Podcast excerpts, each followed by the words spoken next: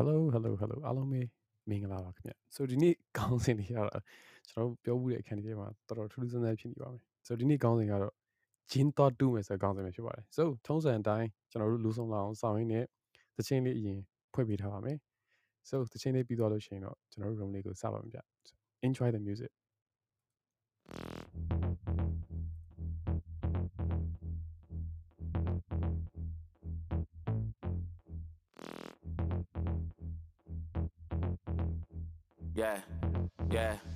yeah. Hey, one, two, three, four, five, six, seven, eight, nine, ten, eleven, twelve, thirteen, fourteen, fifteen, sixteen, seventeen, eighteen, nineteen, twenty, twenty-one, twenty-two, twenty-three. 24, 25, 26, 27, 28, 29, 30, 31, 32, 33, 34, 35, 36, 37, 38, 39, 40, 41, 42, 43, 44, 45, 46, 47.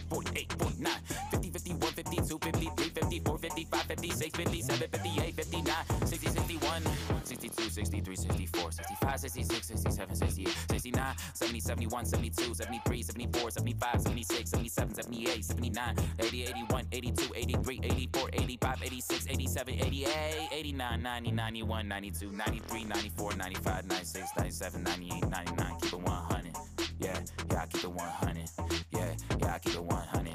Yeah, yeah, I keep it 100. Yeah, yeah, I keep it 100.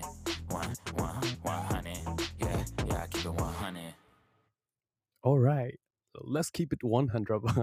So ဒီသချင်းကအရင်မှတ်သားလို့လွယ်တဲ့သချင်းဖြစ်ပါလိမ့်မယ်1ကနေ100တိယူသွားပြီးတော့သချင်းဆိုထားတဲ့သချင်းလေးနဲ့ကျွန်တော်ဖွင့်ပြလိုက်တာပါ So အဲ့အဲ့တော့ထုံးစံအတိုင်းကျွန်တော်တို့လူမစုံသေးဘူးဆိုတော့ခဏခဏဆောင်းလိုက်မှာပါနော် So yeah တော်တော်ရွေးထားတာပါဒီသချင်းကို So လော်လော်ကူကူနဲ့တချို့ຢာတွေကခတ်တဲ့ရအောင်ဖြစ်နေခတ်ပင်ခတ်တယ်လို့ထင်ရပေမဲ့လည်းတချို့ຢာတွေအရင်လွယ်နေတဲ့အရာတွေရှိတယ်ပေါ့ So ဒီနေ့ကတော့ဂျင်းသွားတူးမယ်နေပါ So before we start this top this topic ပေါ့ ဒီနေ့ topic လေးမှာမစခင်ဆိုကိုနာစော်ကိုလည်းစောင်းရင်းနဲ့ကျွန်တော်ထူးထူးဆန်းဆန်းတွေလုပ်နေရလေးတွေရှိတယ်အဲ့ဒါလေးတွေအရင် share ပေးမယ်ပေါ့ထူးထူးဆန်းဆန်းဘာတွေလုပ်နေလဲဆိုလို့ရှိရင်ကျွန်တော်ရဲ့ Telegram တလားပြည့်အာ official channel ထဲမှာကျွန်တော်စာရဲမှာပြင်းလို့ပေါ့နော်အမှန်တကယ်တော့စာရဲမှာပြင်းလို့ဆိုပြီးတော့ကျွန်တော်ဘာတွေစလုပ်နေပြီလဲဆိုလို့ရှိရင် voice နဲ့ကျွန်တော်စပြီးတော့အာ stated တင်တဲ့ပုံစံလိုမျိုးစပြီးလုပ်ပြီးပေါ့နော်အာကျွန်တော်အခုလိုမျိုး clubhouse မှာအတန်ကြားနေဘူးကြားနေဘူးကြလူတွေဆိုလို့ရှိရင် အများကြီးအများကြီးအဆင်ပြေလိမ့်မယ်ကျွန်တော်အပေါ်မှာ pin link လေးကျွန်တော်လောက်ထားပြီးတယ်။သွားကြည့်ပါကျွန်တော် update new တွေဒါမျိုးဆိုလို့ရှိရင်ကျွန်တော်နေ့တိုင်းတင်နိုင်တယ်ပေါ့။မဟုတ်ဘဲနဲ့ကျွန်တော်ဗမာလူတွေစာတွေ CV ရေးနေရမယ်ဆိုလို့ရှိရင် ouch that's a really pain for me ပေါ့။ so နေ့တိုင်းလိုလိုသွားပြီးတော့ဗမာလိုရေးဗမာပြီးတော့ကျွန်တော်စာလုံးပေါင်းတွေလည်းအရင်မှားရတယ်ပေါ့နော်။ so ဗမာစာတိတ်ပြီးအဆင်မပြေရေးရအင်္ဂလိပ်လိုလည်းအရင်တော့တော်တယ်မဟုတ်ပါဘူး။ဒါပေမဲ့ဗမာစာဆိုပိုဆိုးတယ်ပေါ့။ so အဲ့တော့ကျွန်တော်ကဘာလုပ်လိုက်လဲဆိုလို့ရှိရင်အတန်နဲ့စကားပြောပြီးတော့ကျွန်တော်တင်ပြီးတာမျိုးတွေလောက်ထားတယ်ပေါ့နော်။ so အဲ့လိုလောက်ထားတော့လောလောကူကူအာ review တွေလည်းပြင်ပေးတဲ့လူတွေကကောင်းတယ်ပေါ့နော်သူတို့အလုံးများနေတဲ့အချိန်မှာလည်းအခု clubhouse room တွေလာနားထောင်သလိုမျိုးပဲအဲကျွန်တော်တို့အဲ့မှာတင်ထားတဲ့ status ကို play လုပ်ပြီးသူနားထောင်လိုက်လို့ရှိရင်ကိုလာပြီဘာတွေပြောနေလဲသူတမ်းပြီးသိရတယ်ပေါ့နော်ဆိုတော့အဲ့ဒါလေးကတော်တော်အဆင်ပြေတယ်လို့သူတို့ပြောတာရှိပါတယ်အဲ့တော့ဒီကလေးများ check မလုပ်ကြည့်ရသေးဘူးဆိုလို့ရှိရင်သွားပြီး check လုပ်ကြည့်ဖို့အတွက်ကျွန်တော်ဖိတ်ခေါ်ပါတယ် so ဒီစက်ထဲမှာပဲဘာလို့လို့နဲ့နှစ်ကုံလာတော့ပေါ့ဘာမှန်းတော့မသိလိုက်သေးဘူးအခုနိုဝင်ဘာလရောက်လာပြီနောက်ထပ်55ရက်56ရက်လောက်ဆိုလို့ရှိရင် ကျွန်တော်2020ကြီးကပြီးသွားတော့ပေါ့ဆိုတော့အဲ့တော့ဘာတွေလို့ဖြစ်နေကြပြီလဲ2020 New Year resolution တော့ပေးတဲ့အရာတွေကရောဂရိတွေရောပြီးအောင်လုပ်ခဲ့တဲ့လူတွေရောရှိလားဆိုအဲ့ဒါတွေကလည်း question တစ်ခုအနေနဲ့မေးစရာဖြစ်လာတယ်ပေါ့နော်ဆိုမပြီးသေးဘူးဆိုလို့ရှိရင် yeah ရက်60အတွင်းမှာလုပ်လို့ရတဲ့အရာတွေအများကြီးအများကြီးအများကြီးရှိတယ်ပေါ့ maybe fitness ပိုင်းပဲဖြစ်ဖြစ်စာအုပ်ဖတ်မယ်ဆိုလို့ရှိရင်လည်းတအုပ်တော့အနည်းဆုံးပြီးတယ်ပေါ့ဒါတော့မှအချိန်အများကြီးဆွဲပြီးဖတ်လို့ရှိရင်တရက်ကို အာနှစ်မျက်နှာလောက်နဲ့ဖတ်မယ်ဆိုလို့ရှိရင်ဒါတအုပ်ကောင်းကောင်းပြီးနိုင်တဲ့အနေအထားမှာရှိတယ်ပေါ့အဲ့တော့လုံးဝလုံးဝလုံးဝလုံးဝလုံးဝမစရသေးတဲ့အရာတွေများရှိလို့ရှိရင် this is the time you are not too late ပေါ့အခုစမယ်ဆိုလို့ရှိရင်စလို့မိပါသေးတယ်အဲ့ဒါလေးကိုလည်းကျွန်တော် reminder အနေနဲ့ဒီနေ့ဒီခန်းထဲမှာပြောပြချင်ပါတယ်ဆိုကိုနာဆိုလည်းရောက်လာပြီဆိုတော့မင်္ဂလာပါဗျ so တကယ်လို့များဒီနေ့မှစပြီးကျွန်တော်တို့အခန်းထဲကိုလာ join ပြီးတော့ဆက်ဆချင်းနားထောင်တဲ့လူတွေများပါခဲ့မယ်ဆိုလို့ရှိရင်ကျွန်တော်နာမည်ကတော့လာပြီပါခင်ဗျာကျွန်တော် Space Solution ဆိုတဲ့ tech company လေးကို2014ခုနှစ်တည်းတည်ထောင်လာပါတယ်အခု Clubhouse ပေါ်မှာတော့နားထောင်မဲ့လူတွေအကျိုးရှိစေမဲ့အခန်းလေးတွေကိုတပတ်ကိုတစ်ခန်းဆိုတော့လောက်လာကိုနားဆိုနေကျွန်တော်တို့ဒီလိုလောက်လာအောင်တနေ့ကြော်လာခဲ့ပြီပေါ့နော် so replay တွေအားလုံးကိုကျွန်တော်မြန်မာ club အောက်ကအာ replay နေရာတွေမှာတွားပြီးကြည့်လို့ရပါတယ်ဆိုအဲ့မှာတွားပြီးကြည့်ကြည့်ပါတကယ်လို့တငယ်ချင်းတွေ club house ကိုမရောက်လာသေးဘူးဆိုလို့ရှိရင်လည်းတငယ်ချင်းတွေကို club house ကိုလာသုံးဖို့အတွက်ဖိတ်ကြားပေးပါအောင်လောလောဆယ်တော့မြန်မာ club က 6k member ကိုစတင်ပြီးတော့ပြည်လာပြီပေါ့နော်ဆိုမြန်မာတွေအများကြီးပဲ Clubhouse မှာရောက်လာတဲ့အတွက်လည်းအများကြီးတွေ့ရတာဝမ်းသာတယ်ကျွန်တော်တို့ပြောရတယ်မဟုတ်ဘဲနဲ့တခြားလူတွေပြောတဲ့ conversation တွေလည်းအများကြီးရှိလာဖို့ကျွန်တော်မျှော်လင့်နေပါတော့ဆိုရှိတယ်ဆိုလို့ရှိရင်ကျွန်တော်တို့လာပြီးတော့နားထောင်ကြပါတယ်တကယ်လို့များကျွန်တော်နဲ့အတူတူကိုဝနာဇော်တို့နဲ့ကျွန်တော်တို့နဲ့အတူတူအာစကားပြောခြင်းနဲ့ဆိုလို့ရှိရင်လည်းလာရောက်ဆက်သွယ်ပါကျွန်တော်တို့တွေ guest speaker အနေနဲ့ရောအာဖိတ်ခေါ်ဖို့အတွက်လူတွေစောင့်မျှော်နေပါတယ်တချို့လူတွေလည်းကျွန်တော် reach out လုပ်ထားတဲ့အချိန်မှာ သူတို့အားမလက်တာကြောင့်တော့မကောင်းဒီ platform ကိုလုံးဝစိမ့်နေတော့နည်းနည်းကြောက်တာလည်းပါမယ်ဒီဒီဘက်ကိုတိတ်မလာရဲဘူးပေါ့နော်ဆိုတော့အဲ့တော့အာလာရဲမယ့်လူတွေများရှိလို့ရှိရင် recommend ပေးခြင်းတဲ့လူတွေများရှိလို့ရှိရင်လည်းကျွန်တော်တို့ပြပြပါကျွန်တော်တို့ကဒီလူနဲ့စကားပြောတာနားထောင်ခြင်းနဲ့ဒီလူကိုမေးခွန်းတွေမေးပြီးတာမျိုးတွေးခြင်းနဲ့ဒီလူနဲ့နှစ်ယောက်တိုင်ပင်ဆွေးနွေးတာမျိုးဆိုလို့ရှိရင်မိုက်မယ်စသည်ဖြင့်အဲ့လိုမျိုး recommend တွေလည်းကျွန်တော်လာပေးလို့ရပါတယ်ကျွန်တော်ကတော့အာ Telegram ရယ်ပြီးတော့ Instagram နှစ်ခုမှာ active ဖြစ်ပါကျွန်တော် Facebook မသုံးပါဘူးဗျဆိုကိုနာဆိုလည်းမိတ်ဆက်ပေးပါအောင်ဗျမင်္ဂလာပါ ဟုတ်ခလာပြီမင်္ဂလာပါ sorry ပါကျွန်တော်နည်းနည်းနောက်ကျသွားအလုပ်လေးနည်းနည်းများသွားလို့ပါဟုတ်အာဒီ room မှာဒီနေ့မှလာနားထောင်တဲ့လူရှိရဆိုကိုလာပြပြောသလိုပဲအာကျွန်တော်နာမည်တော့ဝနာဆိုပါအာကျွန်တော်ဒီဇိုင်နာတယောက်ပါလက်ရှိမှာတော့ Blanca Furniture အာ Meraki Design Yellow Class ဆိုပြီးတော့လုပ်နေတဲ့ design company လေးရှိပါတယ် Clubhouse မှာတော့ဒီကိုလာပြေးနဲ့ အာအတူတူတွဲပြီးတော့ကျွန်တော်တို့ဒီ room တွေလောက်လာ club ပြေပြောသလိုပဲပေါ့နော်တစ်နှစ်တော်တော်ကြော်သွားပြီကြော်သွားပြီအာနောက်ပြီးတော့ဒီ club ပြေကျွန်တော်တို့ဒီနှစ်ကုန်ကန်တီးပြီဆိုတော့ဒါ end resolution အတွက်နည်းနည်းအဲ့လိုမျိုး room လေးပါလေးနောက်လာထပ်ထပ်ထပ်ပြီးတော့လောက်ရတော့မှာပေါ့နော် yeah yeah နှစ်မကုန်ခင် yeah remind လုပ်ရမယ်ဟာလေးကိုကိုလာပြေပြောတော့မှကျွန်တော်တော့ကိုယ့်ကိုပြန်သတိထားပြီးတော့ okay ငါလည်းငါနဲ့ငါလည်းပြန်ပြီး check out တော့ပြန်လုပ်အောင်ပဲပေါ့အလုပ်တွေများပြီးတော့ကိုယ့်ကို check out မလုပ်ဖြစ်ဖြစ်နေတယ်ဆိုတော့လေ yeah we should do that ပေါ့နော် အာဒီနေ့အာဒီနေ့အခန်းလေးကတော့ခုနပြောသလိုပေါ့နော်အာကိုလာပြီးနဲ့လည်းကျွန်တော်တို့အမြဲတမ်းပြောနေကြရှိတာ哦ကျွန်တော်တို့ကနည်းနည်းလေးဟိုဘယ်လိုခေါ်မလဲကလန်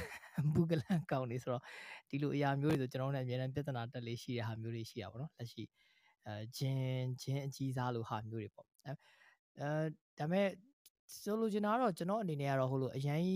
အာ traditionally serious ဖြစ်တဲ့ဥစ္စာတွေတချို့ဟာတွေလည်းသူ့ဟာနဲ့သူကောင်းတာလေးတွေရှိပြီးတော့အဲ့ပုံမှာဘယ်လိုသုံးလို့ရလဲပေါ့နော်ဂျင်းဆိုတဲ့သဘောတရားပဲပေါ့ကျွန်တော်တို့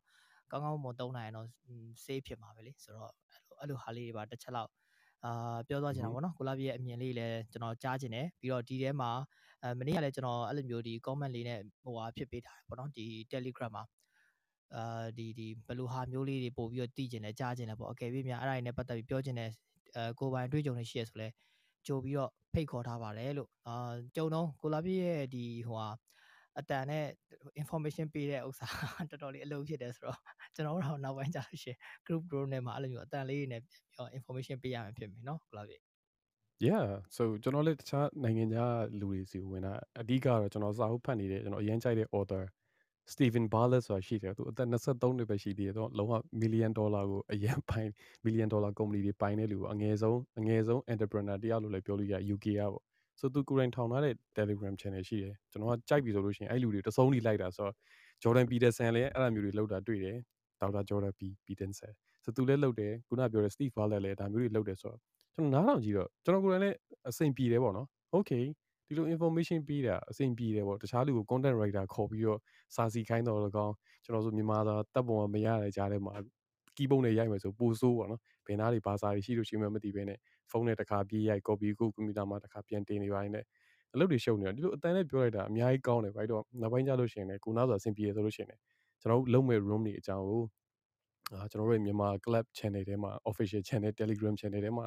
ကျွန်တော်အဲ့ပုံစံမျိုးနဲ့ information တွေ drop လုပ်ပြီးလို့ရမှာထင်ပါတယ် so that's going to be fun ခုနပြောသွားတဲ့အထက်မှာ so ကိုဝနာဆိုပြောတဲ့အထက်မှာကျွန်တော်သဘောကျတာတစ်ခုရှိတယ် so ဂျင်းဆိုတာသုံးတက်ရင်စေးပေါ့နော် so သုံးတက်ရင်စေးဖြစ်တဲ့နေရာလေးတွေလည်းကြားချင်ပါသေးဘယ်နားတွေမှာစေးဖြစ်နေသုံးလို့ရတယ်ဂျင်းသေးသေးလေးတွေထည့်ပြီးတော့ maybe လစ်ကြည့်အောင်လို့လုပ်ပြီးလို့ရတာ yeah ဒီနေ့ဒီနေ့ topic ကတော့အာညင်းစရာခုံစရာဒေါသထွက်စရာလေးဖြစ်ရင်လည်းဖြစ်မှာပေါ့နော်ဘာလို့ဆိုတော့အဲတချို့ကြတော့လဲဒီ traditionally အပြင်ကိုမှမှစိတ်ထဲကနေပြီးတော့အဲ့လိုအာ နိနိကကယုံနေရှိရပေါ့နော်ဒီလိုမျိုးဒီလူကြီးသူမတွေပြောလို့လောက်တာအပြင်ကိုမှမှကိုယ်တိုင်ကိုကဟို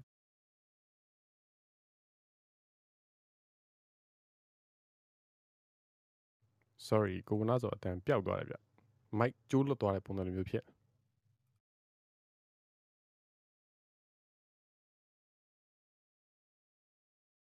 တခြားလူတွေရောဖြစ်လာပြကျွန်တော်တယောက်တည်းမကောင်းတာဖြစ်နေမှာဆိုကျွန်တော်စီမှာတော့မကြားတော့ဆိုတော့ အဲတခြားလူတွေကြားလားမကြားလားကျွန်တော် room chat ထဲမှာ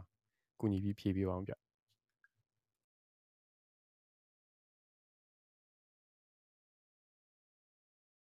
โอเค so မကြားဘူးတွေရောကြားရပါတယ်ရောဆိုတော့တန်ပြောက်သွားတာโอเคโอเค so ကိုနာစောဘက်ကနေအတန်ပြောက်သွားတယ်ပါတယ် maybe maybe ကျွန်တော်တို့အာ club deck က update ထွက်တယ်ဆိုတော့ကိုနာရဲ့အတန်ပျောက်သွားတယ်ပြီထင်ပါတယ် update တွေပါ auto လောက်တာတွေပါရှိတယ်ဆိုတော့အော်အခုကျွန်တော်တန်ကြားပြီလားကို okay okay ကြားပြီဗျကြားပြီအော်ရရဆိုတော့ဟိုကြိုပြီးတော့ excuse လုပ်ထားပါတယ်ပေါ့နော်ကျွန်တော်တို့လည်းကန်လန်တိုက်နိုင်တဲ့အတွက်ကြောင့်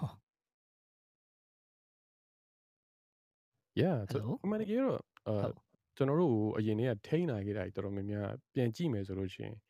အကြောက်တရားနဲ့ထိန်းနေတာကြီးများလို့ထင်တယ်ဒါကြောင့်လို့လေဂျင်းတွေကထည့်လို့ရတော့ဒီတစ်ခုခုကိုခြောက်မယ်ဆိုလို့ရှိရင်ကျွန်တော်တို့ဂျင်းတစ်ခုထည့်လိုက်ပြီဆိုလို့ရှိရင်အဲ့လူတွေကအဲ့ပုံမှာနည်းနည်း scale ဖြစ်သွားပြီဒါအောင်မလုပ်ကြတော့ဘူးလို့ဘာလို့ဖြစ်တာများတယ်ပေါ့နော်ဒီထဲမှာ comment ထဲမှာရေးထားတဲ့ဟာလေးလည်းကောင်းပါတယ်ခေါင်းလျှော်တဲ့အယူအဆတွေတို့ဘာလို့အာပြီးတော့မိတာဘယ်နည်းဘယ်နန်းနဲ့မပေါင်းဖက်အောင်ဆိုတော့ maybe beating short course တွေပဲတော့ဖြစ်မလားမသိဘူး so ကိုနာဆိုအရင်ဆုံးအရင်ဆုံးပြောချင်တဲ့ gene တွေပါကိုကိုယ်တိုင် personally take care ဦးတဲ့ gene တွေပါရှိလားရမငယ်ငယ်ကလေးကတော့ အဲကလပ်နဲ့ကျွန်တော်လည်းအဲ့ဒါတွေတူမထင်တယ်ကလပ်ကျွန်တော်ဖက်အတန်ကြားကြားပြီလားမသိဘူးကျွန်တော်နည်းနည်း okay ဟို okay ကြားရဗျ line ပြတ်သွားတယ်ထင်တယ်ခဏတော့ငယ်ငယ်ကလေးကအဲ့လိုဘူးကလန်လူမျိုးဆိုတော့ကျွန်တော်ငယ်ငယ်တော့အဲ့ဒီအဖြစ်ပြက်ပေါ့နော်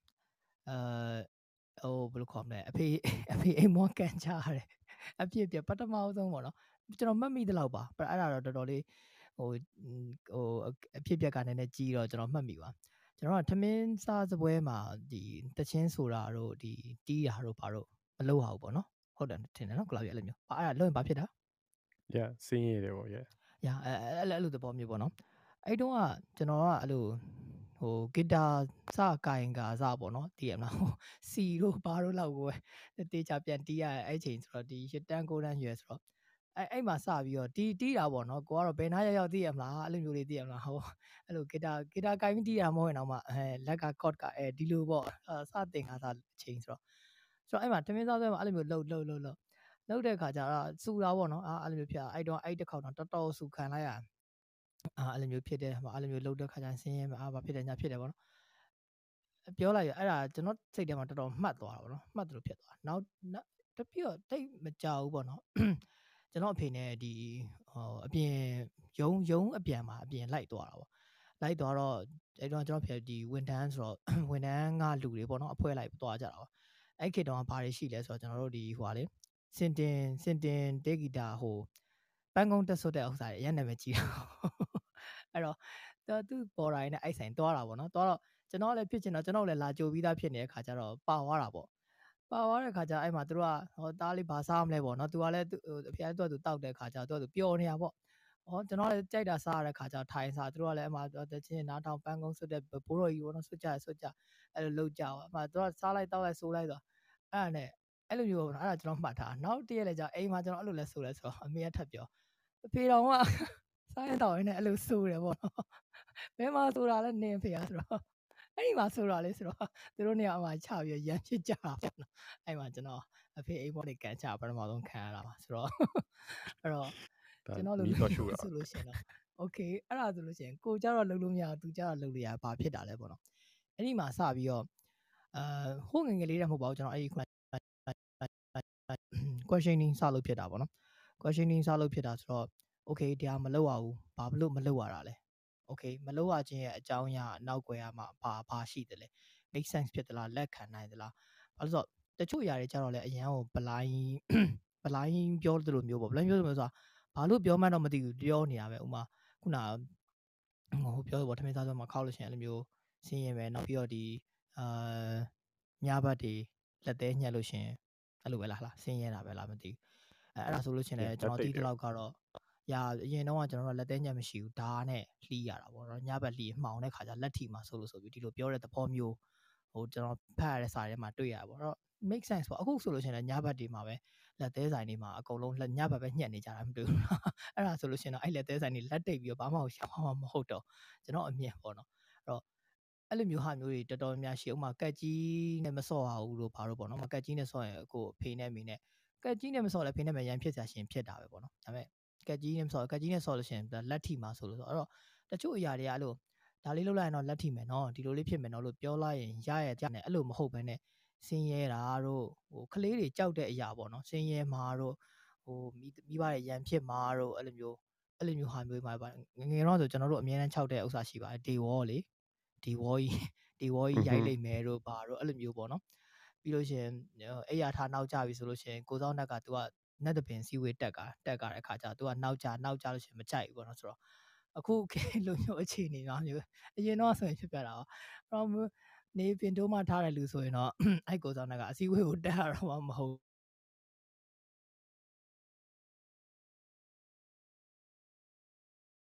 โอเคကိုနာဆိုအတန်ပြန်ပြောက်သွားပြီ live ပြောသလိုပေါ့ နေ နော် ပြီးတော့မှ အဲ astrology ရရ တို့ ပြန် အဲ့လို ကြပြီ numerology တို့အဲ့ဒါတွေနဲ့ဆိုင်တာကြတော့လေတချို့ຢာကြတော့ကျွန်တော်တို့အုံနောက်အနေနဲ့လိုက်ပြီးတော့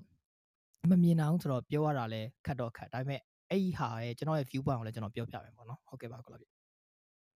ဟုတ်ကဲ့ပါဆို share ပြန်ကျေးဇူးအများကြီးတင်ဆိုငယ်ငယ်တော့ထည့်ခင်ခဲ့တဲ့ဂျင်းတွေအများကြီးပဲဒီမှာလည်းခုနပြောတာပါတမင်းစားရင်းနဲ့တချင်းဆိုရင်အဖိုးကြီးနဲ့ညားမယ်အဲ့ဒါနည်းနည်းများသွားပြီနော်ငယ်အိတ်နေတဲ့တပင်းစားရင်မွေဖြစ်မယ်ဆိုအဲ့အဲ့ဥစ္စာတွေကကျွန်တော်တို့ငယ်ငယ်တုန်းကလည်းဒါတွေကကြားခဲ့ဘူးတယ်ပေါ့နော်အဓိကတော့စားနေတဲ့ကလေးတွေဆိုတာအိတ်ချင်တယ်ပေါ့ ကျွန်တော်ငယ်ငယ်တုန်းကဆိုလို့ရှိရင်အဲ့ပါဇက်ကနေစားပြီဆိုလို့ရှိရင်ကျွန်တော်တို့ကနှာခေါင်းကနေရှူတဲ့ဥစ္စာကိုမလုတ်တတ်ဘူးအဲ့တော့တဖြည်းဖြည်းနဲ့ဒီ blood ထဲမှာအောက်ဆီဂျင်ပမာဏနည်းနည်းလာတယ်နဲလာတော့အဲ့ကလေးတွေဆိုလို့ရှိရင်အစားစားနေငိုက်တယ် YouTube တွေပိုင်းမှာလည်းအများကြီးရှိပါတယ်တော့ကြည့်မယ်ဆိုလို့ရှိရင်ဒါပေမဲ့အဲ့ဒါကိုကြောက်စီခြင်းတော့ဘာဖြစ်လဲဆိုလို့ရှိရင်လူကြီးတွေကခြောက်တာပေါ့နော်အာမင်းတို့ဒီလိုသာစားနေနဲ့အိတ်လိုက်မဲ့အိတ်နေနဲ့လှဲပြီးတော့ထမင်းကိုဝါပြီးစားမယ်ဆိုလို့ရှိရင်မင်းမွေဖြစ်မယ် မီးတော့လေဘာလို့မွေဖြစ်မှလဲမီးတော့လေမွေရဘယ်လိုမျိုးအစာမြူလဲလို့မေးတယ်ပေါ့အဲ့လိုတုံးလုံးလက်ရကြီးပဲမြူတာပေါ့အဲ့ဒါအဲ့လိုမြူနေမွေပုံစံတိုက်တကယ်ဖြစ်သွားမှာလားဆိုတော့ကျွန်တော်ကတော့ပြောလို့ရှိရင်ငယ်ငယ်လေးကကလိတဲ့ကောင်ပေါ့နော်ဆိုဦးနာပြောသလိုကက်ကြီးဆော့လို့ရန်ဖြစ်မယ်ဆိုလို့ရှိရင်ကျွန်တော်အตาလေးဖွက်သွားပြီးအဲ့နောက်နောက်ဝေးလူမမြင်တဲ့နေရာမှာအဲ့ကက်ကြီးကိုလုံးဝထောက်လျှောက်ကိုကျွတ်ကျွတ်ကျွတ်ကျွတ်ကျွတ်နဲ့ဆော့တယ်ပေါ့နော်ပြီးအဲ့ရန်ဖြစ်လာကျွန်တော်ထိုင်ဆောင်ကြည့်တယ်ဆိုအဲ့နေမဖြစ်ဘူးဆိုလို့ရှိရင်ဒီမတ်တက်ကမှားတယ်ပေါ့နော်ဒါဆိုနေကိုဆော့တာနဲ့ညအောင်ဆော့တာနဲ့ ကွာသေးလားငါကွာတယ်ဆိုတာဘယ်နှပိုင်းပြန်ဆော့ကြည့်မယ်အဲ့လိုမျိုးတင်းနေကမင်းညောထားတဲ့ကောင်ထဲမှာပါတယ်ချက်ချင်းတဲယုံတဲ့ထဲမှာတော့ပါလိပါတာမရှိဘူးပေါ့ဆိုအကြီးဆုံးမိရဘူးရဲ့ဂျင်းကတော့ဘာလဲဆိုလို့ရှိရင်ကျွန်တော်တော်တော်ငယ်ဦးမယ်ဗျအဲ့ဒါကအတီးအတီးစားလို့ရှိရင်အစိတ်တွေကိုမျိုးမချနဲ့ဆိုတာပေါ့နော်ဆိုငယ်တုန်းကကျတော့ဘယ်လိုလုပ်သိမလဲပေါ့ဆိုပရဲသီးတွေပါတွေစားပြီဆိုလို့ရှိရင်ဒီလိုပဲကြိုက်စားလိုက်တာပါလားမပါလားမသိဘူးကျွန်တော်ငယ်ငယ်တည်းက ငေးတဲ့အချင်းကတော်တော်ရှိတယ်ဆိုအဲ့လိုတိရွက်လှုပ်တာတော့ကောင်းကင်တွေပါဆိုကျွန်တော်ကြည်ပြီးကိုယ့်အကိုစိတ်ထဲမှာတိရွက်တွေတစ်ခုနဲ့တစ်ခုနဲ့ puzzle တွေဆက်လို့ဆက်အဲ့တင်ရရှိနေတဲ့ပုံကြည့်ပြီးကျွန်တော်ပုံတွေဆွဲလို့ဆွဲနေနေတာအဲ့တော့မျိုးချမိတဲ့အစီတွေကလည်းပါသွားတယ်တတိယလို့ပြန်တွေးထုတ်မယ်လို့လုပ်တဲ့အချိန်မှာကျွန်တော်မမီလိုက်တော့တဲ့တစ်ခေါက်ရှိတယ်အဲ့တော့ကျွန်တော်တော်တော်လန့်သွားတယ်ကျွန်တော်မီးတယ်ပေါ့နော်အစီမျိုးချမိဘာဖြစ်လဲလို့လူကြီးတွေတောင်းပြီးလူကြီးတွေကတေးကြတယ်အပင်ပေါက်မှာပေါ့ဆိုအပင်ပေါက်မှာဆိုကျွန်တော်စတွေးပြီး โอเคငါအပင်မပေါက်အောင်လုပ်လို့ရတဲ့နီလန်ရှိမလားဖြစ်ရှင်တော့ကျွန်တော်အဖိုးတွေဖွားရအပင်တွေအများကြီး channel မှာစိုက်တယ်ဆိုတော့ညနေကြလို့ရှိရင်ရေထွက်တော့လောင်းတယ်ပေါ့ရေထွက်တော့လောင်းတယ်ဆိုလို့ရှိရင်အပင်အပွင့်လေးတွေပွင့်တယ်အသီးလေးတွေတီးတယ်ရွက်လေးတွေပူစိမ့်တာ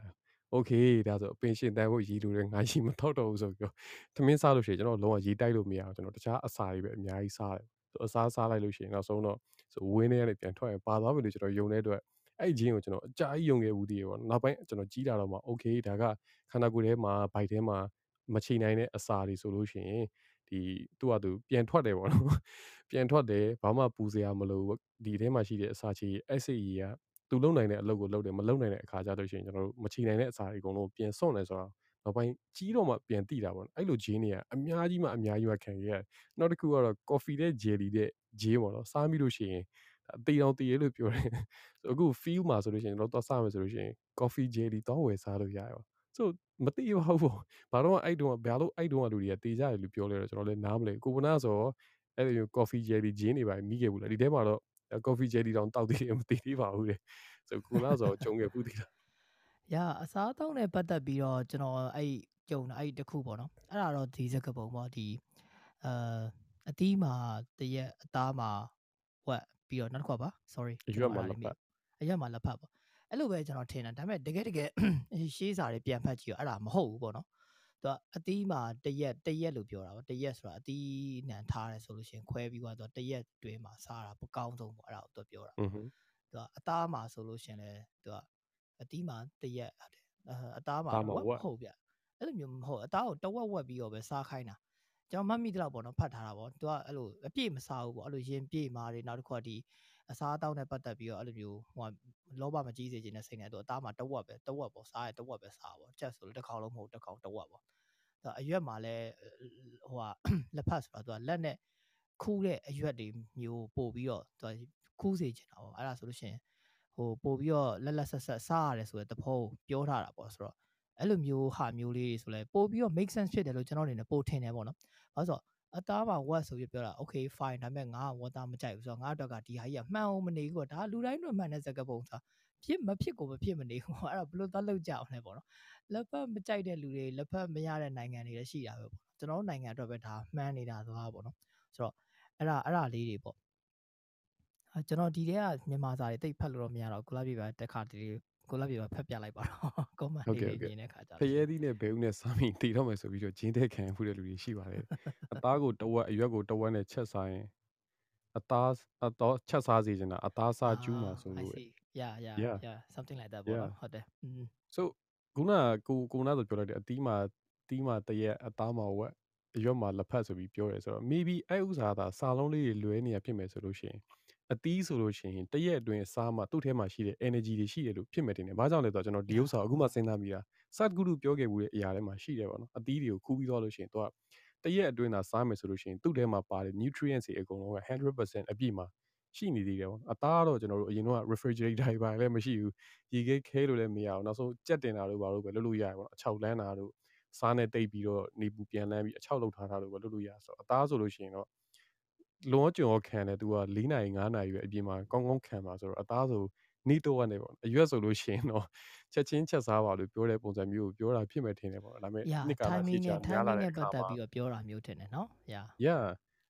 ရက်ရက်ဒီကာလတွေရှိကြပြီးတော့တစင်တကားတစင်တကားနဲ့ပြောလာကြပြီးတော့မှတ်တဲ့အခါမှာကျွန်တော်တို့အမှန်မှားတယ်လို့တော့ထင်ပါတယ်ဒါမျိုးຢာကြီးလည်းအများကြီးရှိတယ်ပေါ့ so personally ကြုံခဲ့ဘူးတော့ကျွန်တော်ဖေနဲ့ကျွန်တော်တို့ခရီးသွားတဲ့အချိန်မှာပုတ်ပားမှာပေါ့ ဆိုအဲ့ဘက်မှာရောက်တဲ့အချိန်မှာမြောက်တွေမြောက်တွေတွေ့တယ်လူတွေတော်တော်များများပြောနေကြဖုန်းတစ်လုံးတွေပါအရန်ကလိနေပြီးဂိမ်းဆက်တွေပါအရန်ဆော့ပြီးဆိုဘာပြောကြလဲမြောက်အုံးသီးရတယ်လို့ပဲဒီကောင်ကစားလိုက်တာလို့ပြောတယ်ပေါ့ကျွန်တော်အဲ့တော့အဲ့ဇက်ကပုံတတိရတော့မြောက်ကခေါင်းပေါ်လာတက်ကောသပင်ကိုလည်းဆွဲထားတယ်လှုပ်လဲလုံးဝမလှုပ်တော့ဘူးပေါ့နော်ဘလို့ဖေကန်ဖေကန်သူများကြီးလာမောင်းလို့ရှိရင်လည်းသူကရန်လုပ်တယ်ဆိုတော့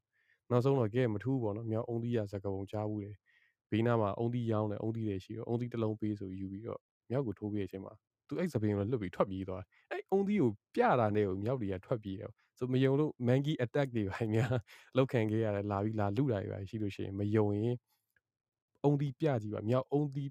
ပြလို့မြောက်အုံသီးရလို့ပြောတာမဟုတ်မြောက်အုံသီးပြလို့ပြောတာပေါ့နော်တကယ်လို့မြန် mangy တွေပိုင်းနဲ့တော်ထဲမှာသွားလို့ attack လုပ်ခံရတယ်ဆိုလို့ရှိရင်အုံသီးပြလိုက်လို့ရှိရင်တို့ကတို့ခေါင်းနဲ့ပုံစံတူလို့လာမသိကြောက်ကြတယ်လို့ပြောတယ်ဒန်နာကြီးပုံမြင်ထဲမှာတော့အဲ့လိုရှိတယ်အဲကြောင့် မြောက်တွေနဲ့တွေ့လို့ရှိရင်ဒါမြောက်ကိုအုံသီးပြရတယ်အဲ့တော့မြောက်အုံသီးရမဟုတ်ဘူးဒါပေမဲ့ခေတ်ကာလရှိကြတာများတော့ရနဲ့ပြနေအတန်တော့ကတူနေတော့တရားစကားတရားစကားနဲ့ဒါမှားလာကြတာထင်တယ်ပေါ့ဆိုအဲ့လိုမျိုးလေးတွေလည်းအများကြီးအများကြီးအများကြီးအမားလေးတွေကိုတဖြည်းဖြည်းချင်းဒီတွေ့လာရတယ်ပေါ့ကိုကနာဆိုတွေ့ရတဲ့ဟာရှိသေးတာအဲ့လိုမျိုးဆိုအကြီးလာမှပြန်ကြုံလိုက်တယ်ဒီလိုမျိုးမဟုတ်ဘူးဒီလိုမျိုးဖြစ်နေရပဲဆိုပြီးတော့ရာတော်တော်များများတော့ရှိတယ်ပြောရင်ပြောရင်တော့ပေါ်လာမယ်ထင်တယ်ကျွန်တော်လည်းအကုန်လုံးမှတ်ပြီကျွန်တော်လည်းအဲ့မြောက်မြောက်ဦးသီးပြတဲ့ကိစ္စကို ဟိုကြုံမှုတယ်မြောက်က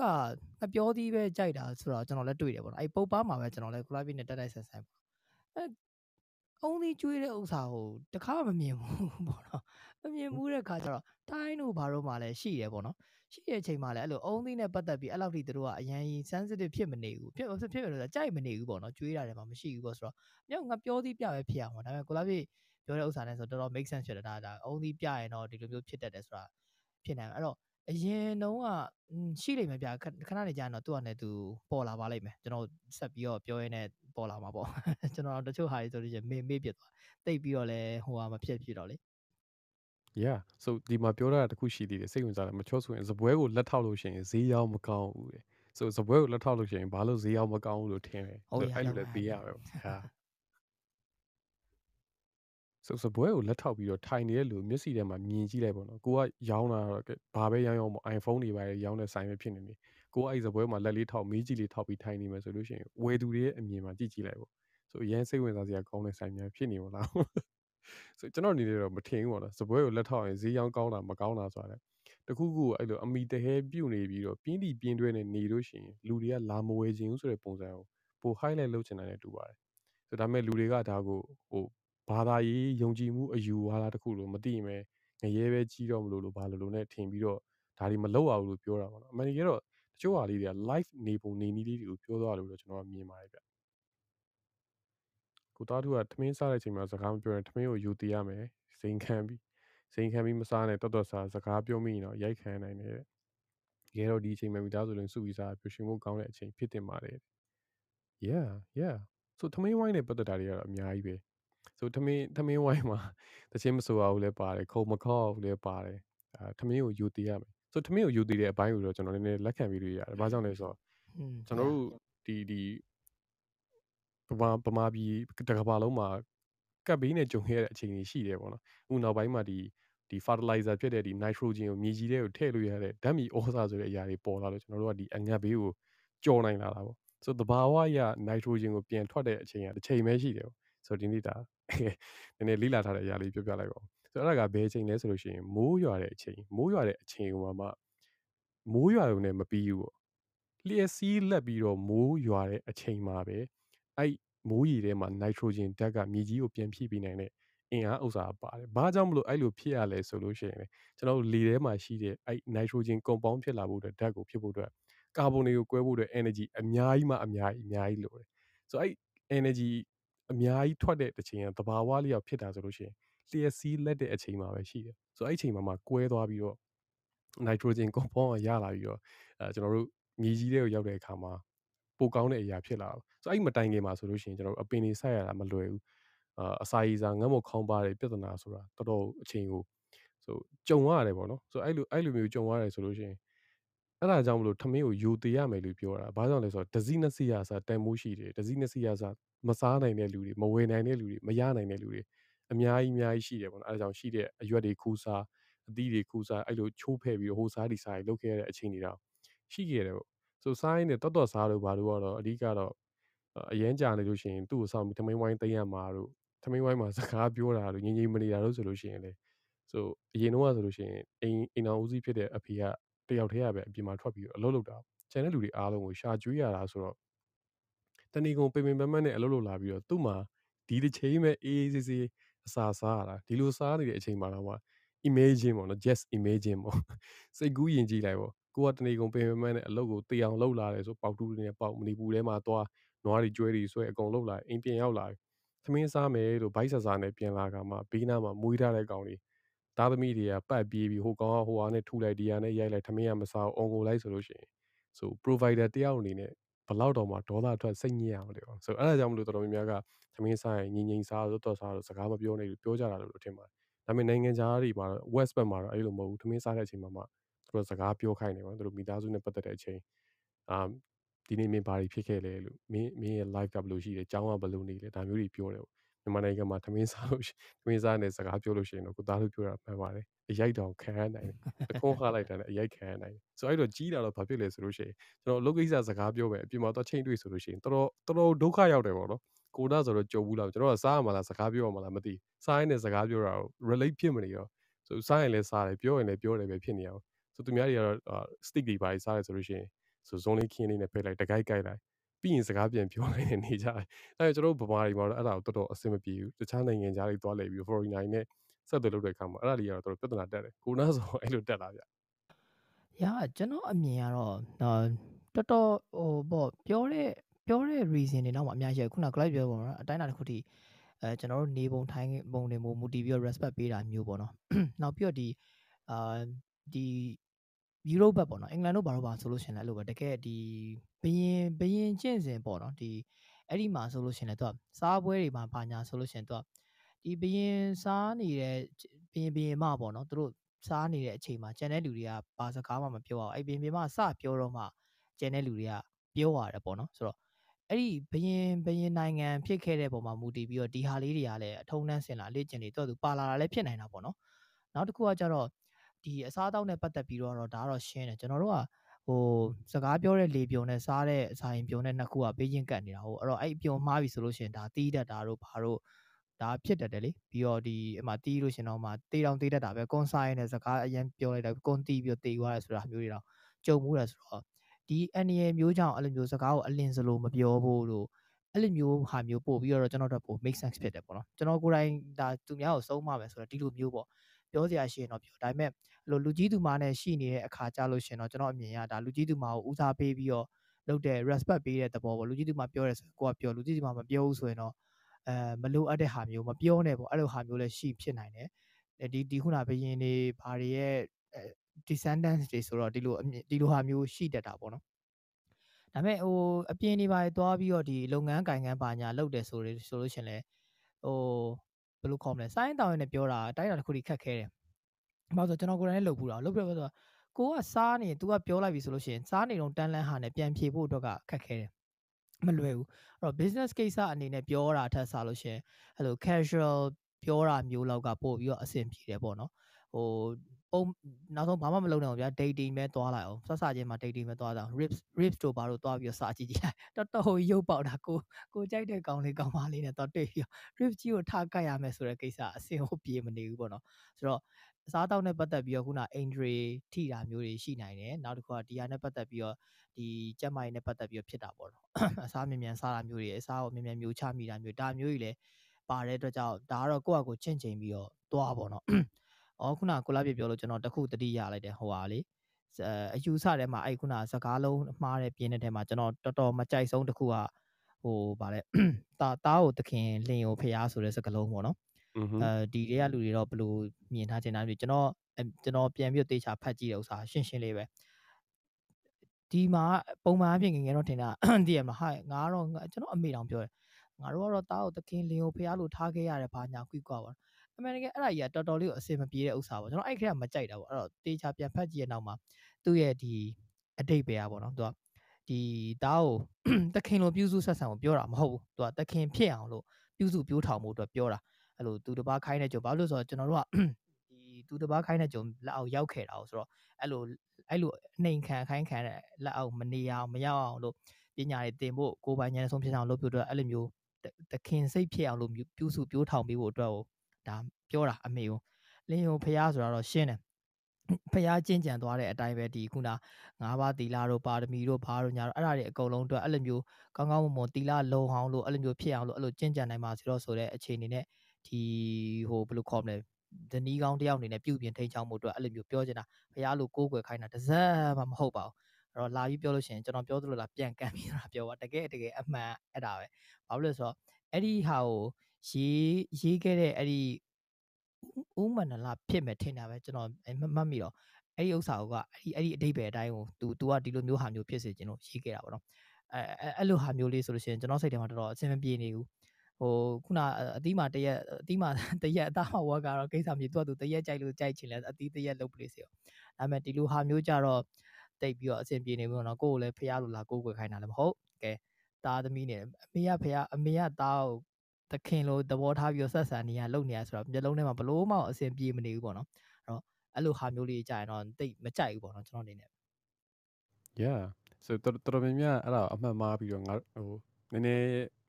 အာဘယ်လိုပြောပြရမလဲမဝါဒကြီးစိုးတဲ့လူတွေပေါ့ဆိုအဲ့လူတွေဆိုလို့ရှိရင်တို့ဒီဒီစကားကိုလုံးဝ sensitive ဖြစ်တယ်ပေါ့နော်ဆို main ကလေးဖြစ်လို့ရှိရင်ဒါမျိုးအနှိမ်ခံနေရမှရမှာလားဆိုတဲ့ပုံစံမျိုးနဲ့ထင်ကြတာများတယ်ပေါ့နော်ခုနကကိုနာဆို clarify လုပ်ပေးရတယ်ကျေးဇူးအများကြီးအများကြီးတင်တယ် ဆိုလင်ကိုဖះမှာလည်းအတိတ်ပဲကောက်တာကြီးတော့အများကြီးရှိကြမယ်ထင်ပါတယ်ဆိုတချို့တွေကဘာလို့ဆိုလိုကြလဲဆိုလို့ရှိရင်တော့ဒီကိုယ့်ရဲ့ယောက်ျားကိုအလုပ်ကြီးပဲစွတ်ပြီးတော့နင်းကန်ကြုံပတ်စံတွေကြီးပဲရှာနေတာမဟုတ်ဘဲနဲ့ပေါ့နော်ဆိုဖះဟောခဲ့တဲ့တရားတွေ logi logi ချဲတာရတဲ့ဟာတွေမဟုတ်ဘဲနဲ့လောကုတ္တရာအကျိုးလည်းရရှိနိုင်မယ်ဖះတရားမမိရောအောင်လို့မိမတယောက်အနေနဲ့ဒီဟာတွေကို guideline ပေးရတယ်ဆိုတဲ့ပုံစံမျိုးနဲ့ပြောတာပေါ့နော်ဆိုလင်ကိုဖះတရားမမေ့အောင်လို့ပြောပေးဆိုတဲ့ပုံစံမျိုးနဲ့ပြောတာဒါပေမဲ့အရန်အတူချုပ်ပြီးတော့ ကျွန်တော်တို့က information ကို pack လုပ်ချင်တဲ့အခါမှာသုံးတဲ့ပုံတွေအများကြီးရှိတယ်ဆိုကြပြာတို့ link တို့ရေးပြီးတော့ pack လုပ်တဲ့ဟာကအကောင်းဆုံးပဲပေါ့နော်ဆိုအရင်ခေတ်အရင်ခါဆိုလို့ရှိရင်ပေါ့အခုလို status တင်ပြီးတော့ကျွန်တော်ထားလိုက်မယ်လို့ blog post ထားပြီးတော့ထားခဲ့လိုက်မယ် Google မှာ search လုပ်ရှင်ရအောင်ထားခဲ့မယ်ဆိုတော့ပုံစံမျိုးကမရှိခဲ့ဘူးပေါ့အရင်တော့ဆိုလို့ရှိရင်ပေးလို့လွယ်အောင်လို့ဆိုလို့ရှိရင်ကျွန်တော်တို့က information ကို pack လုပ်ဖို့ဆိုကြပြာတို့စာတို့လေးတွေရေးတယ်မှတ်မိရလွယ်စီမဲ့လင်္ကာလေးတွေနဲ့ရေးတယ်ပြီးတော့မှဒီလင်္ကာကို ဟာအဲ့ဒါကဘာပြောတာတော့ပြန်ရှင်းပြပါအောင်ဆိုတဲ့အချိန်ကျမှ information ကို unpack ပြန်လုပ်တာ哦ဆိုအရင်ဆုံးတော့ကျွန်တော်ဒီခေတ်စကားနဲ့ ID စကားနဲ့ပြောမယ်ဆိုလို့ရှိရင် encrypt နဲ့ decrypt နဲ့ပြန်လုပ်တယ်ပေါ့အရင်ဆုံးကိုယ့်ရဲ့ information ကိုအကြာကြီးတင်သွားခြင်းနဲ့ဆို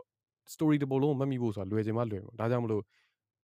encrypt လုပ်ပြီးတော့ပြောတဲ့တင်နဲ့အတူချုံလိုက်ပြီဆိုလို့ရှိရင်ကျွန်တော်တို့ကတချို့ဇာတ်ကလုံးရဲ့အနှစ်သာရတွေကဘာမှမသိတော့သူ့ကိုပြန်ပြီး decrypt လုပ်တဲ့ story ကတတ်တတ်ရှိပြီးသားပါဒီဟာကဒါကိုပြောတာလို့ပြန်ရှင်းပြတဲ့ backbone story ရှိတယ်ပေါ့ ဆိုရော့ပရမယာရော့နဂါပဲလူသိကြတယ်ရော့ပရမယာရော့နဂါရဲ့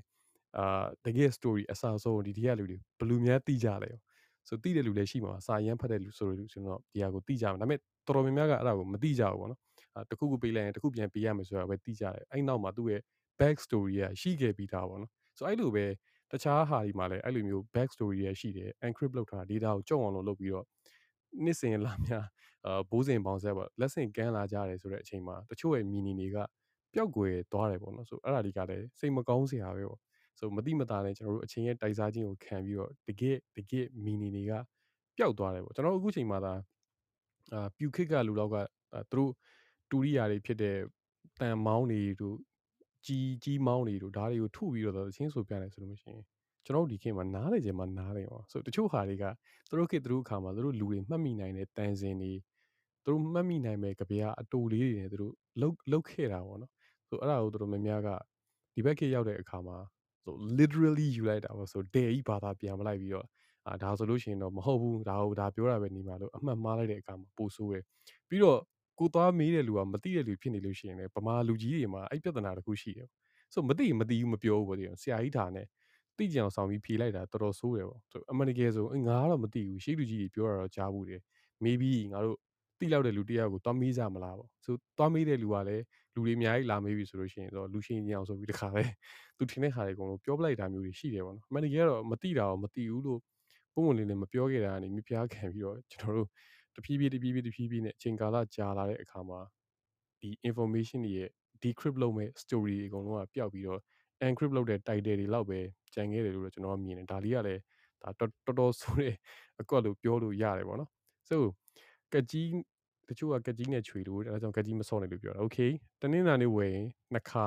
ဝယ်ရတယ် okay so တနင်္လာဝယ်လို့ရှိရင်နှစ်ခါဝယ်ရတယ်ဆိုလို့ရှိရင်တနင်္လာနေ့ဆိုလို့ရှိရင်ကျွန်တော်တို့ဆိုင်တွေက discount ပေးပြီးရောင်းမယ်ဆိုလို့ရှိရင်နှစ်ခါလာဝယ်ကြမှာလားဆိုအဲ့လိုမေးစရာလည်းရှိတယ်တနင်္လာဆိုနှစ်ခါတိုင်းမပြီးဘူးဆိုတနင်္လာနေ့ကြလို့ရှိရင်ပတ်စံနှစ်ခါအဝင်ခံခြင်းတဲ့လူရောရှိတာ ဆိုတချို့တွေဆိုရှိတယ်ပေါ့နော်ဆိုပတ်စံဝင်ရမယ့်နေ့ဆိုတနင်္လာနေ့ဆိုဝင်ခြင်းအဲ့တော့တခြားလူဘက်ကရောလို့ပြန်စဉ်းစားကြည့်ပေါ့သူတို့ရောထွက်လို့ရှိရင်နှစ်ခါနှစ်ခါထွက်လို့သူတို့ရောပေးခြင်းပါမလားလို့ပေါ့တချို့ဟာတွေကဟိုဘက်ဒီပဲပြန်စဉ်းစားတဲ့အခါမှာ fair မဖြစ်တဲ့ story အများကြီးမှအများကြီးမှအများကြီးမှရှိတယ်ပေါ့ဆိုအခုလိုမျိုးပေါ့တနင်္လာနေ့ဝယ်လို့ရှိရင်နှစ်ခါပြန်ဝယ်ရတယ်အဲ့တော့မဝယ်ဘူးဆိုလို့ရှိရင်ဘာဖြစ်မလဲဟိုဘက်ကလူကရောင်းမကောင်းဘူးပေါ့ဆိုအဲ့ဒါဆိုရောင်းတဲ့လူဘက်ကရောအဲ့နေ့ဒီဆိုသူဘယ်လိုရောင်းမလဲပေါ့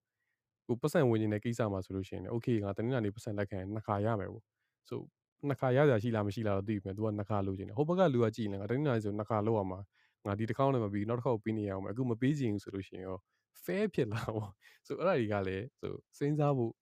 ကောင်းတယ်ပေါ့ကျွန်တော်အရင်ရှိခန်းဒီမှာလည်း story တစ်ခုပြောခဲ့ဘူးတယ်ပေါ့အလောက်ကဘာလုပ်လဲဆိုမိသက်သမားပေါ့ကျွန်တော်အဖေအလုပ်မရှိမှဆိုပြီးအလုပ်ကောင်းပါစေလို့ဆုတောင်းလို့ရှိရင်တခြားလူတွေအေးကမီးလောင်ပေးရမလို့ဖြစ်နေပေါ့ဆို အဲ့ဒါကအစေပြေမနေဘူးပေါ့နော်ဆိုတချို့ဟာတွေပါဟိုဘက်ဒီဘက်ဆိုတော့အမြဲတမ်းဒါတွေးပြီးတော့ကြည့်ဖို့လိုတယ်ပေါ့နော်ဆိုကိုနာဆိုအဲ့ဒီပေါ်တွေပါဘယ်လိုထင်လဲဗျရာကျွန်တော်အနေနဲ့ကတော့တခုတော့ရှိရပေါ့နော်လူတွေအကုန်လုံးကဝိုင်းပြီးတော့ဒီဟာပေါ်မှာယုံကြည်နေလို့ရှင်ဒီ system ကတော့ဖြစ်သွားတယ်ဖြစ်သွားတယ်ဆိုတော့ဥမာခုနကလာပြောလို့ပေါ့တနေ့ဒီတနေ့လာနေကခုနနှစ်ခါပြန်ဝဲရတယ်တနေ့ကမှငွေမထက်တာပါညာဆိုတော့အဲ့လိုဖြစ်တဲ့အတွက်ကြောင့် ဒီရက်ွက်ဈေးတော့သွားဘူးလားမသိကျွန်တော်ရက်ွက်ဈေးတော့တကယ်ငယ်လည်းသွားဘူးတယ်အခုလည်းသွားတနေ့လာနေဆိုရှင်ဈေးတဲ့တိတ်ပြီးတော့မရှိကြဘူးဟိုမဖြစ်မနေရောင်းရတော့ပဲရှိတော့ရက်ွက်တိတ်တိတ်လေးပေါ့နော်ပိတ်ကြတယ်ပေါ့နော်ခုနပြောလို့အေးမဝယ်မဲ့တူတူတော့ပိတ်လိုက်တာပေါ့တော့ရှင်းရှင်းလေးမဝယ်မဲ့တူတူတော့ပိတ်လိုက်တာပေါ့ဆိုတော့သူက system တစ်ပတ်လဲသွားတာပေါ့နော်ဒီဘက်ကဒါကိုယုံတဲ့လူကယုံယုံတဲ့လူကယုံတဲ့မဝယ်မဝယ်တဲ့အတွက်ကြောင့်ဟိုဘက်မှာလည်း fine ပိတ်ပလိုက်တာပေါ့နော်အဲ့လိုမျိုးတွေဖြစ်သွားတဲ့ဟာမျိုးရှိတယ်ပေါ့နော်ခြားနိုင်ငံတွေမှာတော့မရှိဘူး ဒါပေမဲ့ကျွန်တော်အနေနဲ့အဲ့မှာပြန်ပြီးတော့ကြည့်ကြည့်ချင်တာကတော့ဒါကနေရာနဲ့နေရာထိုင်ခင်းနေရာသွားတဲ့နေရာပေါ်မူတည်ပြီးတော့သူ့ဟာနဲ့သူပြောင်းသွားတယ်ပေါ့နော်ကျွန်တော်တို့တခြားနိုင်ငံရောက်သွားတဲ့အခါမှာဒီတနင်္လာနေ့မှာငွေဝင်ငွေထွက်မလုပ်တာမျိုးပါညာရှိတဲ့နိုင်ငံလည်းရှိတယ်မရှိတဲ့နိုင်ငံလည်းမရှိဘူးအထူးသဖြင့် Asian တွေကတော့ superstitious ပို့ပြီးတော့ဖြစ်ကြတယ်ဒီငွေနဲ့ပတ်သက်လာလို့ရှင်ပေါ့နော်အဲ့တော့อืม gesture တစ်ခုအနေနဲ့လည်းဖြစ်နိုင်တယ်ခုမှအဆိုးမှဆိုတော့ခုနမတ်မတ်ချောစုဝင်ပြောလိုက်တယ်ဒီတရုတ်အယူဆမှာဒီဒီအာတူကိုပကံနဲ့စိုက်ထားတာသူကလူသေးတဲ့ခါကျထားဒါကတော့အဲ့လို respect တစ်ခုအနေနဲ့အဲ့လို symbol symbolism လို့ခေါ်တာပေါ့နော်အဲ့လို respect အနေနဲ့ပေးထားတဲ့သဘောဒါမျိုးဆိုလို့ရှင်တော့ကျွန်တော်တို့က myth မဟုတ်တော့ဒီကောင်ကြတော့ခုနပြောလို့ပေါ့ symbol တစ်ခုအနေနဲ့ကျွန်တော်တို့အောက်မှာအာဂျပန်နေဆိုလို့ရှိရင်မှာခုန sorry အနက်ဟိုတရုတ်ကအနက်ဝတ်တာထင်တယ်ဟုတ်တယ် ဟိုဂျပန်ဆိုအဖြူဝတ်တာအဲ့အဲ့လိုမျိုးပေါ့နော်ဒါက symbol respect ပေးတဲ့အနေနဲ့ဒီလိုမျိုးဝတ်သွားတယ်လှုပ်ပေးသွားတယ်ဒါဒါပေါ့ဒါကတော့ကျွန်တော်အနေနဲ့လက်ခံပြီးလို့ရတဲ့ကိစ္စမရှိအဲ့တော့ခုနဒီဒီမဝင်ရဘူးလို့ဘာလို့မှလဲကျွန်တော်အနေနဲ့ကဘယ်လိုမြင်ရလဲဆိုတော့အကယ်၍ဒီဒီ tradition သူအကယ်ကိုနဲ့ business လုပ်တဲ့လူကဒီဟာပေါ်မှာယုံကြည်ရယ်ဒီဟာပေါ်မှာအဲရှိနေတယ်ဆိုလို့ရှင်တော့လေဒါသူ့ကို respect ပေးတဲ့အနေနဲ့မလုပ်ဘူးပေါ့နော်ဒါတော့ရှင်းရှင်းအဲ့ဒီမှာစာချုပ်မချုပ်ဘူးပေါ့အဲ့ဒီမှာဟိုမှာမဖြစ်ဘူးပေါ့ အဲကြောင့်ဟို Monday Blue တို့ဘာလို့ဆိုတာလဲအမြင်နဲ့ရှိတာ Monday Blue ကတော့ရှင်းပါကျွန်တော်တို့က weekend လုံးဝပိတ်ပြီးတဲ့အချိန်အလုံးစဝင်တဲ့အချိန်မှာဒီလိုမျိုး feeling ကတော့ဖြစ်မှာပဲဆိုတော့အဲ့ဒါတော့ဒါ natural တော့အဲ့တော့အမြင်ပေါ်မှာကျွန်တော်ပြန်ကြည့်ရတဲ့ခါကျရင်တော့ကိုဘသူတွေနဲ့ deal လုပ်နေလဲပေါ့နော်အဲ့လိုမျိုးလေးတော့တစ်ချက်တော့ပြန်ပြီးတော့ရှိပါအောင်ကျွန်တော်အနေနဲ့ကတော့အဲ့လောက်ကြီးကြီးတော့တိတ်ပြီးတော့မရှိဘူးဘာလို့ဆိုတော့ကျွန်တော်စဉ်းစားမိတာပေါ့နော်ဒီအခုဒီနေ့နံနေနဲ့ကျွန်တော်ဆက်ပြီးတော့ပြောမယ်ဆိုပါတော့ဗျာ အခုစနေနေ့မှာဟိုကမလုပ်ရဘူးလို့ပြီးရင်အဲဒီခေါင်းလျှော်တာမျိုးတွေလည်းရှိတာ哦ဒီဗာမွေးနေ့တောက်ကြတနေ့လာကေတာဆက်ပြမပြူကဘာညာလည်းရှိတယ်အဲ့ဒါဆိုလဲပြန်ဖတ်ကြည့်လိုက်လို့ရှင်သူကဘေးရင်ရရရနဲ့ပတ်သက်ပြီးတော့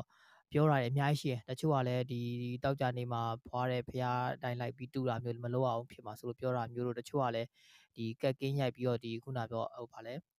အာသူတို့ရဲ့ဘေးရင်အခေါ်ဝေါ်ပေါ့ဗျာကျွန်တော်လည်းအဲ့လောက်ထိတော့တိတ်တော့မသိဘူးဒါပေမဲ့ဟို ကျွန်တော်အနေနဲ့ဟိုလိုမျိုးဘယ်လိုခေါ်မလဲဘယ်ဘယ်ဘယ်နေ့ဘယ်သားသမီးတို့ဆိုလို့ရှိရင်ဘယ်ရက်ကတော့ညှက်ရင်တော့ကောင်းတယ်ဘယ်ရက်ကတော့ညှက်ရင်တော့မကောင်းဘူးပေါ့သူကဟိုမွေးနေ့ဆိုတော့ကိုမွေးရဲ့နေ့အဲဟိုတောက်ကြတို့တနင်းလာမွေးနေ့တောက်ကြတနင်းလာထင်တာတောက်ကြအညွန့်တို့စပုတ်တို့ဘာလို့ရှိတာဟုတ်ဖေးရအဲအဲ့တော့အဲ့လူတွေအတွက်ကိုအဲ့လိုမျိုးပြောတာမျိုးဆိုပြီးရေးထားလည်းရှိတယ်ဟိုကိုကိုရန်အဆင်မပြေလို့လေဘာလို့ဆိုတော့ဟို ငငယ်တော့တိတာကြမွေးနေ့မှလည်းမညာဘူးတောက်ကြမှလည်းမညာတင်းလာမှမညာဆိုအဲ့ဒါဆိုသပင်းညဆိုင်နဲ့ဘာလို့အဲ့ဆိုင်အဲ့ဒီဖွင့်သေးတယ်လဲပေါ့နော်ကျွန်တော်ဆိုဗိုလ်တူးနေမွေအဲ့ဒါဆိုကျတာပြေးတောက်ကြ၃ရက်အဲ့မှာညက်လို့မရပြန်ဘူးကဲစနေနေ့မွေးရလူကြတော့လဲခုနတောက်ကြစနေနေ့မှာလောက်သပင်းညဆိုင်တော်တော်များတော်တော်အလုံးရှုံမဲ့ဂိမ်းပဲပေါ့နော်အဲ့လိုမျိုးဖြစ်နေတာပေါ့နော်ဆိုတော့သူကတော့အဲ့ဒီအဲ့ဒီကိုယ့်ရဲ့စံစားတွေနဲ့ဒီပြူစားတာတို့အောက်လန်းနီးတွေနဲ့လှုပ်လို့ရတဲ့ဟာမျိုးတွေဖြစ်နိုင်တဲ့အတွက်ကြောင့်ဒီလိုရက်တွေမှာမလှုပ်သင့်ဘူးပေါ့နော်ဒါမျိုးတွေပြောထားတယ် ဒါကတော့ခုန astrology ဘိုင်းဖြစ်သွားပြီအဲ့တော့နေ့နံနဲ့ astrology တရားမျိုးပေါ့အဲ့တော့အဲ့မှာကျွန်တော်စဉ်းစားမိတာပါလဲဆိုဆိုပါဆိုကျွန်တော်တို့ကမွေးလာကြတဲ့ဟိုကဒီအခုဒီကျွန်တော်တို့တတ်မှတ်ထားတဲ့ calendar live မှာမွေးလာတာ哦ဒါကြီးကိုသိနေရတာသိနေရတဲ့ခါကျ okay မင်းဘယ်နေ့မွေးတာအကဲဒီဟာကြီးကိုအကုန်လုံးလွတ်ထွက်နေတဲ့လူပေါင်းလူလူလူသားတစုဆိုပါဆိုကျွန်တော်တို့ဟိုဒီအဲ့တော့ Amazon တို့ဘာတို့မှာဘယ်လိုခေါ်မလဲတချို့ဒီဒီဘက်က အဲလူတွေနဲ့ဘလို့မှဆက်နွယ်ခြင်းမရှိဘဲနဲ့သူ့ဟာသူတီးတန်းတီးတန်းရှိနေတဲ့လူမျိုးစုတွေအများကြီးရှိရလေအခုချိန်ကြီးမြားတွေပိုင်းနဲ့ပြစ်ပြီးငားမြားနေတော့အဲ့ဒါ Google မှာရှားခြင်းတည်ဒီလူတွေဆိုရင်တို့မှတို့တက်ကနေ့နံပါညာဆိုတာမရှိဘူးတို့မှ Monday Sunday မရှိဘူးတစ်ပတ်9ရက်မရှိဘူးဒါမျိုးမရှိတို့နေတွေလတွေကျဲတွေကိုကြည်ကောင်းကြည်လိမ့်မယ်ဒါပေမဲ့ခုနပြောလို့တတ်မှတ်ထားတဲ့ဟာတွေမရှိဘူးအဲ့ဒါဆိုလို့ရှိရင်အဲ့လူကမွေးကလေးကသူပုတ်တဘူးဆိုတာပုတ်တဘူးသားဆိုတာ तू မသိဘူး तू တောက်ကြသမီးဆိုတာ तू မသိဘူးဆိုတော့ဒါနဲ့ပတ်သက်ပြီးတော့တတ်မှတ်ထားတဲ့ တောက်ကြသမီးဆိုဘာဖြစ်တယ်တောက်စကားများတာဗုဒ္ဓဘူးဆိုဘာဖြစ်တယ်ဒါကအဲ့လိုမျိုးဟာတွေနဲ့ပတ်သက်ပြီးတော့သိနိုင်မှာမရှိဘူးသိနိုင်မှာမသိထားတဲ့အတွက်ကြောင့်သူ့အနေနဲ့စကားများခြင်းလည်းများများခြင်းလည်းမများဘူးသူများတာတောက်ကြနေမွေးလို့များတာမဟုတ်သူကသူများခြင်းလို့များတာအဲသူတိတ်ဆိတ်ငြိမ်သက်တာဒါကြောင့်မဟုတ်ဘူးအဲ့တော့အဲ့လိုမျိုးတွေအများကြီးဖြစ်သွားနိုင်တယ်ပေါ့နော်ဆိုတော့တခါတလေမှလည်းကျွန်တော်အနေနဲ့ပြန်တွေးကြည့်ရဆိုလို့ရှင်ဒါတွေကိုကျွန်တော်တို့ predetermine လုပ်ထားပြီးသားဟာတွေပေါ့ဒါကိုလာပြေခိုးတစ်ခေါက်ကလည်းပြောဖို့ပါ astrology ဆိုတာနှစ်ပေါင်းဒီထောင်နဲ့အောင်ခြီးပြီးတော့ကြာကြာနေခဲ့ပြီဆိုတာ哦ဆိုတော့ ဒီမှာ predetermine လုပ်ထားတဲ့အတိုင်းကိုကနေရမှာလားဆိုတော့လေကျွန်တော်အနေနဲ့အဲ့လိုအားမပေးဘူးအဲ့တော့နေနိုင်နေနဲ့ကျွန်တော်ဆက်ပြီးတော့ပြောကြမှာပေါ့နော်ကိုလာပြအမြင်နဲ့ကျွန်တော်သိကျင်တယ်နေနိုင်နေမှာနေနိုင်နဲ့ပတ်သက်ပြီးတော့ဒီလို predetermine လုပ်ထားတာမျိုးတွေပြီးရင်ကျွန်တော်တို့ဒီ group comment ထဲမှာဆိုလာမေးထားတယ်လေအာဘသူမေးထားတယ်ဒီအညီလေးတယောက်ပဲအဲ့လိုဒီပါလဲနေနိုင်နဲ့ပတ်သက်ပြီးတော့သမီးစားလားအိမ်အောင်ကအိမ်အောင်ကိစ္စနဲ့ပတ်သက်ပြီးတော့မေးထားတာဆိုတော့ဒါမျိုးတွေပေါ့နော်ပြီးတော့နေနိုင်နဲ့ပတ်သက်ပြီးတော့အာအရင်မျက်နှာရည်နဲ့ပတ်သက်ပြီးတော့လှုပ်ရတာမလှုပ်ရတာဒါမျိုးတွေပေါ့နော်ဆိုတော့ ဒီဘက်ကိုဆက်ပြီးတော့တွားကြမှာဟုတ်လားဗျ Yeah yeah that would be great ပေါ့ so နီးနယ်အနေနဲ့ပတ်သက်တဲ့အရာတွေကတော့ predetermine လောက်ထားတာလို့ပြောလို့ရှိရင်ဒါက generalize လို့ပြောလို့ရတယ်ပေါ့တောက်ကြသားတိုင်းလည်းစကားမများဘူးစနေသားတိုင်းလည်းဒေါသမကြည့်ဘူးပေါ့တနင်္ဂနွေသားတိုင်းလည်းကောက်မနေဘူးပေါ့နော်ဆိုများသောအားဖြင့်ကြည့်လိုက်မယ်ဆိုလို့ရှိရင်တော့ percentage အားဖြင့်ကြည့်လိုက်မယ်ဆိုလို့ရှိရင်တော့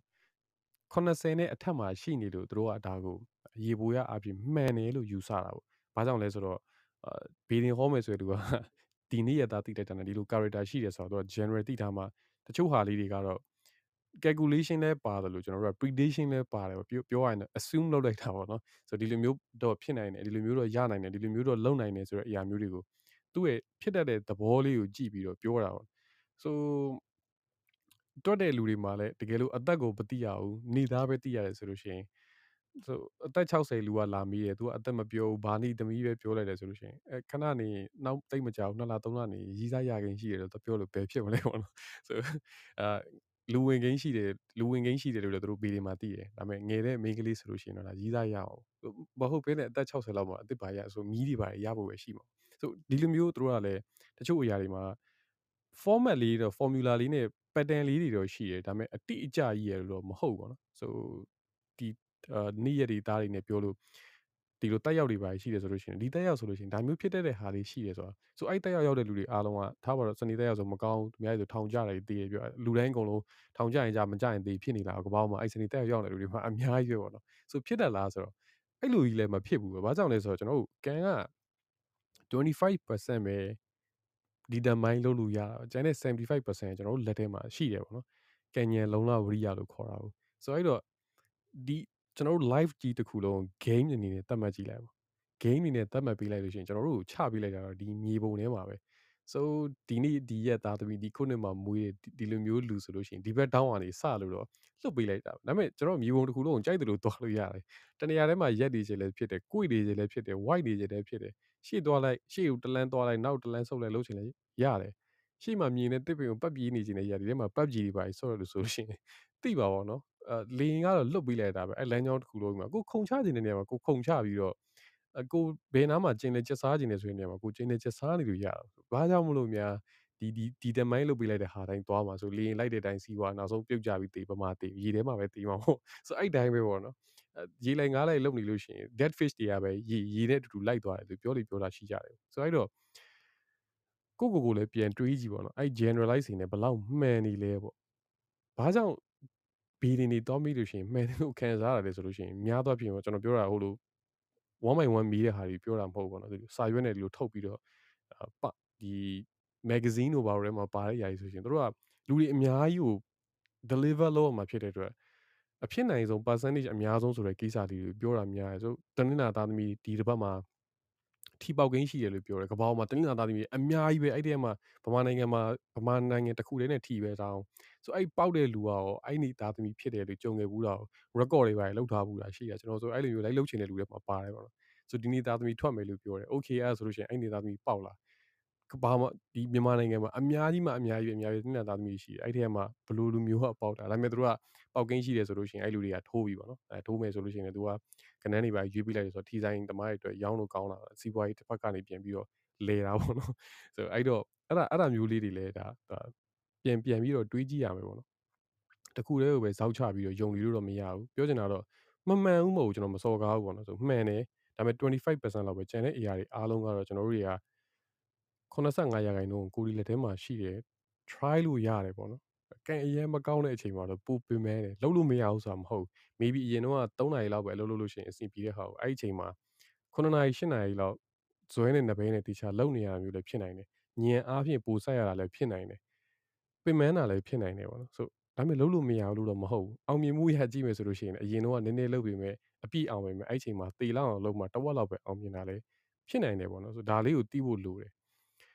ဖះကလည်း ကျွန်တော်ပြောခဲ့တာရှိပြီးတော့ကျွန်တော်လောကရန်ရှစ်ခုနဲ့ဘယ်ဘလုံးမှမလွတ်ဘူးပေါ့နော်ဆိုချွေရင်ပေါ်တာပေါ်တာလည်းအမှန်တမ်းပြောလို့ရှိရင်ဒုက္ခပဲချွေရင်နဲတာလည်းဒုက္ခပဲပတ်စံတွေအများကြီးရှိတာလည်းဒုက္ခပဲပတ်စံလုံးဝမရှိတာလည်းဒုက္ခပဲဆိုအဲ့လိုပဲဒုက္ခဆိုတဲ့အရာကြီးကျွန်တော်တို့ကအမြဲလိုလိုရှိနေဘယ်ဘယ်ဘယ်လိုမျိုးဒုက္ခနဲ့ပဲကြုံလာကြုံလာကြုံလာကိုကဒီဟာတွေအားလုံးကို handle လုပ်နိုင်တဲ့လူပေါ့နော် handle လုပ်နိုင်တဲ့လူတယောက်ဖြစ်လာပြီဆိုလို့ရှိရင်ဒီနိနန်သားတွေပေါ်မှာအရင်အရင် serious ဖြစ်နေစရာမလိုဘူးလို့ထင်တယ်ပေါ့ ကျွန်တော်တို့တရားသမားမဟုတ်တော့တရားထိုင်နေပါလိမ့်ပိုင်းတော့မအရန်တော့ပြောချုပ်တွေကတောတာပန်တီဝိုင်းဒီຢာတွေပေါ်မှာမယုံတော့ဘူးလို့ပါဘူးတချို့တွေပြောကြတာကြီးလည်းရှိတယ်ပေါ့နော်ဆိုအဲ့လောက်ကြီးတော့ကျွန်တော် detail တွေဒီထဲမှာမသွားရင်တရားဟောကမလုပ်ချင်ဘူးပေါ့ဒါပေမဲ့ပြန်ကြည့်ကြည့်မယ်ဆိုလို့ရှိရင်ကို live ကိုတော့ကိုကပိုင်နေပါသေးတယ်ပေါ့နော်ဆိုဘေးလူကကြည့်တဲ့လူကတော့ဆိုသူတို့ပြောချင်တာပြောကြမှာဒီလိုဖြစ်မှာမယုံကြည့်ကြည့်လိုက်ဆိုတော့ပြောနေဖြစ်နိုင်ကြီးကတော့သူတို့ပြောတဲ့အထဲမှာ25%ပဲရှိတယ်ဆို85ရာခိုင်နှုန်းကကိုနဲ့တူတူပိုင်ပါသေးတယ်အဲ့တော့လောက်ကြည့်ပါ ဆိုမမတီတာတော့သဘောကျသွားပြီဆိုအာမွေးနေ့တောက်ကြတနေ့လာမညံ့အောင်ဆိုအဲ့ဒီတွေအကုန်လုံးလိုက်ညက်ကြည့်ရဆိုတော့လုံးဝသဘောကျသွားပြီဗုဒ္ဓနေ့ဆိုလို့ရှိရင်ဗုဒ္ဓဗုဒ္ဓဟူးကတနေ့3ကယူဆိုပြီးပြောခံရတာမကြသေးပါဘူးအမင်းတီတာမပူနဲ့ကျွန်တော်ဆို24နိုင်ယူနေတာဆိုလူတဲ့အယူပဲဆိုတော့ maybe maybe ယူနေမှာပဲလေ right yeah အဲ့ဒီဟာနဲ့ပတ်သက်ပြီးတော့ဒီ ဟိုပါပေါ့တော်တော် serious ထားတဲ့အဖြစ်အပျက်ပေါ့နော်ကျွန်တော်တက်ကတူကြောင်းသွားတာကျွန်တော်တကယ်ချင်းကအဲညီးသားရအဲ့ကောင်မလေးကိုကြိုက်တာပေါ့ကြိုက်တော့သူတို့ကတော်တော်အဆင်ပြေနေပြီပေါ့အဖြေပေးကန်နီးမှလုံးဝအဆင်ပြေနေပြီအဖြေပေးကန်နီးမှကောင်မလေးကမေးလိုက်တာနင်ဘာနေတာလဲဆိုတော့အဲသူကဖြေလိုက်တယ်ပေါ့ကျွန်တော်သူကတနင်္ဂနွေ sorry တနင်္ဂနွေထင်သူသူနာမည်ကအောင်ဆိုတော့ကောင်မလေးနာမည်တော့မပြောတော့ပါဘူးကောင်မလေးအဲ့တော့အဲ့လို model ပေါက်စလိုမျိုးအခြေလေးဖြစ်နေတာပေါ့အကြောင်းတူတူပဲ အဲ့တနင်္ဂနွေလည်းဖြစ်လည်းဖြစ်လာတော့ဓမ္မတော့ကအင်္ဂဝရတာနဲ့ညှိပြီးတော့အပြေမပေးတော့ဘူးပေါ့အဲ့လိုမျိုးဖြတ်ပလိုက်တော့အဲ့လိုမျိုးအဲ့လိုမျိုးပြောဟာငါနဲ့မတည့်ဘူးပေါ့နော်မတည့်တဲ့ခါကျတော့အဲ့လိုမျိုးဖြစ်တယ်ပေါ့ဆိုတော့အဲ့မှာအဲ့ကောင်ကွဲရောဘုတော့အဲ့ကောင်လည်းဗုဒ္ဓဘူးတင်တယ်ကွဲရောအဲ့တော့သူ့မှာသူ့မှာအဲ့ဓမ္မတော့ကအင်္ဂဝရတာသူဘလို့မှမခံစားနိုင်ဘူးပေါ့နော်အကုန်လုံးအဆင်ပြေနေတယ်အဲ့လိုမျိုးလဲဘာမှမဟုတ်ကောင်မလဲကြိုက်လဲကြိုက်တယ်တကယ်လဲကြိုက်တယ် မကြိုက်စရာလည်းအကြောင်းမရှိဘူးဒီကောင်မှာခဏခဏအဲ့ကောင်မှာလေရှိုးပွဲရှောက်ပြီးတော့တော်တော်လုတ်ပေးလိုက်ကျွန်တော်တို့ဆိုနောက်ကနေလိုက်လိုက်ပြီးအဲ့တော့ trader ဆိုဘာလို့မှအဲ့လိုမျိုးရှိုးပွဲရှောက်ရရှိအဲ့ကောင်မှာလည်းမျက်နှာလေးကလည်းတိတိလေးဆိုတော့သူအဲ့လို make up တွေပါတယ်ဆိုတော့သူတို့ sponsor အရင်ပေးကြတာမျက်နှာသေးတဲ့လူဆိုတော့လှချစ်စရာလေးဆိုတော့အာလိုက်လိုက်ရတာဒါဓမ္မတော့ကအင်းဝရတာနဲ့အငင်းခံလိုက်ရအောင်နော်အဲ့ဒါဒီကောင်ပြောလို့မစုံအဲ့ဒါနဲ့အဲ့ကောင်အဲ့အဲ့ရတဲ့စပြီးတော့ ဥဒ္ဒါစိန်ပန်တန်လောက်ရှာသူနဲ့လိုက်တဲ့ဟာတွေတရားဝီတယောက်ကြီးသားလိုက်တာဘသူမှအဆင်မပြေဘူးဘလို့နဲ့မှအဆင်မပြေဘဲဒန်းလာနဲ့မှလည်းမပြေဘူးဘဲဥဒ္ဒါနဲ့မှလည်းမပြေဘူးဘဲစိန်ပန်းနဲ့မှလည်းအဆင်မပြေဘူးပေါ့နော်တွဲတယ်ပြက်တယ်တွဲတယ်ပြက်တယ်တွဲတယ်ပြက်တယ်ပေါ့အဲ့လိုဖြစ်ဖြစ်ပြီးတော့နောက်ဆုံးနောက်ဆုံးကြတော့လေအဲ့ဒီအဲ့ဒီအဲ့ဒီဘိုးတဖူးသမီးဘိုးတဖူးသမီးပဲပေါ့နော်သူနဲ့ပဲရသွားပြီးအခုသူကလေးတွေပါမွေးပြီးဖြစ်သွားဟိုကောင်မလေးကြတော့အဲ့ကလေးကဥဒ္ဒါစိန်ပန်းဒန်းလာကိုရှာနေတာရှာနေတာရှာနေတာ အခုချိန်ထိဘယ်သူနဲ့မှအဆင်မပြေဘူးပြီးသားကွဲတယ်အိမ်အောင်ကွဲတယ်အဲ့လိုမျိုးဖြစ်သွားတယ်ပေါ့နော်ဆိုတော့ရဆိုတော့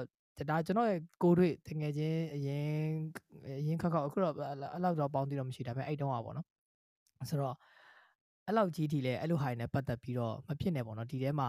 လာမေးထားတာရှိတာဆိုတော့ကျွန်တော်အနေနဲ့ပြောချင်တာကတော့ခုနပြောလို့ပေါ့နော် okay နေနံဆိုတဲ့ဥစ္စာကိုခဏဖယ်ထားလိုက်ဖယ်ထားပြီးတော့ relationship တစ်ခုကိုဘယ်လိုမျိုး workout လုပ်ရမလဲသိသလား ဘယ်တယောက်နဲ့တယောက်နဲ့ဘယ်လောက်ထိ respect ပေးရမလဲဘယ်လိုမျိုးတွေ compromise လုပ်ရမလဲလုပ်နိုင်လားဒါတွေရှိနေလားဒီဟာတွေကပို့ပြီးတော့တကယ်တကယ်အရေးကြီးတာတွေ့လိုက်ပဲဘာနေသမီးအဲဆိုတခြားနိုင်ငံကဘာနေသမီးဘာနေသားဆိုတော့တိတ်ပြီးတော့မေးမြန်းကြသွားကြလာကြတာတိတ်ပြီးတော့မရှိဘူးလေရှိမှမရှိတာအဲ I wish stay you were born honestly okay I don't like it I don't like honesty ဆိုပြီးတော့ထားခဲ့တဲ့အခြေအနေမှာမရှိမှမရှိတာကျွန်တော်တို့စီမှာဒါဒါကြီးကိုအရင် serious ကြီးထားပြီးတော့ဟဲ့အဲ့ကောင်ကတော့တနင်္လာသားနော်နင်းနဲ့ကတော့အဆင်မပြေဘူးရန်ခဏခဏဖြစ်မှာဒါပေမဲ့ကြီးပွားမယ်ဟဲ့ဒုက္ခပဲတော့ အဲ့လိုမျိုးအခြေအနေဖြစ်ပါလိမ့်မယ်အဲ့လိုမျိုးဆိုတော့အဲ့ဒါမျိုးနဲ့ပတ်သက်ပြီးတော့လဲကိုယ်အုံနောက်နဲ့ချင့်ချိန်ပြီးတော့သွားစေခြင်းတယ်ပေါ့နော်ပြီးတော့ကျွန်တော်ဆက်စချင်းပြောသလိုပဲဒါကိုဂျင်းလို့သတ်မှတ်တယ်ဆိုရင်တော့မှဆေးအနေနဲ့သုံးလို့ရတယ်ဆိုရင်လည်းသုံး okay ဒီလိုအခြေအနေနဲ့ဒီလိုဟာမျိုးကတော့ predetermine အနေနဲ့ကိုလာပြပြောသလိုပဲ25%လောက်ကတော့ဒီလောက်ထိတော့ဖြစ်နိုင်တယ်ကိုယ့်အတွက် compatible ဖြစ်တာထပ်ပြီးတော့ပြောရလို့ရှိရင် zodiac sign တွေကအများကြီးရှိလာသေးတယ် အများကြီးအများကြီးရှိသေးတယ်ဒါပေမဲ့ကျွန်တော်အနေနဲ့ကကျွန်တော်တို့ကအဲ့ဒါတွေအကုန်လုံးမသိခဲ့ဘူးဆိုပါတော့အဲ့ဒါလေးတစ်ခုပဲတွေးကြည့်လိုက် like you were born like မသိခဲ့ဘူးဘယ်နေ့မှမွေးလာဘူးဘာဆိုဘာမှအဲ့ဒါနဲ့ပတ်သက်တဲ့ predetermine လုပ်ထားတာတခုမှသိမနေခဲ့ဘူးဒါဆိုလို့ရှိရင်ကိုကိုစင်ပြေတဲ့လူကိုသဘောကျလူကိုနဲ့တွေ့ခဲ့ပြီဆိုလို့ရှိရင်ဒီလူနဲ့ကောင်းကောင်းမွန်ပေါင်းသင်းဖို့ဒီလူနဲ့ဟိုဟာဖြစ်ဖို့ဘာတွေလိုအပ်တယ်လဲအဲ့လိုအပ်တဲ့ဥစ္စာတွေအကုန်လုံး ကိုကလှုပ်ပေးနိုင်တာသူကရောလှုပ်ပေးနေသလားအဆင်ပြေနေလားကိုတော့အကောင်းနေလားသူတော့အကောင်းတယ်နှစ်ဖက်ဆုံးတော့ကောင်းနေလားဘယ်လိုမျိုးအခြေအနေရှိနေတယ်လဲသူ့ရဲ့အဲ live တော့ကိုယ့်ရဲ့ live တော့ဆိုးရိုးဆိုးရမှုတွေဘာတွေဖြစ်နေတယ်လဲပေါ့ဒါဒါဒီဟာဒီ drama မှာပဲသွားတာပို့ပြီးတော့အဆင်ပိုပြေတယ်ပေါ့အဲ့ဒါနဲ့ပတ်သက်ပြီးတော့ပဲသွားလို့ရတယ်ပေါ့နော်ဆိုတော့ကျွန်တော်အနေနဲ့ဒီဟာနဲ့ပတ်သက်တဲ့အမြင်ကိုပြောရရင်တော့ဒီလိုပဲဘာလို့လဲဆိုတော့ကျွန်တော်ကိုယ်တိုင်လဲကဲ okay fine အဲ့ဒါဆိုရှင်လာဥတာစိတ်ပန်းတန်းလောက်ရှာရှာလိုက်တဲ့ ဒီဒန်းလှပေါ့နော်ကျွန်တော်တို့ဆိုဗုဒ္ဓစနေစနေစနေစနေမှာဘယ်တနေနဲ့မှအစေမပြေဆိုတော့ဘလို့သွားကျွန်တော်လည်းကြတော့လဲပြီးပါတယ်ကိုလာပြီးနေပဲပေါင်တင်လိုက်တော့မှကြာလို့ဟုတ်ဆိုလိုချင်တာကဘလို့ပဲဖြစ်နေဖြစ်နေပေါ့နော်တယောက်နဲ့တယောက်နဲ့ကြားမှာခုနတခြားတကယ်တကယ် relationship တခု build up လုပ်ဖို့လိုအပ်တဲ့အရာတွေမရှိနေဘူးဆိုလို့ရှရင်ဒီနေ့နံပိုင်းအရာတွေက ခုနပြောလို့25%လောက်ပဲကိုညီနေမှာကျန်တဲ့85%ရာခိုင်နှုန်းကနည်းနည်းတော့ရာခိုင်နှုန်းမှမဟုတ်တာဆိုတော့အဲ့ဒါနဲ့ပတ်သက်ပြီးတော့လဲလူကြီးမိဘတွေနဲ့ပြောလာတဲ့ဟာမျိုးကြီးရှိပြီဆိုလို့ရှိရင်အတိုင်းတာတစ်ခုထိပေါ့နော်ဟိုပြန်ပြီးတော့လဲအရင်ကြီး against မလုပ်တာ against လဲလုပ်စရာလဲမလိုပါဘူးကျွန်တော်အနေနဲ့ပြောချင်တာဒါပေမဲ့အရင်ကြီးလဲလိုက်ပြီးတော့လုပ်ဖို့တော့မလိုဘူးပေါ့နော်ဒါမေးထားတဲ့ comment တွေမှာကျွန်တော်အမြင်ပြန်ဖြေရမယ်ဆိုရင်ပြောပြတာပါဟုတ်ကဲ့ပါခုလာပြီ Yeah so ဒီဒီကိစ္စတွေအားလုံးရဲ့ဆို basic ကိုပြန်သွားကြည့်လိုက်မယ်ဆိုလို့ရှိရင်ယုံကြည်မှုပေါ့နော်ဆိုယုံကြည်ယုံတစ်ခုခုကိုအရင်ယုံကြည်ရင်ပဲဖြစ်ဖြစ်တစ်ခုခုကိုအရင်ကြောက်နေရင်ပဲဖြစ်ဖြစ်ပေါ့ဆိုကျွန်တော်တို့စိတ်ထဲမှာအဲ့ဒါကအရင်ဆွဲတယ်ပေါ့ကျွန်တော်တို့စိတ်ကအရင်အရင်အရင်ကိုတကိုးရှိတော့ဒီထဲမှာ manifest လုပ်တာကြီးပါတော့ဒီခေတ်လူငယ်တွေဆိုအများကြီးအများကြီးအများကြီးသိကြမှာထင်တယ်ကျွန်တော်တို့ကအဲ့ကိစ္စတစ်ခုခုယုံလိုက်တယ်ဆိုလို့ရှိရင်လည်းဘာလေးပဲဖြစ်လာဖြစ်လာဖြစ်လာ ဒီငါတို့ယုံကြည်မှုကြောင့်ဖြစ်လာတာလို့တွေးလို့ရတယ်လို့ပဲတစ်ခုခုကိုကြောက်တယ်ဆိုလို့ရှိရင်လည်းကို့မှာမကောင်းတာတစ်ခုဖြစ်လာပြီဆိုတော့လေငါတို့အဲ့ဒါလှုပ်ထားလို့ဖြစ်တာဆိုတဲ့ဟာကကိုယ့်ကိုယ်ကိုပြန်ပြီးကိုယ်စိတ်ကကိုယ့်ကိုယ်ကိုပြန်တတ်နေတာဆိုအဲ့လိုမျိုးအရာတွေအများကြီးရှိတယ်ဘာနဲ့တွားတူလဲဆိုလို့ရှိရင်ကျွန်တော်တို့ download folder ထဲမှာထားထားတဲ့ EAC file တွေနဲ့တွားတူတယ်ဒါ window သမားတွေအတွက်ပြောတာဆိုဒီတိုင်းထားထားလို့ရှိရင်တော့ဘာမှဖြစ်ဘူးကိုကယုံကြည်လိုက်တယ်ဆိုလို့ရှိရင်ကျွန်တော်တို့ကသွားပြီးတော့ double click သွားနှိပ်လိုက်တာလည်းအတူတူပဲအဲ့တော့ auto တွေထ run အောင်တာဆို လူတွေအနေနဲ့မြင်တာအောင်ပြောရမယ်ဆိုလို့ရှိရင်တော့ဒီယုံကြည်မှုတစ်ခုဆိုတဲ့ကာလာအယောင်တစ်ခုခုရှိနေမျက်မှန်တစ်ခုကိုကောက်တက်လိုက်တာနဲ့သွားတူပဲပေါ့နော်ဆိုဒီဟာကိုယုံကြည်လိုက်တယ်ဒါကုနာပြောတဲ့ဥတာစိန်ပန်ဒန်းလာကိုရှာအာဒါမှမှန်တယ်အဲ့လိုမျိုးမှမဟုတ်လို့ရှိရင်ဓမ္မအင်းဝါတော့ခရာစာကြရဲဆိုရင်အစင်မပြေဘူးလို့ယုံကြည်လိုက်တဲ့လူအနေနဲ့ကအမြင်နဲ့လို့လို့အဲ့သူ့ရဲ့ကောင်းကျိုးဆိုးကျိုးတွေအကုန်လုံးနောက်ကနေတွဲပြီးတော့ဘယ်အရာကိုပဲကြည့်ကြည့်သူအဲ့ lens နဲ့ပဲသူဖြတ်ပြီးတော့ကြည့်တာဖြစ်တဲ့အတွက် အယောင်မှန် true color ကိုမမြင်နိုင်ဘူးပေါ့နော်တချို့တွေဘာနေသားဘာနေသမီးတဲ့တောင်မသိဘူးမွေးနေ့တွေလည်းတေချာမသိကြဘူးတသက်လုံးပေါင်းသိမ်းသွားကြတာအဆင်ပြေသွားတဲ့လူတွေလည်းအများကြီးမှအများကြီးရှိတယ်ပေါ့နော် so ဒါတွေကတချို့တွေဘာဘာလို့ကျွန်တော်အဲ့လိုပြောလဲဆိုလို့ရှိရင်တောတွေမှာဘယ်နေ့မွေးလို့မွေးမှန်းတာမသိဘူးပေါ့နော်ဒေါက်တာဆာဆာတော့မှသူ့ကိုယ်သူမိဖို့ကြောင့်လည်းမမွေးရပဲတည်တယ်ဘယ်နေ့ဘာနေသားဘလို့မွေးခဲ့တယ်လို့တေချာသိတာမှမဟုတ်တာအဲ့တောင်ပေါ်ကပန်းပွင့်တဲ့အချိန်တို့ လာကြီးကတာတဲ့နေ့တို့လာတဝက်ဝက်တဲ့နေ့တို့ဒါမျိုးတွေပဲပြောကြတာပေါ့ဘယ်လောက်လောက်တော့ရှိလောက်ပြီတို့လူဆိုင်နဲ့ကြည့်ပြီးတော့အသက်အရွယ်တို့ကမှန်းကြတာဆိုတော့အဲ့လိုမသိခဲ့တဲ့လူတွေသူတို့ကသူတို့အဆင်ပြေနေတယ်ကိုနာဆိုလည်းခုနပြောခဲ့တာပါပါတယ်အဲ့တော့ကျွန်တော်တို့ကကိုယုံကြည်ရအောင်ပဲကို manifest လုပ်ယူသလိုပဲပေါ့နော်အရင်ပြောခဲ့တဲ့ရှေးရှေးရစကားတွေပေါ့အဲစကားလည်းရှိပါသေးတယ်ရှေးထုံလည်းမပယ်နဲ့ဈေးတုံးလည်းမကြွယ်တဲ့ပေါ့ဆိုဒါဒါမျိုးဆုံးမတယ်ဆိုတော့ရှေးတုန်းကပြောပြရခဲ့တဲ့အဆုံးမတွေထဲမှာလည်းလုံးဝမကောင်းတဲ့ အရာတွေပဲလည်းမဟုတ်ဘူးတချို့အရာတွေဆိုလို့ရှိရင်အရင်အရင်အရင်ကိုကောင်းတယ်ပေါ့နော်အာလင်းနေစားစင်တီမာမယားနေစားကြောင်တီမာတွေပေါ့ဒါမျိုးတွေပြောကြရဲဆိုတော့ဟဲ့လူတွေကသာအာ story တွေတခြားမသိလို့ဒါတွေမကောင်းကြဘူးလို့ပဲပြောကြတာဒါပေမဲ့အဲ့နောက်ကတကယ် meaning တွေကအရင်အရင်အရင်ကိုကောင်းတယ်ဆိုဒီမိဘတွေကနေပြီးတော့သားသမီးတွေသားသမီးတွေကိုအိမ်အောင်ရသားကြသွားတဲ့အခါမှာစုံမစကားအနေနဲ့ compact ဖြစ်အောင်လို့ကျွန်တော်ခုနပြောဆို encrypt လုပ်ထားတဲ့ data လေးတွေပေါ့ ဒါကိုဘယ်လို decrypt လုပ်ရမလဲဆိုတာမသိတဲ့အခါမှာ software တွေအကုန်ပြောကုန်ကြတာပေါ့မန်နေဂျာတော့နောက်မှာကောင်းတဲ့ဟာအရာတွေကအများကြီးရှိတယ်ပေါ့ကျွန်တော် room ဆက်တာချိန်မှာပြောခဲ့သလိုပဲအဲ့ဒါတွေကတကယ်တမ်းသုံးတတ်တယ်ဆိုလို့ရှိရင်တော့ဒါ C ပေါ့နော်ဆိုအတွင်းမီကိုအပြင်မယူနဲ့အပြင်မီကိုအတွင်းမယူနဲ့ဆိုလူတွေကတင်တာအပြင်သွားလို့ရှိရင်ကတော့မီးမွေးတဲ့မီးမွေးထားတဲ့မီးကိုဟိုဘက်အိမ်ကိုသွားပြီးတော့မီးကူးပေးလို့မရဘူးဘာညာပြောတာအမှန်တကယ်ကတော့ကို့အထဲမှာရှိနေတဲ့ပူပင်တောကတွေအကုန်လုံးတခြားလူကိုသွားပြီးတော့အ တင်းမချဖို့ပြောတာဗျာပြောချင်တာရှင်းရှင်းပြောရရင်တော့ yeah that's နေ the နေ one လင်ယူပြီးွားရင်စောက်တိတ်မချနဲ့တော့လို့ပြောတာဒါပေမဲ့အဲ့လိုပြောလို့မကောင်းတော့အတွင်းမီးကိုအပြင်မီးကိုနဲ့အပြင်မီးကိုအတွင်းမီးယူလာနေဆိုပြောတာပေါ့နော် so စဉ်းစားကြည့်လိုက်ပေါ့အပြင်မှာသူများအိမ်ကလောင်နေတဲ့ဟာကိုကိုကပါအထဲယူလာပြီးကိုလင်ကိုသွားပြီးလောင်နေမယ်ပေါ့နော် so ကိုရီးယားကကြည့်ပြီးတော့ကိုရီးယားကားထဲမှာတစ္ဆာဖောက်တာကိုတွေ့ပြီးကိုယောက်ျားကိုပြဿနာရှာနေမိမတွေလည်းပပပြီးမှအများကြီးရှိတယ်ပေါ့အဲနင်းတို့ယောက်ျားတွေကမကောင်းဘူးလို့ပါလို့ဝလုံးရှိနေပတ်ရမ်းနေလို့ပါဆိုအဲ့ဒါကတကယ်အပြင်မီးကိုအတွင်းထဲကိုယူလာတာပဲပေါ့နော် ဆိုအဲ့လိုမျိုးတွေမလုပ်ဖို့ဒါတွေအကုန်လုံးကိုတို့က compact လုပ်ပြီးတော့ story လေးနဲ့ပြောပြခဲ့တာပေါ့အဲ့တော့တကယ် original story တွေကိုသိအောင်လို့လိလာပါတော့ဆိုအဲ့ gene တွေဆိုလို့ရှိရင်တကယ်သုံးလို့ရပါတယ်ဆိုကျွန်တော်တို့ကြက်ချင်းကြော်တွေပါကြိုက်တယ်ပေါ့အဲ့လိုပဲဆိုသုံးလို့ရတဲ့ဂျင်းလေးတွေလည်းရှိဦးမှာပါ yeah အဲ့တော့အဲခုနပြောလို့ astrology နဲ့ပတ်သက်တဲ့ဟာမျိုးကတော့ ဒါက pseudo science ဆိုလို့ရှိရင်လည်းပြောလို့ရတဲ့ဟာမျိုးရှိရဲတဲ့အခုချိန်ဒီ scientifically science အနေနဲ့ proven ဖြစ်တော့မှဒါတွေကတက်တည်ပြလို့ရတယ်လို့ကျွန်တော်အနေနဲ့တော့ပြောတာမဟုတ်ပါလို့ science အနေနဲ့လိုက်မမီနိုင်တဲ့ဟာတွေကလည်းအများကြီးရှိတာဟိုဒီလို phenomenon တွေကလည်းအများကြီးဖြစ်ဆိုတော့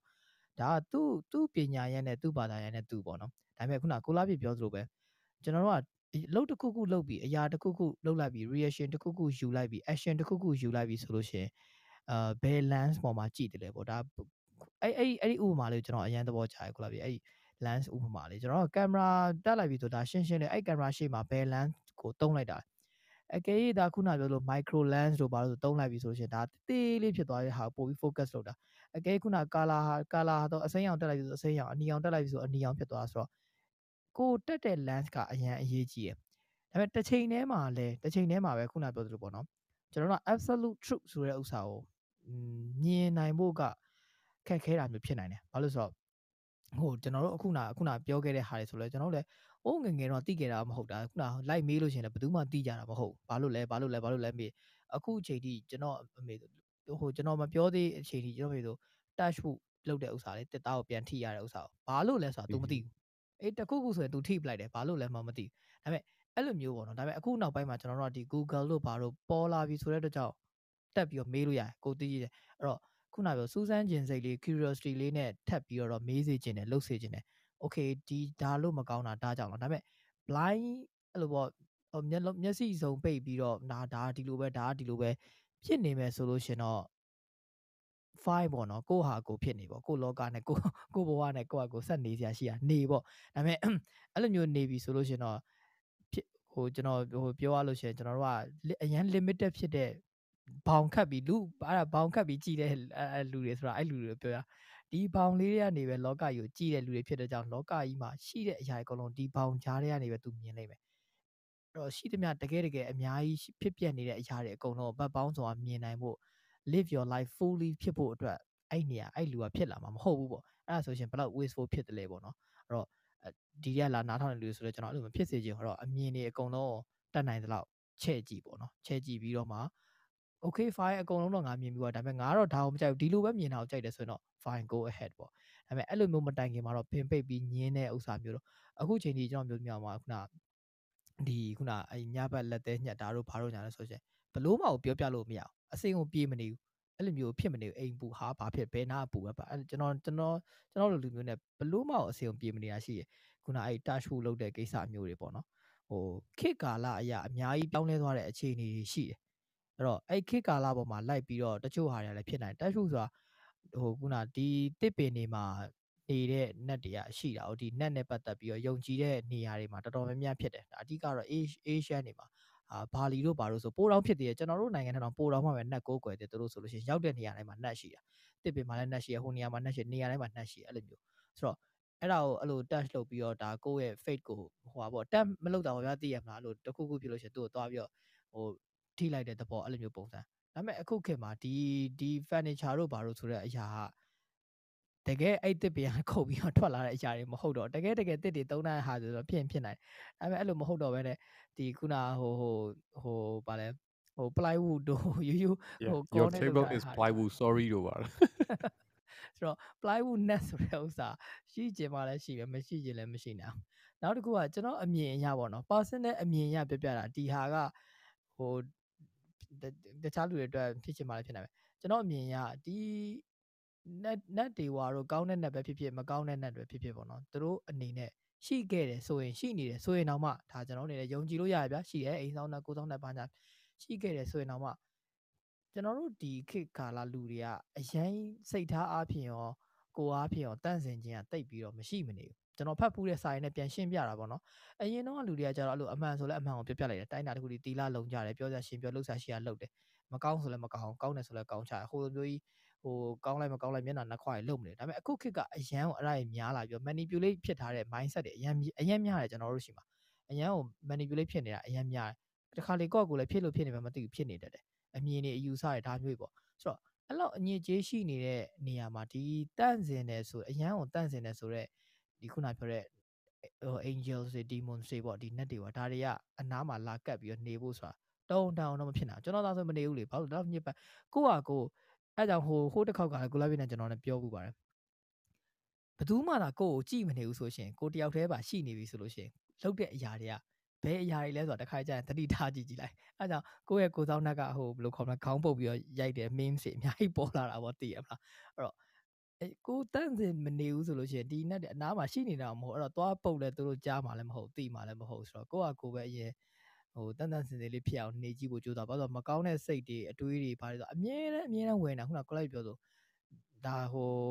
ဟိုကျွန်တော်တို့ဒီခုနတရားဟောကန်မဟုတ်တဲ့အတွက်ကြောင့်ဒါတပိုင်းပေါ့နော်အဲတစ်ချိန်တည်းမှာဒီဒီဒီလိုမျိုးအမြင်နဲ့ပတ်သက်ပြီးတော့ပေါ့နော်အဲ့တော့အမြင်ကြဲကြဲလေးထားပေးဖို့အဲ့တော့စာများများလဲပို့ပြီးတော့ဖတ်ဖို့ပြီးလို့ရှိရင် တခုခုကိုတိုင်းတာတခုထိဟို zoom ဖိတ်ပြီးတော့ like ပြီးတော့လောက်ကြည့်မယ်လောက်ဟောဖြစ်မဲ့အစား questioning လုပ်ဖို့ပေါ့နော် questioning လုပ်တဲ့အခါကျတော့မှဒီပေါ်မှာကိုယ့်ရဲ့အုံနောက်က comprehend လုပ်နိုင်လိုက်နိုင်တယ်ဆိုရင်ယုံမဟုတ်ဘူးဆိုလို့ရှိရင်ဆက်ပြီးတော့အဖြေရှာကြည့်စေခြင်းနဲ့ပေါ့နော်ဒါပဲကျွန်တော်အမြင်ကဒါအဖြေရှာကြည့်စေခြင်းနဲ့ဟိုအဲ့ထဲမှာအခု comment ထဲမှာ sorry Telegram comment ထဲမှာလာမေးထားတာရှိတယ်ဒီနံပါတ်73နဲ့ပတ်သက်တဲ့ Friday the 13နဲ့ပတ်သက်တဲ့ဟာဆိုလို့ရှင်လည်းကျွန်တော်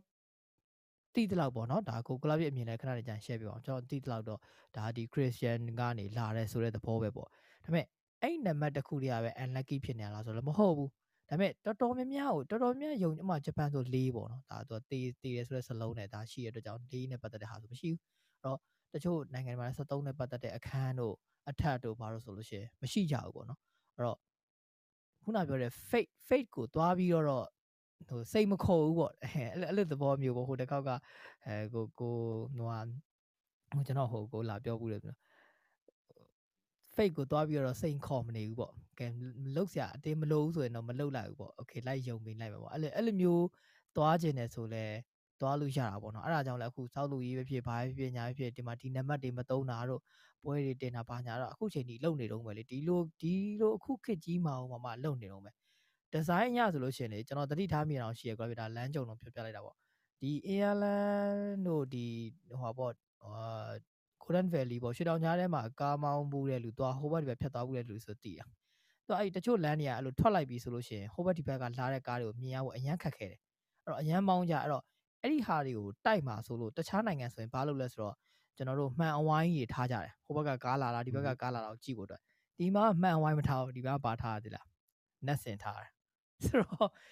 ဘာလို့လဲဆိုတော့နက်စင်ကိုမြင်လိုက်တဲ့အခါမှာဒီလိုမျိုးဖြစ်တတ်တဲ့တရားရှိရတယ်ဆိုတော့အလေးအထားကိုသိပြီးတော့ break out တယ်ရက်တယ်သွားတယ်ကြည့်ရဆိုအဲ့ထားမှာတိုက်ဖြစ်တယ်နော်အဲ့အဲ့ဒီအဲ့ဒီ net စင်မှာအဲ့ net ကရှီကောင်းလဲရှိလိမ့်မယ်။ तू ကလည်းဒါဒါပေမဲ့ traffic လုတ်ပေးနေတာတော့ကျွန်တော်အနေနဲ့မဖြစ်နိုင်ဘူးလို့တော့ထင်တယ်။ तू ကတော့လာပြီးတော့ဒီဟာကို traffic jam မဖြစ်အောင်လို့မတက်အောင်လို့တော့တစ်ချိန်လုံးစောင့်ကြည့်နေမှာတော့မဟုတ်။ဒါပေမဲ့ခုန design design angle အရာလူတွေကဒီဟာမှာယုံကြည်နေတဲ့အတွက်ကြောင့် ခုနပြောလို့မှန်ဝိုင်းထားတော့ဘာဖြစ်လဲဆိုတော့သူတို့ထားကြတယ်အရင်တော့မှန်ဝိုင်းထားမှန်ဝိုင်းထားလဲတိုက်တာပဲ။တိုက်တာတော့ဖြုတ်ခိုးရတာတော့ဘာလို့ရှိနေတဲ့ခါကျတော့မှန်ဝိုင်းမထားတော့အဲ့မှာ net စင်ကောက်ထားပလိုက်တယ်။အဲ့တော့အဲ့ဟာကိုမြင်လဲမြင်တော့ကားတွေက automatic ဆိုတာဆိုတော့ problem solve ဆိုတော့အဲ့လိုမျိုးဟာမျိုးလေးတွေရှိရပေါ့နော်အဲ့တော့ကိုလာပြအမြင်လေးလည်းတစ်ချက်လောက် share ပေးပါအောင်အဲ့နဲ့ပတ်သက်ပြီး yeah ဆိုခုနပြောခဲ့တဲ့အထဲမှာဆိုလို့ရှိရင်ဆိုလောကကြီးကိုဘောင်ခတ်ပြီးတော့မကြည့်ဘူးလို့ပြောတယ်ပေါ့နော်ဒါပေမဲ့ ကျွန်တော်တစ်ဖက်ကလည်းပြင်စဉ်းစားကြည့်ရလူတိုင်းကကျွန်တော်တို့ကျွန်တော်တို့လိုမျိုးစဉ်းစားတဲ့ဟာမျိုးတွေ curiosity ရှိတာမျိုးတွေရှိချင်မှရှိနေမယ်ပေါ့နော်သူတို့တို့လည်းကြတော့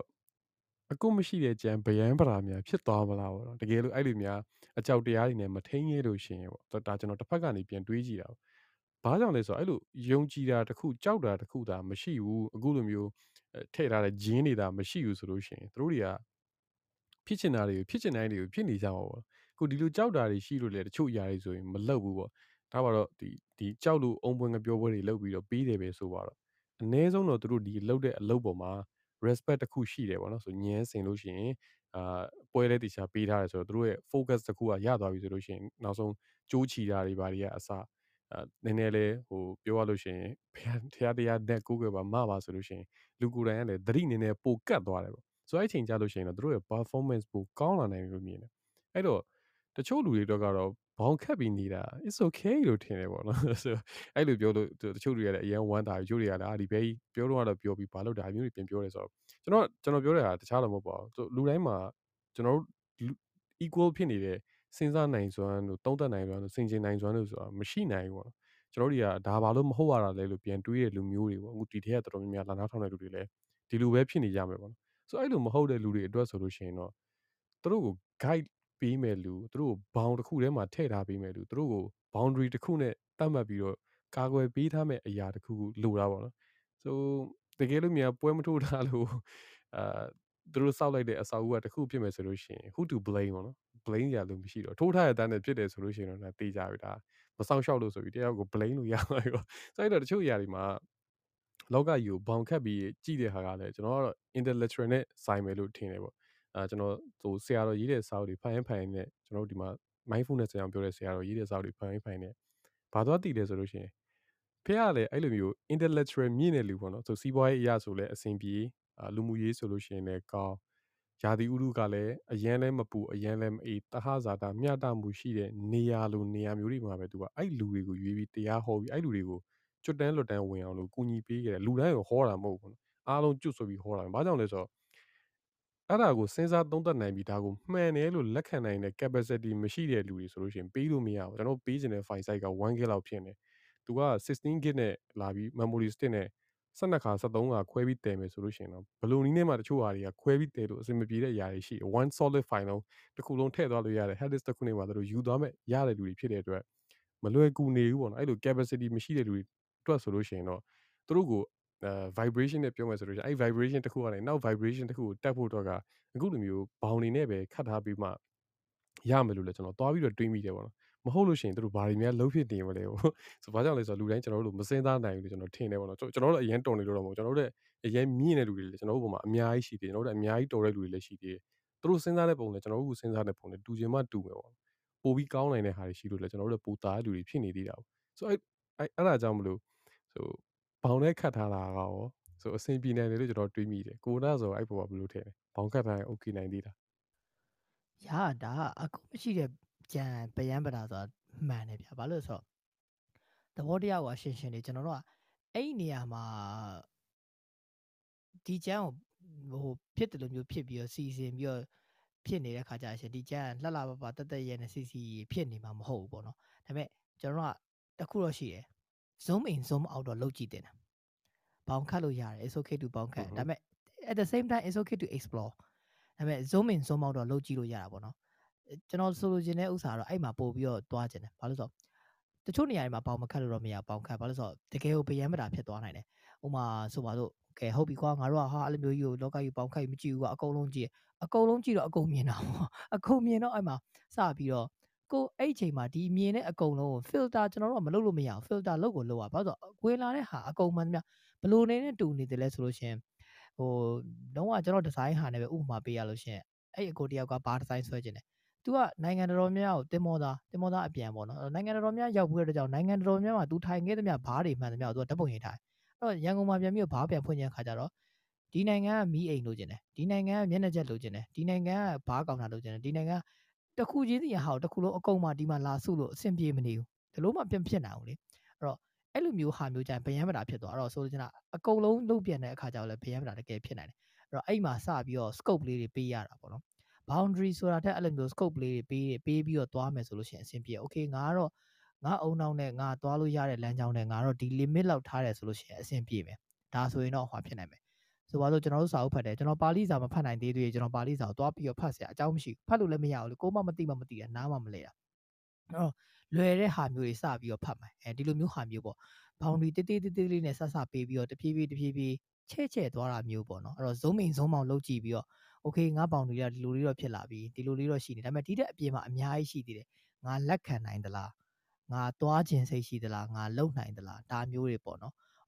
အဲ့တော့အဲ့လိုမျိုးတွေရှိခြင်းစိတ်လေးဖြစ်လာရင်တော့ပို့ပြီးတော့ကောင်းတယ်လို့တော့ကျွန်တော်မြင်တယ်အဲ့တော့အများကြီးအကုန်လုံးဆုတ်ဆက်ပြီးတော့ကြည်နေတဲ့အခါကြလို့ရှင်လဲအကုန်လုံးကိုမမြင်တော့ big picture ကိုတော့မြင်ကောင်းမြင်သွားမယ်ဒါပေမဲ့ detail ကိုမြင်ဖို့ခက်တာပေါ့နော်ကျွန်တော်ပြောချင်တာအဲ့ဒါအဲ့တော့ zoom in zoom out လောက်တက်ဖို့တော့အဲလို့မယ် focus လို့လိမ့်မယ်อืม focus လို့လိမ့်မယ်ဆိုတော့ညဒါဒါကတော့ balancing ပြန်လုပ်ပေါ့နော်ကျွန်တော်တို့ဒါကတော့ကျိန်းသေးပါကျွန်တော်နဲ့ကိုလာပြေဆိုလို့ရှင်လဲဘောင်းမခတ်ဘူးဒီလိုမျိုးအများကြီးကြည့်ရဆိုပေမဲ့ လိုအပ်လို့ရှင်တော့ကျွန်တော်တို့က focus လုပ်ပြီးတော့ကြည်တာမျိုးတော့ကိုလာပြည့်လည်း practice လုပ်တယ်ကျွန်တော်နားလဲသိတယ်အဲ့တော့ဒါကတော့ဒီလိုမျိုးပဲသွားမှာပဲအဲ့တော့ကျွန်တော်ပြောချင်တာကတော့ဒီလိုပေါ့နော်ဟုတ်ကဲ့ပါကိုလာပြည့် Yeah so share ပြကျေးဇူးအများကြီးအများကြီးတင်ပါတယ်။ဟောဖနက်နန်းနဲ့ဖနက်နန်းနဲ့ကိစ္စကိုတော့ဒီမှာတွေ့နေရတယ်။ဖနက်တစ်စီနဲ့ဖနက်မပေါ့ဖနက်ကိုအရင်ကြိုက်ရတယ်။ကြိုက်လဲကြိုက်တယ်တချို့ကဒန်းတဲ့လူလည်းရှိရဆိုတော့ okay so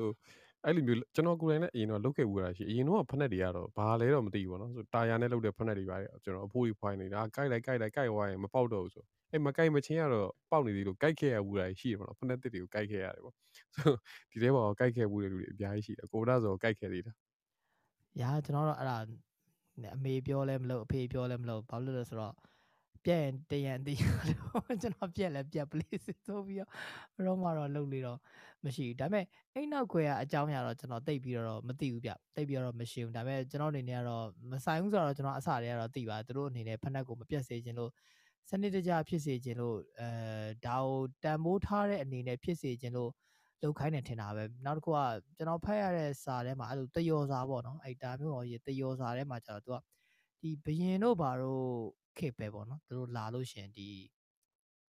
ဟိုခြေပွားကိုဟိုဟာဖြစ်ကြတာကိုဥခိုက်နန်းအဲ့လိုလောက်ရတာကိုသူတို့ကျတော့ဖက်နှက်တန်တော့ဆိုတော့အဲ့ဒီအယူအဆပေါ်နေလဲတိုက်နယ်တစ်ခုဒီတက်ဆင်းလာတယ်ထင်တာပဲဗျကျွန်တော်အမြင်ပေါ့နော်ဟုတ်ကဲ့ပါကိုလာပြီ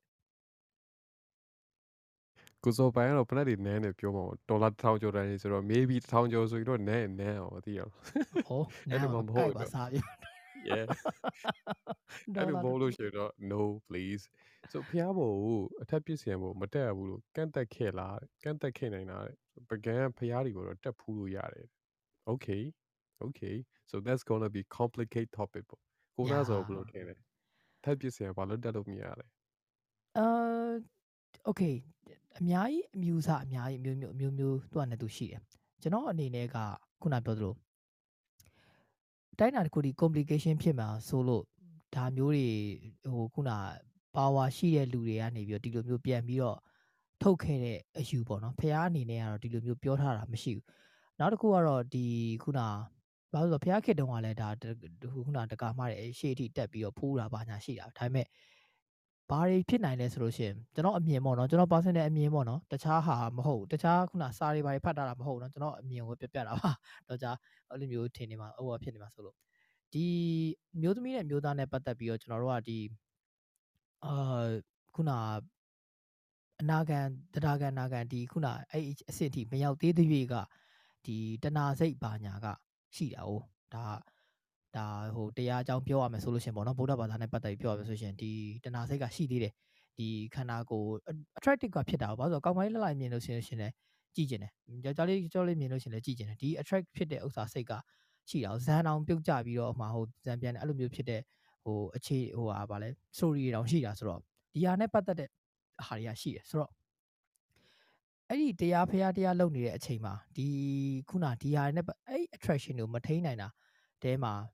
ယောက်ျားတွေကပါတယ်ပေါ့နော်ကျွန်တော်အနေနဲ့ယောက်ျားတွေအတွက် protect program အဲ့လိုမျိုးဖြစ်စေချင်တော့ထင်တယ်ဘာလို့ယောက်ျားတွေကအဲ့ဒါတွေနဲ့ပတ်သက်ပြီးတောင်းတောင်းမထိန်းနိုင်တဲ့ထဲမှာရှိမထိန်းနိုင်တယ်ဆိုတာဟိုလိုမျိုးထပြီးတော့သွားလှုပ်ချင်တာထိချင်တာကိုင်းချင်အဲ့လိုမျိုးတော့မဟုတ်ဘူးဒါပေမဲ့စိတ်ကနေပြီးတော့အကုသိုလ်ဝင်လိုက်တဲ့ဟာမျိုးကတော်တော်များများဖြစ်တယ်ပေါ့နော်ဒါကထိန်းဖို့တော်တော်ခက်ခဲတဲ့အရာလို့ဒီကျွန်တော်လည်းဖတ်ရတယ်ဒီခုနတရားကန်အနာကန်အဆင့်ထိရောက်တော့မှသာဒီဟာနဲ့ပတ်သက်တဲ့ကိလေသာအကုန်လုံးပယ်နိုင်တယ် ဒီအရှိစင်မှာလောက်ကပုထုဇဉ်ဆိုပိုးတော်ဆိုးစေတာပေါ့နော်မပယ်နိုင်ဘူးပေါ့နောက်ဆုံးဟိုဝစီကန်မနောဝစီကန်နဲ့ကာယကန်နဲ့မပြုတ်မိဘူးဆိုလို့ရှင်တော့အာ sorry ဝစီကန်နဲ့ကာယကန်နဲ့မပြုတ်မိဘူးဆိုတော့မနောကန်နဲ့ကသွားတွေးမိလိုက်တဲ့ဖက်ကနေဖြစ်သွားတဲ့ဟာမျိုးလေးကိုတားလို့မရတာမျိုးအများကြီးရှိရဆိုတော့အဲ့ဒါတွေနဲ့ပတ်သက်ပြီးတော့အကြောင်းတရားတစ်ခုဖြစ်နိုင်တယ်ပေါ့နော်ကျွန်တော်အမြင်ရပါတော့ဒီအိန္ဒြေနဲ့ပတ်သက်တာမျိုးတွေဒီခုနမလိုအပ်တဲ့ကိလေသာတွေအကုသိုလ်စိတ်တွေဖြစ်မှာဆိုလို့ဒါတွေနဲ့ပတ်သက်ပြီးတော့ တချို့လူကြီးတွေပေါ့နော်အဲ့လိုမျိုးအဲ့ချိန်တော့လောက်ခဲ့တဲ့လူတွေဖះအနေနဲ့ကတော့မပြောခဲ့ဘူးဆိုတော့ကျွန်တော်သိတယ်ကျွန်တော်ဖတ်တဲ့အထဲမှာလည်းအဲ့လိုမျိုးတွေတော့မတွေ့ဘူးအဲကိုလာပြည့်လည်းကိုလာပြည့်လည်းမတွေ့ဘူးလို့ပြောမယ်ထင်ပါတယ်ကိုလာပြည့်ကတော့ကျွန်တော်ထပ်ဒါဒါတွေပိုသိပါလိမ့်မယ်တော့ကိုလာပြည့်ပြောတာလေးတော့ကျွန်တော်ပိုကြားချင်တယ်ဒါတော့ကျွန်တော်မြင်ရတော့ဒီလိုရှိတယ်ပေါ့နော်ကိုလာပြည့် yeah so အဲ့ဒါအဲ့ဒါကလည်းနောက်ပိုင်းလူတွေလောက်ခဲ့တဲ့ဥစ္စာတွေပဲပေါ့နော်ညနောက်ပိုင်းလူတွေလောက်ခဲ့တဲ့ဥစ္စာပေါ့နောက်ပိုင်းလူတွေလောက်ခဲ့တဲ့ຢာလို့ပဲပြောဘုရားဘုရားလက်ထက်ကတကယ်အဓိက main sponsor ရတယ်ကျွန်တော်တို့တတိမာကြီးပဲလေဆိုသူကနေပဲအကုန်လုံးအကုန်လုံးရှိသမျှအကြောင်းတွေအကုန်လုံးဇရက်တွေအကုန်လုံးစောက်လူတော်အကုန်ပြောပြောတာနဲ့အကုန်လုံးလုပ်ပြီးတယ်သူကိုယ်တိုင်တော့မှဝတ်တယ်သူ့ရဲ့ယေတနာဒီကပတ်ပေါ့နော်စီချေထားတဲ့အရာကြီးကလှဲ9စီးလောက်တောင်တိုက်ပြီးတော့လုံးလို့ရတဲ့အလေးချိန်ရှိတယ်လို့ပြောတယ်ပေါ့နော်ဆိုသူသူတို့ကိုယ်တိုင်လည်းချမ်းသာတယ်ဖះနာလည်းကတ်လို့ရတယ်အေးစစ်စစ်ပဲခြေသွလက်နဲ့ပြုတ်ပြီးတော့ အာဘာလို့လဲဆိုတော့ခြေသွလက်နဲ့ပြုတ်တယ်လို့ဘာလို့ပြောလဲဆိုလို့ရှိရင်အိမ်ကြီးလာလို့ရှိရင်6တော့တုတ်ပြီးတဲ့အလေးထားလို့ဘာလို့ဆိုတာဒါဟိန္ဒူဘက်ကနေလာခဲ့တာအဲ့ဘက်ချမ်းကနေလာခဲ့တဲ့သူတို့ရဲ့ tradition ရဲ့အရာတွေကအများကြီးမှအများကြီးမှစိုးမိုးထားတယ်လို့ထင်တယ်ပေါ့နော်နောက်ပိုင်းမှာပြန်လေ့လာတာမှာဟိုဖះရတယ်ဖះတယ်ပါလို့ပြောခဲ့တဲ့ထဲမှာမပါဘူးပေါ့နော်ပြန်ကြည့်မယ်ဆိုလို့ရှိရင်ကျန်းနေမှာတိတ်မပါအဲ့လိုပြောလို့ရှိရင်လည်းဆိုကျွန်တော်လည်းဗုဒ္ဓဘာသာဖြစ်ဒါမျိုးတွေပြောနေလားလို့ပြောခံအောင်ပဲပေါ့ လိလာကြည့်တလောက်ပေါ့တွေးကြည့်လောက်မှအဲ့လောက်သူ့ပုံစံတူတူထုပြီးတော့ကိုးကွယ်ပါလို့အခုလိုမျိုးဇီဒီပုံစံမျိုးတွေတဲပါလို့ပြောခဲ့တာတော့မရှိဘူးဒါပေမဲ့အာပထမဆုံးစပြီးတော့ဇီဒီတဲလို့ဖြစ်တာကဆိုဆန်စဆုံးလိုက်တဲ့အချိန်မှာတကြားမင်းကလာယူပြီးတော့နက်ပြီးမှဇီဒီတဲလို့သိတယ်ပေါ့ဆိုဒါပေမဲ့ကျွန်တော်တို့ကြည့်လို့မရဘူးအဲ့ဒါကိုနောက်ပိုင်းမှာကျွန်မစံတော်ရတဲ့တဖုတ်တာနဲ့တေလီကာလာဆိုသူတို့ကမှစပြီးတော့ဒီဒီဒီဥစ္စာတခုကိုဌာပနာထားတယ်ပေါ့ဆိုကျွန်တော်အဲ့ဒါကိုဘာလောင်ထင်လဲဆိုလို့ရှိရင် နေရာ location မှတ်ခဲ့တယ်သူတို့လည်းဘာလို့ရမှမသိဘူးဆိုတော့တနေရာမှာမြေမြုပ်ပြီးတော့အပေါ်ကနေကြောက်တုံးလေးတွေစီတာမျိုးနဲ့များစားခဲ့ဗလားလို့တော့သွားတွေးမိတယ်ပေါ့နော်ဒါပေမဲ့နောက်ပိုင်းနောက်ပိုင်းနောက်ပိုင်းဒီမှာတော့ဒီဟာတွေအားလုံးကိုဌာပနာထည့်ထားတယ်ဒီဥစ္စာကဒီဒီဖះရဲ့စံတော်ဓာတ်တော်ဒါတွေကိန်းအောင်နေတဲ့နေရာတစ်ခုဖြစ်တယ်ဒီဟာကိုရည်စူးပြီးတော့တက်ရှိတင်ရှားဖះဒီထဲမှာရှိနေတဲ့သူ့ရဲ့အသက်တန်းငွေလေးတွေရှိသေးတယ်ဆိုတော့ရည်စူးပြီးတော့အာယုံပြုတ်ပြီးတော့စိတ်ကိုညှို့လို့ရအောင်လို့လှုပ်ပေးတာ ဒါပေမဲ့လူတွေအဲ့ဒါကိုအဲ့အဆင့်တွေကိုပျောက်သွားပြီးတော့ဒီလိုပုံဆိုစီထားတဲ့ဒီလိုချွန်ချွန်တက်တက်နဲ့ဒီရာဆိုလို့ရှိရင်ကြောရမယ်ဆိုတဲ့ပုံစံမျိုးတွေအထင်မှားလာကြတယ်အဲ့လိုပဲဒီအထဲထဲမှာထည့်ထားတဲ့ဌာပနာပစ္စည်းတွေကဖះရဲ့ဓာတ်တော်မူတော်တွေဖြစ်တဲ့အတွက်အာ main ကလေးတွေကိုစတော့နှိမ်တတ်တဲ့လူတွေရှိတယ်ပေါ့ဒီဒီဥဆိုင်တော်များက brahmana ဆိုတဲ့အဲဗမာနာလမ်းစဉ်လို့ခေါ်ဗမာဗမာတွေရဲ့လမ်းစဉ်လို့ခေါ်တာပေါ့ဆိုအဲ့အဲ့လမ်းစဉ်လိုက်တဲ့လူတွေက main ကလေးတွေကိုသူတို့က နေရာပေးလေပေးတာမရှိကြဘူးအဲ့လူတွေကနေရေးခဲ့တဲ့ history ဖြစ်တဲ့အတွက်ဒီ main ကလေးတွေကိုလည်းဒါနှိမ်နေဆိုတဲ့အရာတွေကပါလာတာပေါ့နော်ဆိုရွှေတင်ငန်းကတ်လို့မရတဲ့ဖရားတွေရှိတယ်အထဲထဲဝင်လို့မရတဲ့လိုင်ကူတော့ဖူးရတာတွေရှိတယ်ကင်မရာနဲ့ပဲကြည့်လို့ရတယ်ထပ်ပစ်စီရမှာရှိတဲ့အားတွေတော့ဖူးလို့မရဘူးဆိုပကိုးဖရားဆိုလို့ရှိရင်ဘလောက်တောင်ဆိုးလဲဆိုရင်လူမိန်းကလေးကတော့တက်လို့မရဘူးဒါပေမဲ့အပေါ်မှာစောင့်လာကြတော့ဆိုရက်ခမေတော်ကစောင့်နေလို့ပြောတယ် ဆိုလူလူဖြစ်နေတဲ့အရာကတက်လို့မရဘူးဒါပေမဲ့အပေါ်မှာရှိတာရက်ခမေတော်ကဒီဥစ္စာကိုစောင့်ရှောက်ပြီးနေဆိုပြီးပြောတယ်ပေါ့အဲ့တော့ပြန်ကြည့်ကြည့်မယ်ဆိုလို့ရှိရင်ဒါလူတွေကပဲလုပ်တဲ့အရာလို့တော့ကျွန်တော်မြင်တယ်ပေါ့နော်ဒါနိုင်ငံနဲ့ချီပြီးတော့လူမျိုးတစ်ခုလုံးနဲ့ချီပြီးဟိုအထိုက်ဘယ်လိုပြောပြရမလဲအကန်လို့ပြီးပြောမှခါပြတော့အဲ့လောက်ကြီးတော့ပြောလို့တော့မရဘူးနော်ဒါပေမဲ့မလုတ်ခိုင်းတာမှလည်းသူ့အနေနဲ့သူအာပုံစံပြောစရာရှိတာပြောအကန်နေကြီးပဲပြောကြမယ်ဒီညာဆိုအဲ့တော့ တက်လို့မရတယ်ရတယ်မရဘူးဆိုတာထက်ကိုဒါဒါတွေကအရေးကြီးလားမကြီးလားလို့ပြန်တွေးကြည့်ပါဒီပေါ်တက်လို့ရတော့လဲဘာလို့မှာ selfie သွားဆွဲမှာဆိုလို့ရှိရင်တော့မတက်နဲ့ပေါ့နော်အဲဒီဒီနောက်ပိုင်းလူတွေကတော့တက်တော့တက်ချင်တယ်တက်လို့မရလို့တက်ချင်တယ်ငါရအောင်တက်မှာပေါ်ရအောင် selfie ဆွဲမယ်ဆိုပြီးတော့မလုပ်ရရဲ့တကယ်တမ်းကိုယ့်ရဲ့စိတ်ထဲကညှို့လို့ရှိရင်ကျွန်တော်တို့ဖျားတွေသွားနေမှာမဟုတ်ဘူးအဲအဲ့ရထဲမှာနေနေနေတယ်ကျွန်တော်တို့အာယုံညွတ်ပြီးတော့ကိုယ်ကောင်းပေါ်တက်ရှိတင်ရှားဖျားကလာပြီးတော့ ဆိုဆမ်ကိန်းဝတ်ဆမ်ပေတော်မူပြီးသတင်းသုံးနေရဲလို့မှတ်ပြီးတော့ကျွန်တော်တို့ကြော့လို့ရတာကြီးရှိတယ်ပေါ့နော်ဆိုအဲ့အပေါ်တွေထိသွားတက်နေစရာမလိုဘူးပေါ့ကျွန်တော်ပြောချင်တာဒါတွေကပြောရလို့ရှိရင်အထိတ်အမှတ်နေရာတစ်ခုခုပဲအဲ့နေရာတွေကတကူးရှိတာလို့ပြန်ပြီးကောင်းမီးနေတယ်ဆိုတကူးဆိုတဲ့အရာကိုလည်းကျွန်တော်ကဘယ်လိုမြင်လဲဆိုလို့ရှိရင်ဒီနေရာတစ်ခုကိုလူတွေကလာပြီးတော့ကောင်းတာတွေပဲလုပ်တယ်ကောင်းတဲ့ energy တွေကြီးပဲပေးတယ်ဆိုမေတ္တာမေတ္တာပို့တယ်အများဝေတယ် ကောင်းတာတွေလုပ်တဲ့ energy အများကြီးဒီနားမှာထုတ်လွှတ်ကြတယ်ဆို vibration ရဆိုလို့ရှိရင်ဒီနားမှာကောင်းတဲ့ vibration အများကြီးလုပ်တယ်ဆိုတော့ဒီနားကအရန်တန်ရှင်းစင်ချင်တဲ့နေရာဖြစ်နေပြီပေါ့ဆိုအဲ့လိုအချိန်မှာအဲ့လိုအချိန်မှာကျွန်တော်တို့မကောင်းတဲ့ယောက်ျားတွေခုနကိုနာဆိုပြောသလိုပဲ level တော့ရှိတယ်ဗျရိုးရိုးရိုးရိုးလူတွေသူကအပေါ်အပေါ်ဘက်ကိုတက်လာတဲ့အနာဂံတရားဂံဘာဖြစ်တယ်ညာဖြစ်တယ်တက်လာတာနဲ့အမြတရားမြင့်လာတဲ့နဲ့အမြကျွန်တော်တို့ကထိုးထွင်းသိနိုင်တဲ့ဉာဏ်ပို့ပို့ပြီးတော့ရင့် ရင့်တန်လာတာပေါ့ဆိုကျွန်တော်ရိုးရိုးလူတွေကတော့ထိုးထွင်းသိတဲ့ဉာဏ်အနည်းငယ်ပဲရှိတယ်ကျွန်တော်တို့ဘာတွေပဲထိုးထွင်းပြီးသိမြင်နေလဲဆိုလို့ရှိရင်အဝတ်ကိုပဲထိုးထွင်းသိမြင်လိုက်တော့ဗလာကြီးကိုမြင်တယ်ပေါ့နော်ဆိုဒါပေမဲ့တကယ်တရားရသွားတဲ့လူကဒါကအာဒီအောက်မှာစံရိုးရဲ့သွားနယ်ပေါ့သူအောက်ကအောက်မှာရှိတဲ့အယိုးတွေကဘယ်လိုမျိုးရှိတယ်ဒီလိုမျိုးအရည်တွေနဲ့တိဆောက်ထားတာနှက်ရည်တွေချွဲရည်တွေဒါတွေရှိတယ်အာအထဲထဲမှာသူတို့တွေလည်းဝင်းတွေအာကြွက်သားတွေ အယိုးတွေဒါတွေနဲ့တိဆောက်ထားဆိုတော့တဖြည်းဖြည်းတဖြည်းဖြည်းတဖြည်းဖြည်းချင်းသူတို့မြင်လာနိုင်တယ်ဒါအစ်စ်မြင်လာမှမြင်တယ်အစ်စ်နှိမ့်တဲ့လူတွေကျွန်တော်အဝတ်လောက်ပဲပေါက်ပြီးမြင်နိုင်တဲ့အတွက်ပြဿနာအများကြီးရှိတယ်အဲ့ပုံမှာတက်မှတ်မှုလည်းရှိတယ်ဆိုစိတ်တွေလည်းအများကြီးဖောက်ပြန်နိုင်တယ်ဆိုတော့အဲ့လိုနေရာမှာသာမြင်လိုက်လို့တခုခုသာဆိုလို့ရှိရင်အဲ့နားမှာဖျားဒီမှာသာတွတ်တွတ်လိုက်မယ်တက်လိုက်မယ်ဆိုလို့ရှိရင်မကောင်းတဲ့စိတ်နဲ့သာတွတ်ကြည့်မိလိုက်မယ်ဆိုတော့အဲ့နားမှာရှိတဲ့ vibration ကပြတ်သွားနိုင်ဒါကြောင့်မလို့အစတည်းကမလာပါနဲ့လို့ပြောလိုက်တာပေါ့နော်ဆိုအဲ့လိုကြောင့်ပါကျွန်တော်တို့ယောက်ျားတွေပဲမကောင်းတာနေပါလိမ့်မယ်ကိုနောက်ဆုံး မဟုတ်ဟုတ်တယ်လေအဲ့ဒါကြောင့်ကျွန်တော်ပြပြတာပေါ့ကျွန်တော်တို့ကအဲအဲ့ဒီ level ဒီမနောကန်အရာဖြင့်ထိန်းနိုင်မှုပါညာဆိုတာထိန်းနိုင်မှုဆိုတာခက်တယ်ဆိုတော့ဖြစ်လိုက်ဖြစ်လိုက်တော့တိပြီးတော့မကောင်းတာတိလို့ဆက်မလုပ်တာဖြစ်နိုင်တယ်ဒါပေမဲ့အဲ့ဖြစ်သွားလိုက်တဲ့ဥစ္စာအရန်မြန်လုံးဝကြည့်ရတဲ့အတွက်ကြောင့်ဟိုတမစင်မဆောက်နိုင်ဘူးပေါ့နော်ဒါဒီလိုဟာနဲ့ပြန်ပြောတဲ့အခါကြာလို့ရှင်နောက်ပြီးတော့ဒီခုနဟိုဖះရှိခိုးတာပါညာနဲ့ပြောရချင်းကိုဒါဗုဒ္ဓဘာသာပဲဖြစ်ဖြစ်ခရစ်ယာန်ပဲဖြစ်ဖြစ် ဒီအကြောက်တရားတစ်ခုခုရှိလို့ဒါကိုးကွယ်ရာတစ်ခုခုဖြစ်နေတာပေါ့နော်ဒီအကြောက်တရားဒီခုနပြောလို့ပေါ့လော်ကီဆိုလဲလော်ကီအကြောက်တရားပေါ့ဒီတက်မြင့်တဲ့လူတွေဆိုလို့ရှင်လဲတေးပြီးပြန်ရှင်းမယ်အကြောက်တရားပေါ့အဲ့အကြောက်တရားရှိတဲ့အခါကျတော့ကိုးကွယ်အရာဒါ religion ဖြစ်နေတာပေါ့ဆိုတော့ဒီပေါ်မှာမူတည်ပြီးတော့ဟိုဥညွတ်တဲ့အခါကျလို့ရှင်ဒီဟာတွေကိုလမ်းပြခဲ့တဲ့လူကိုဆရာအနေနဲ့တတ်မှတ်ပြီးတော့ okay ဟိုသူတို့တော့ဒီလိုလမ်းပြထားဒါကိုအဓိကအားကြောင့်ခုနဟိုဗုဒ္ဓဘာသာမှာအမြင်ပြောရမလားဂုံတော်ကိုပဲအဓိကထားပြီးတော့ ဟိုရှ िख ိုးဖို့ပေါ့နော်ပြီးတော့ဒီခုနဘုရားရှ िख ိုးရဆိုလဲမျက်လုံးထဲမှာမြတ်စွာဘုရားပုံတော်ကြီးသွားမြင်ဖို့မဟုတ်တာကျွန်တော်အနေနဲ့အဲ့ဒါကိုမကြိုက်တာဘာလို့လဲဆိုတော့ဗတ္တကဘာဒီရှေ့မှာပွင့်ခဲ့ဘူးသောဘုရားပေါင်းများစွာရှိတဲ့ဥစ္စာအကုန်လုံးကဒီအတိုင်းကိုဒီလိုမျိုးကိုကျင့်ခဲ့တာဆိုတော့ရှ िख ိုးမယ်ရှ िख ိုးအကုန်လုံးရှိသမျှဟာအကုန်လုံးရှ िख ိုးရမှာဒီမပွင့်ပွင့်မပွင့်ပြီးတဲ့ဘုရားဂေါတမအကုန်လုံးရှေ့ရဟာတွေအကုန်လုံးအဲ့လိုမျိုးဖြစ်ရမှာဆိုတော့အဓိကဒီသူတို့ကျင့်ခဲ့ပြီးတဲ့သူတို့လုပ်ခဲ့ပြီးတဲ့အရာတွေအဲ့ဒီပုံမှာမူတည်ပြီးတော့ကိုက ဒီဒါကိုတရားစိတ်ကြီးညိုစိတ်ပေါ်တဲ့ပုံမှာဟိုရှစ်ခိုးတာပေါ့ခုနကိုလာပြီပြောတဲ့တကိုးဆိုတာဆိုကျွန်တော်အရင်သဘောကျ energy build လုပ်နေတာကျွန်တော်အနေနဲ့ဖျားတယ်ဆိုတော့ကျွန်တော်အဲ့လိုဟိုဘယ်လိုခေါ်မလဲ energy center တစ်ခုလာပြီး build လုပ်တယ်လို့တော့ကောင်းရကောင်းကြောင်း energy center တစ်ခု build လုပ်တယ်လို့တော့ကျွန်တော်မြင်တယ်ပေါ့နော်ဒါဒါကျွန်တော် personal အမြင်မှာဟိုပြီးတော့နောက်တစ်ခုကဒီလိုမျိုးပုံစံဖြစ်နေတယ်ဆိုတာလဲ design ဒါ architecture လုံးဝတီးတန့် pure architecture ပါဗုဒ္ဓဘာသာနဲ့မှမဆိုင်ဘူး အဲ့ဒါကိုလာမင်းကျွန်တော်ဘက်ကပြောပြစရာအချက်လက်ပုံများစွာရှိတယ်ဒါပေမဲ့မပြောတော့ဘာလို့ဘုရားဒီပုံဖြစ်နေတာမဟုတ်အဲ့ဒါ architecture နဲ့ပတ်သက်တဲ့ဥစ္စာဘုရားကိုအပေါ်ကြီးကြီးမားမားမြင့်စေခြင်းတည်းအဲ့လိုပုံစံအချုံတွေပဲသွားတယ်ကဘာပေါ်မှာရှိသမျှသွားတယ်မိုးမျှော်တိုက်ပေါင်းမျိုးစုံသွားကြည့်ကြည့်လိုက်ဒီပုံစံတွေပဲသွားတယ်ဘာလို့ဆိုတော့ဒီဟာကိုဒီဟာသွားတဲ့အခါမှာအပေါ်တက်လာလေသေးရတယ်ဆိုတာဒီခုနလေတန်အားတန်ခုနနောက်ဆုံးအများကြီးပေါ့ပြီးတော့ဒီ centering ဖြစ်နေတဲ့ဥစ္စာတွေကသ ဘောတရားဒီ circle ဆိုတဲ့အရာမှာပို့ပြီးတော့ energy ကပို့ပြီးတော့ concentrate ပို့ဖြစ်တဲ့ဟာဒါတွေကအများကြီးအများကြီးအများကြီးပါတယ်ပြီးတော့လူလာစေခြင်းတဲ့သဘောဖြစ်တဲ့အတွက်ကြောင့်ပြီးတော့ဒီဟာပေါ်မှာပတ်နေစေခြင်းတဲ့သဘောဖြစ်တဲ့အတွက်ကြောင့် circle ရင်ပြင်တော်ဆို circle လောက်တဲ့ဟာမျိုးတွေဒါမျိုးတွေပေါ့နော်ဆိုတော့ like pure architecture nothing to do with religions ဖရားရဲ့ပုံစံဒီလိုပုံစံစေဒီပုံစံဒီလိုဖြစ်တယ်ဆိုတာအဲ့ဒါကပြောပြလို့ရတယ်ဖရားဖရားခေတ်မှာဒီလိုစေဒီပုံစံရှိဟုတ်မရှိခဲ့ဘူးမရှိခဲ့ဘူး ကိုခုနကိုလာပြပြောလို့ပဲ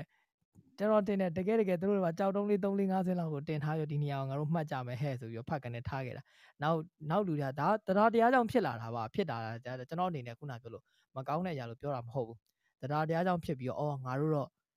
ငါတို့ဒီလိုတရားတရားဖြစ်လို့တခြားလူတွေလည်းမြင်တဲ့ခါကျရင်ဒီလိုတရားတရားဖြစ်စေခြင်းတယ်ကျွန်တော်အနေနဲ့ကနောက်တစ်ခုကတောင်လေးပေါ်မှာဆောက်တယ်ဟိုအဝေးကမြင်လဲရှိနေလောင်လို့သူတို့က architecture purely architecture ဘာလို့လှုပ်တာပေါ့နော်အဲ့တော့အဝေးကနေမြင်မြင်မြင်ဆောက်ရမယ် မြင်မြင်ဆောက်ရမယ်ဖြစ်တဲ့အတွက်ကြောင့်အရင်တုန်းက technology နဲ့စောင့်နိုင်ပုံရဆို pyramid တို့ဘာလို့ဆိုတာလဲသဘောတရားဒါပဲလေဒီလိုပုံစံပဲလေဒီ architecture သဘောတရားရဒါပဲအဲ့ဒီပုံမှာမှကျွန်တော်တို့ကမြင်တဲ့အမြင်ပေါ်မူတည်ပြီးတော့အဝိုင်းချိုးတာလေးတောင်ချိုးတာဘယ်လိုမျိုးတွေပြန်ကော့တာမြန်မာမှုအမှုပညာပြန်ထည့်တာဒါမျိုးတွေပေါ်သွားတာ哦အဲ့တော့ပဒိန်ပပုပပုတို့ဘာလို့ဆိုတာအဲ့ဒီမှာပေါ်လာတာဆိုတော့ဟိုမြတ်စွာဘုရားရဲ့မျက်နှာတော်ပုံစံတွေထုတာတို့ဘာလို့ညာလို့ဆိုရှင်လဲအများကြီးပဲလေတူမှမတူတာ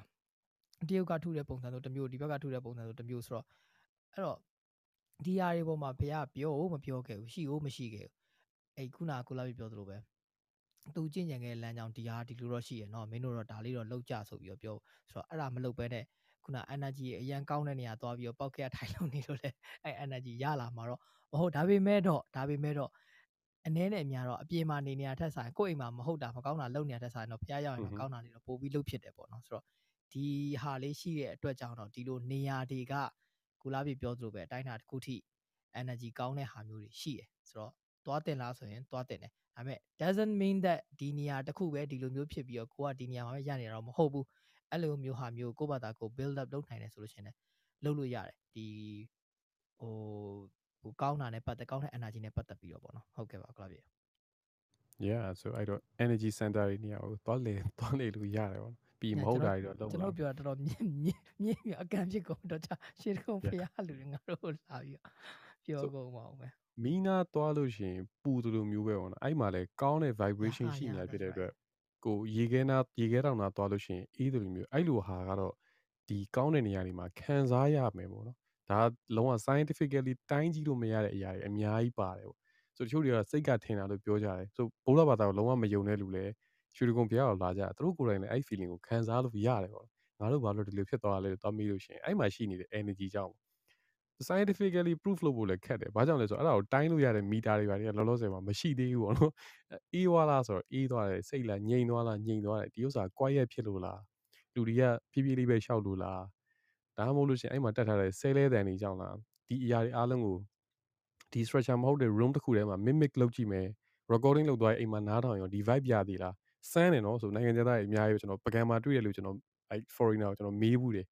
အာသူ record လုပ်နေဘုန်းကြီးတရားလုပ်တာကိုသူ record လုပ်တော့သူအဲ့ဒါကို recording လုပ်ပြီးနင်ဒီဟာကိုဘာလုပ်ဖို့လဲလို့မေးတော့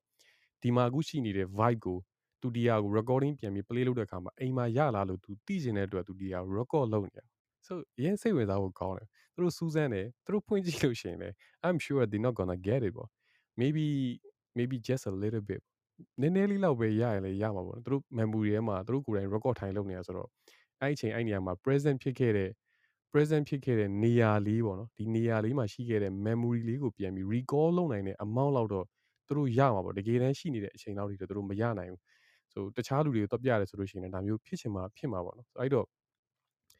သွားပါသွားလို့လည်းရပါတယ်အဲ့နားမှာသွားပြီးတော့ကောင်းတဲ့ energy တွေလည်းသွားယူလို့ရတယ်အေးတဲ့ဓာတ်တွေ ငြိမ်းချမ်းတဲ့ဓာတ်တွေအေးစမ်းတဲ့ဓာတ်တွေလည်းခံစားလို့ရမှာပေါ့နော်ဒါပေမဲ့ဒီဟာတွေအားလုံးကဘာပြောခဲ့တဲ့ရှိရလူတွေပြောခဲ့တဲ့ဘာတွေနဲ့မှမဆိုင်နေဘူးပေါ့နော်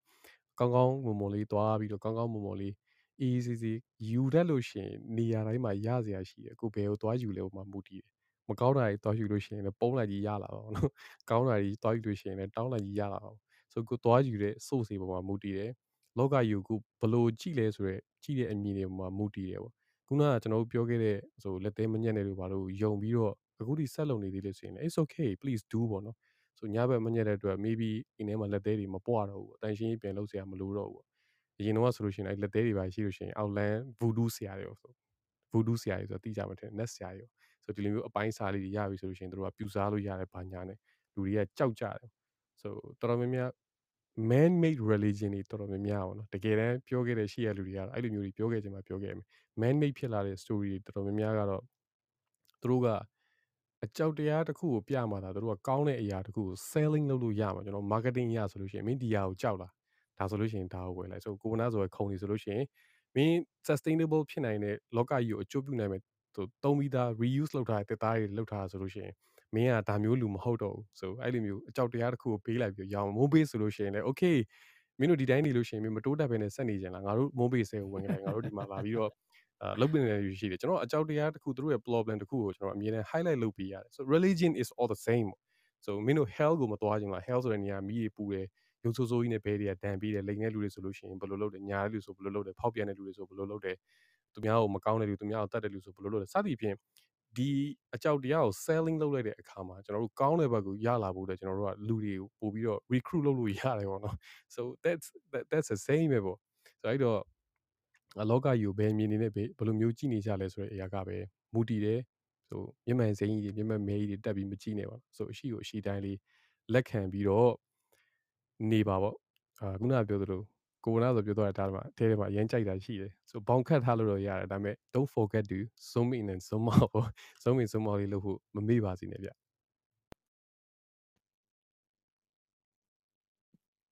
ရာအေးပေါ့ဟိုပေါ့ဒီဘာသာရေးနဲ့ပတ်သက်တဲ့အရာတွေကတော့လေဟိုပြောရတာခက်ပါတယ်တချို့ကြောင့်လည်းအရန်ဟိုအလွန်ကျွံဖြစ်ပြီးတော့ခုနအာဘာသာပဲဘာသာမှမကိုးကွယ်ပဲနဲ့ကိုယ့်ကိုယ်ပဲနေကျင်တို့နေတဲ့ဟာလည်းရှိတယ်ဒါကြောင့်လည်းခုနကလိုက်ပြောလို့တော့ဘာမှမခတ်ချင်တော့အဲ နေကျင်တို့အဆင်ပြေကျင်တို့နေတယ်ဒါပေမဲ့ဘယ်သူမှတော့စော်ကားတာမဟုတ်ဒီလိုနေနေတဲ့ဟာတွေလည်းအများကြီးပဲပေါ့နော်သူတို့ရဲ့ဘာသာပါလဲဆိုလို့ရှိရင် science တို့ mathematics တို့ဒီလိုပြောကြတဲ့ဟာတွေရှိတယ်တခြားနိုင်ငံတွေမှာအာဒါပေမဲ့အနည်းဆက်ဆုံးဖြစ်တဲ့ဟာမျိုးဆိုလို့ရှိရင်ဟောဘယ်ဘာသာနဲ့အနည်းဆက်ဆုံးဖြစ်တယ်ပေါ့ဒါမျိုးတွေတော့ပြောကြတာရှိတယ်အာကိုလာပြေ comment လေးတစ်ချက်လောက်ဖတ်ပြပါဦးကျွန်တော်လည်းမဖတ်ဒီမှာဖတ်လို့မရဘူးဖြစ်နေ Yeah. so လှုပ်ကလထိုင်နေရှိရင်တရေရှိရဆိုတာလေကျွန်တော်အနေနဲ့တော့ဒါကြောက်စိတ်ကူလို့ပြောတာပဲထင်ပါတယ်ကလထိုင်ကလူမရှိဘဲနဲ့လှုပ်သွားတယ်ဆိုလို့ရှိရင် everyone gonna scare right ဆိုဘာလို့လှုပ်သွားလေလည်းမတိုက်ဘူးတကားတွေလည်းပိတ်ထားတယ်တခုခုက Yeah, လှုပ်နေလို့လှုပ်တာပဲနေမှာပေါ့ဆိုအဲ့ဒါကအကြောက်တရားရှိတဲ့နေရာပဲနေမှာပေါ့ကျဲရီကြွေတာကိုရောင်ကြည်တော့ကွန်မြူတယ်လို့ပြောနေကြတယ်မတနေ့ကကျွန်တော်အဖွာကျဲကြွေတာလက်ဥချီပြီးကြော့နေတည်တယ် yeah yeah so သူ့အတွက်လည်း is okay ပဲပေါ့နော်သူအဲ့ကျဲကြွေတဲ့အချိန်မှာဒါကဖះရောင်ကြည်တော့ကွန်မြူလို့ရှိရင်လည်းဒီလိုပုံစံလေးဖြစ်နေမှာလို့သူကတွေးပြီးတော့အဲ့အချိန်လေးမှာသူ့ရဲ့ စိတ်တန်တန်မှာရှိနေတဲ့တရားတရားလေးနဲ့သူကြော့လိုက်တယ်ဆိုလို့ရှိရင်လည်းဒါသူ့တော့ကကုသိုလ်ရနေပြီပေါ့နော်ဘီနာအထိုင်ကြည့်တဲ့လူကသာစောက်ဖို့လုပ်နေရပါလို့ပြောလို့ရှိရင်ကျွန်တော်အကုသိုလ်တက်နေပါဘူးသူကအဲ့အချိန်လေးပါတော့သူကုသိုလ်ရနေပြီပေါ့ yeah အဲ့တော့အဲ့ဒါအဲ့ဒါဒါပေမဲ့တစ်ခုပေါ့နော်အဲ့လိုမျိုးပေါ်မှာအဲ့လိုမျိုးပေါ်မှာယုံကြည်တာမျိုးမဟုတ်ဘဲနဲ့ခုနတရားစိတ်ကြောင့်အော်ဒီလိုမျိုးဖြစ်နေမှာပါလားဆိုတော့ကိုလာပြည့်လိုအမြင်မျိုးနဲ့သွားပြီးတော့လုံနိုင်တယ်ဆိုရင်တော့ဒါအကောင်ဒါပေမဲ့အဲ့လိုမျိုးမဟုတ်ဘဲနဲ့ ဒီတကိုးကြီးတော့မှကိုယ့်ရဲ့ကိုယ့်ကိုကူညီမယ်အဲ့တော့ပြောတာပေါ့လူတွေကတော်တော်များဖျားရှိခိုးကြီးဆိုလို့ရှိရင်လောဘနဲ့ရှိခိုးတဲ့ပုံစံပိုများတာပေါ့နော်ဒါချက်ကြောင်းပဲတော့တာတခြားဘာသာဖြစ်ဖြစ်ပေါ့နော်လောဘစိတ်ကအရင်ထားပြီးတော့သွားတော့ကျွန်တော်ဆိုလို့ရှိရင်အဲ့လိုဟိုဟိုအဲ့လိုဆူတောင်းပြေဖျားသွားတာပဲဖြစ်ဖြစ်ပါအဲ့လိုမျိုးဆူတောင်းပြေတိတ်ပြီးတော့မကြိုက်လေမရှိဘူးပေါ့နော်ဘာလို့ဆိုတော့ ကိုဖြစ်ချင်တာကိုလာပြောနေတာဟုတ်ဖះကိုလာပြီးတော့တော်တော်နားကြီးမှာပေါ့ဖះစဉ်းစားကြည့်ကိုဖြစ်ချင်တာကျွန်တော်တို့ဒါဖြစ်ချင်မှာဒီလိုမျိုးဖြစ်ပါနေကောဖြစ်ချင်တာတွေကအယမ်းအောင်များတယ်ဖះရှစ်ခိုးလိုက်အဖြစ်ဟိုတရဏဂုံသုံးပါးတော့မှပြည့်အောင်မဆိုးပဲနဲ့ပြီးရင်ရှစ်ခိုးချင်တဲ့ဥစ္စာတော့ကြမ်းသလားမမေ့နဲ့ကြမ်းသလားမမေ့နဲ့ဖြစ်ချင်တဲ့စုတွေကကြမ်းတာကြမ်းတာဩဃာတမှာတွေပဲတောင်းတဲ့စုတွေကရှယ်ကြမ်းတာတော့ပြီးလို့ရှိရင်ကာတာတော်တော်များများဆိုလို့ရှိရင်တောင်းတဲ့စုတွေကဘာစီစိန်ချမ်းသာဘလို့ဟာမျိုး တော်တော်နောက်ဆုံးကြတော့မှနေပန်ရောက်ပါသေးဆိုတာပါတော့ရှိပါတော့အရှင်ဆုံးအဲ့လိုဟာရှိရဆိုတော့လောဘပန်းပစိန်းတ်သုံးနဲ့ပွင့်နဲ့သိန်း3000နဲ့သွားလဲတာနော်ကျန်းတယ်အဲ့တော့အေးပေါ့အမြဲတမ်းတော့လူတော့ဒီစစပွဲခွေးနှစ်ပုံနှစ်ကုန်းလောက်ကိုတော့မှမဈေးကိုမမတရားဟာရစစ်အဲ့လိုမျိုးဖြစ်ပြီးတော့ဒီတရားတရားကနောက်မှပါလာတာပေါ့ပါလာပြီးတော့ခုနလောဘစိတ်ရှိနေအရင်လာပြီးတော့ဟိုလှုပ်လှုပ်တဲ့ဟာမျိုးအမြဲတမ်းဖြစ်နေတာပေါ့နော် နောက်ပြီးတော့ခုနပွဲတစိတ်ထားတတ်ဖို့ဆိုတာလေးလည်းတစ်ချက်ပြန်ပြီးပြောချင်တာပေါ့နော်ဒီလို mythic myth ဟွာတွေနဲ့ပတ်သက်ပြီးတော့ဟိုရှေးရိုးစင်လာ superstition နဲ့ပတ်သက်ပြီးတော့အရင်တော့လူတွေစိတ်ထားတတ်ရင်ထားတတ်ကျွန်တော်တို့ဒီခေတ်မှာကြာခုနအဲ့လောဘစိတ်ကအရင်ရတာပွဲတင်ပြီဆိုလို့ရှရင်လဲငါဒီငါရဲ့ဟာတော့ဖြစ်မှဖြစ်မယ်ငါ့ကိုကူညီပေးငါ့ကိုလုပ်ပေးအဲ့လိုမျိုးအဲ့ဒီဟာအရင်လားအရင်တော့ကကြာတော့အဲ့လိုတော့မဟုတ်ပဲနဲ့ okay ဒီနက်ကိုယုံကြည်ကိုးကွယ်ဆိုရင်တော့မှအခုဒီနက်ကနာမည်ခေါ်ပြီးတော့ကဲ ဒါမင်းကြိုက်တဲ့အရာကြိုက်တဲ့ဟွာမျိုးတွေကိုငါမင်းကိုဒီမှာလာပြီးတော့ကတ်ပါတယ်စာသုံးဆောင်ပါဒီလိုမျိုးဖြစ်ပါဒီတရားစိတ်ကအရင်ဦးဆုံးပြပြပြီးတော့မှအဲ့လိုမျိုးလုပ်တဲ့အတွက်ကြောင့်ငါ့ကိုလည်းဒီလိုမျိုးပြန်ပြီးတော့တန်အကူညီအဲ့လိုမျိုးပြန်ပြီးတော့အကူညီပြန်တောင်းတာမျိုးရှိရအခုခေတ်ကတော်တော်ကြမ်းတယ်မဟုတ်တရားစိတ်ကအဲ့လိုမဟုတ်အရင်ဦးဆုံးလိုချင်တဲ့ဥစ္စာကိုသွားစုတောင်းတဲ့ဥစ္စာအရင်များတကူကြည့်ပြီးဆိုပိုကြိုက်တယ်ဘာလို့ကြိုက်ကြမှာမသိတာအဲ့လိုမျိုးဟာမျိုးဟိုဟာလေးဝစ်လိုက်ရဒီဟာလေးဝစ်လိုက်ရတကူကြည့်ပြီးဆို ဒါပေမဲ့အဲ့ဒီအဲ့ဒီစိတ်ပေါ့နော်အဲ့တော့စပြီးတော့သွားတဲ့ဟိုကဒီတန်တန်ဟိုကလောဘတန်တန်ဖြစ်နေတဲ့အတွက်ကြောင့်ကျွန်တော်အနေနဲ့ဒီဟာတွေကကောင်းကျိုးပေးစရာအကြောင်းတစ်စက်မှမရှိဘူးဘလို့တရားနောက်မှဖြစ်သွားတဲ့အတွက်ကြောင့်တရားအရင်အရှိရပါသွားတယ်ဆိုရင်တော့ကောင်းကျိုးပေးရင်ပေးလာနိုင်မယ်ဒါပေမဲ့တရားစိတ်မဟုတ်ဘဲနဲ့ခုနလောဘစိတ်ကပါလာရင်တော့ဘဲဘာသာရေးပဲဘဲဘာသာပဲတော့ကြည့်ကြည့်ကိုလိုချင်တာကိုရှေ့တန်းတင်ထားလို့ရှင်တော့ဟိုအရန်ကိုအားကလိဖြစ်တဲ့အခြေအနေမှာကြုံနေရအဲ့တော့ အဲ့လိုမျိုးအခြေအဲ့လိုမျိုးဖြစ်ခဲ့တယ်ဆိုရင်ပေါ့နော်အဲ့လိုမျိုးဖြစ်ခဲ့တယ်ဆိုလို့ရှင်တော့ဟိုကိုอ่ะကိုပေါ့ကျွန်တော်ငငယ်တော့ဆိုလို့ရှင်ကျွန်တော်ဟိုမောင်နှမတွေမောင်ဟိုတငယ်ချင်းတွေအရန်နောက်ကျဲကျွင်ဆူတောင်းတာအဲ့ဆိုကျွန်တော်ကပြောတယ်အေးမင်းတို့ကလာဆူတောင်းနေလို့အဲ့ဆူတောင်းက ဟိုဗာပြေးဖို့အတွက်နှစ်ပေါင်းဘယ်လောက်ကြာမှာဆိုကျွန်တော်အမြင်ပြောပါဆိုတော့ကျဲကျွေကျွန်တော်တို့ကလာဒီမှာကျွေလိုက်ရတာအခုမှမြင်ရတာဟိုတကယ်တကယ်ကျဲကျွေတဲ့ဥစ္စာဟိုမှာနှစ်ပေါင်းကဘယ်နှစ်ရာလောက်ရှိနေပြီလဲမသိဘူးဆိုတော့မင်းဆူတောင်းကမင်းတက်ရှင်နေတဲ့အချိန်မှာတော့ဒါလည်းပြေးမှာမဟုတ်ဆိုပြီးတော့ကျွန်တော်မြင်ရနောက်တက်အဲ့တော့အဲ့လိုအဲ့လိုမျိုးပေါ့နော်အဲ့တော့ဟိုကိုလာပြေဟိုရည်စရာအနေနဲ့ပဲကျွန်တော်ပြပြတာပါဟိုလိုမျိုးကြီးအရန်ကြီးတော့ against လုပ်ပြီးတော့ဖြစ်နေတာမဟုတ်ဒီဟာပေါ်မှာယုံကြည်တဲ့ဟာတွေကိုလည်းတိုက်ခိုက်နေတာလည်းမဟုတ်อืม အဲဒါပေမဲ့ခုနပြောလို့ပေါ့ကိုစပြီးတော့ဖွင့်ထုတ်လိုက်တဲ့စိတ်ကလေးကတကယ်ကိုဟိုညဉ့်ညမ်းနေတဲ့အဲ့လောဘစိတ်တွေဒေါသစိတ်တွေနဲ့ဆိုလို့ရှင်တော့ကျွန်တော်အမြင်ကတော့ဖះမပြောနဲ့လေအိမ်မှာတော့မှကို့အမေဖေစီကမိုးဘိုးတော့တောက်ရယ်လိုချင်တယ်ငါလာချင်တယ်ဒါပေးစားငါ့ကိုဒါပေးစားအဲ့လိုမျိုးပြောနေရှင် ဟိုကပေးမလားရိုက်ထုတ်မလားပြန်စဉ်းစားကြည့်ပေါ့နော်အဲ့လိုတော့မဟုတ်ဘဲနဲ့မင်းမေကိုတော့ဒီလိုလေးတော့ချစ်တာသမီးကတော့ဒီလိုလေးဖြစ်တာဒါပေမဲ့ဒီလိုလေးလို့အဲ့လိုမျိုးဆိုရင်တော့ပေးခြင်းသေးရှိမှာပေါ့နော်အဲ့တော့စဉ်းစားကိုယ့်အမေကိုယ့်ဖေတောင်ဒီလိုမျိုးကောင်းကောင်းမွန်မွန်နဲ့တရားသိနဲ့စပြီးပြောတော့မှပေးခြင်းကမ်းခြင်းနဲ့ဆိုလို့ရှိရင်ကျန်တဲ့ခုနနတ်တို့ဘာတို့ပိုးတော့ဟိုကဖြစ်မှာကိုယ်နဲ့လည်းတိတာလည်းမဟုတ်အမျိုးလည်းတော်တာလည်းမဟုတ်လာတောင်းတိုင်းပေးနေအောင်ဘာကောင်းလဲပေါ့နော်ဆိုတော့အဲ့လိုမျိုးပြောရမလို့ဖြစ်နေပါပြီကိုလာပြေ yeah so အမှန်တကယ်တော့ဆူတောင်းတာကပြဿနာတော့မဟုတ်ဘူးဗျအဲ့ကျွန်တော်ဘာလို့ဆူတောင်းတာကိုကျွန်တော်အနေနဲ့ဘယ်လိုယူဆလဲလို့ဆိုလို့ရှိရင် so ဖေကတပ်ပီညူတာညံပိုင်တယ်လို့ပြောတယ် right so ဗမာဖေနဲ့ဥပမာပေးရမယ်ဆိုလို့ရှိရင်တပ်ပီညူတာဆိုအကုန်တိတယ်ပေါ့ so အကုန်တိတယ်ဆိုလို့ရှိရင်ကျွန်တော်တို့က so ဖေကတက်ရှိထင်ရှားအဲ့တနေရာမှာခီးကြွလာရင်အဲ့နားမှာရှိနေဆိုလို့ရှိရင်ကျွန်တော်ကသွားမယ်ပေါ့ so ဆူတောင်းပြီးဖေရပဲဆိုတော့သွားမယ်ကျွန်တော်အဲ့ကိုရောက်ပြီဆိုလို့ရှိရင်ကျွန်တော်က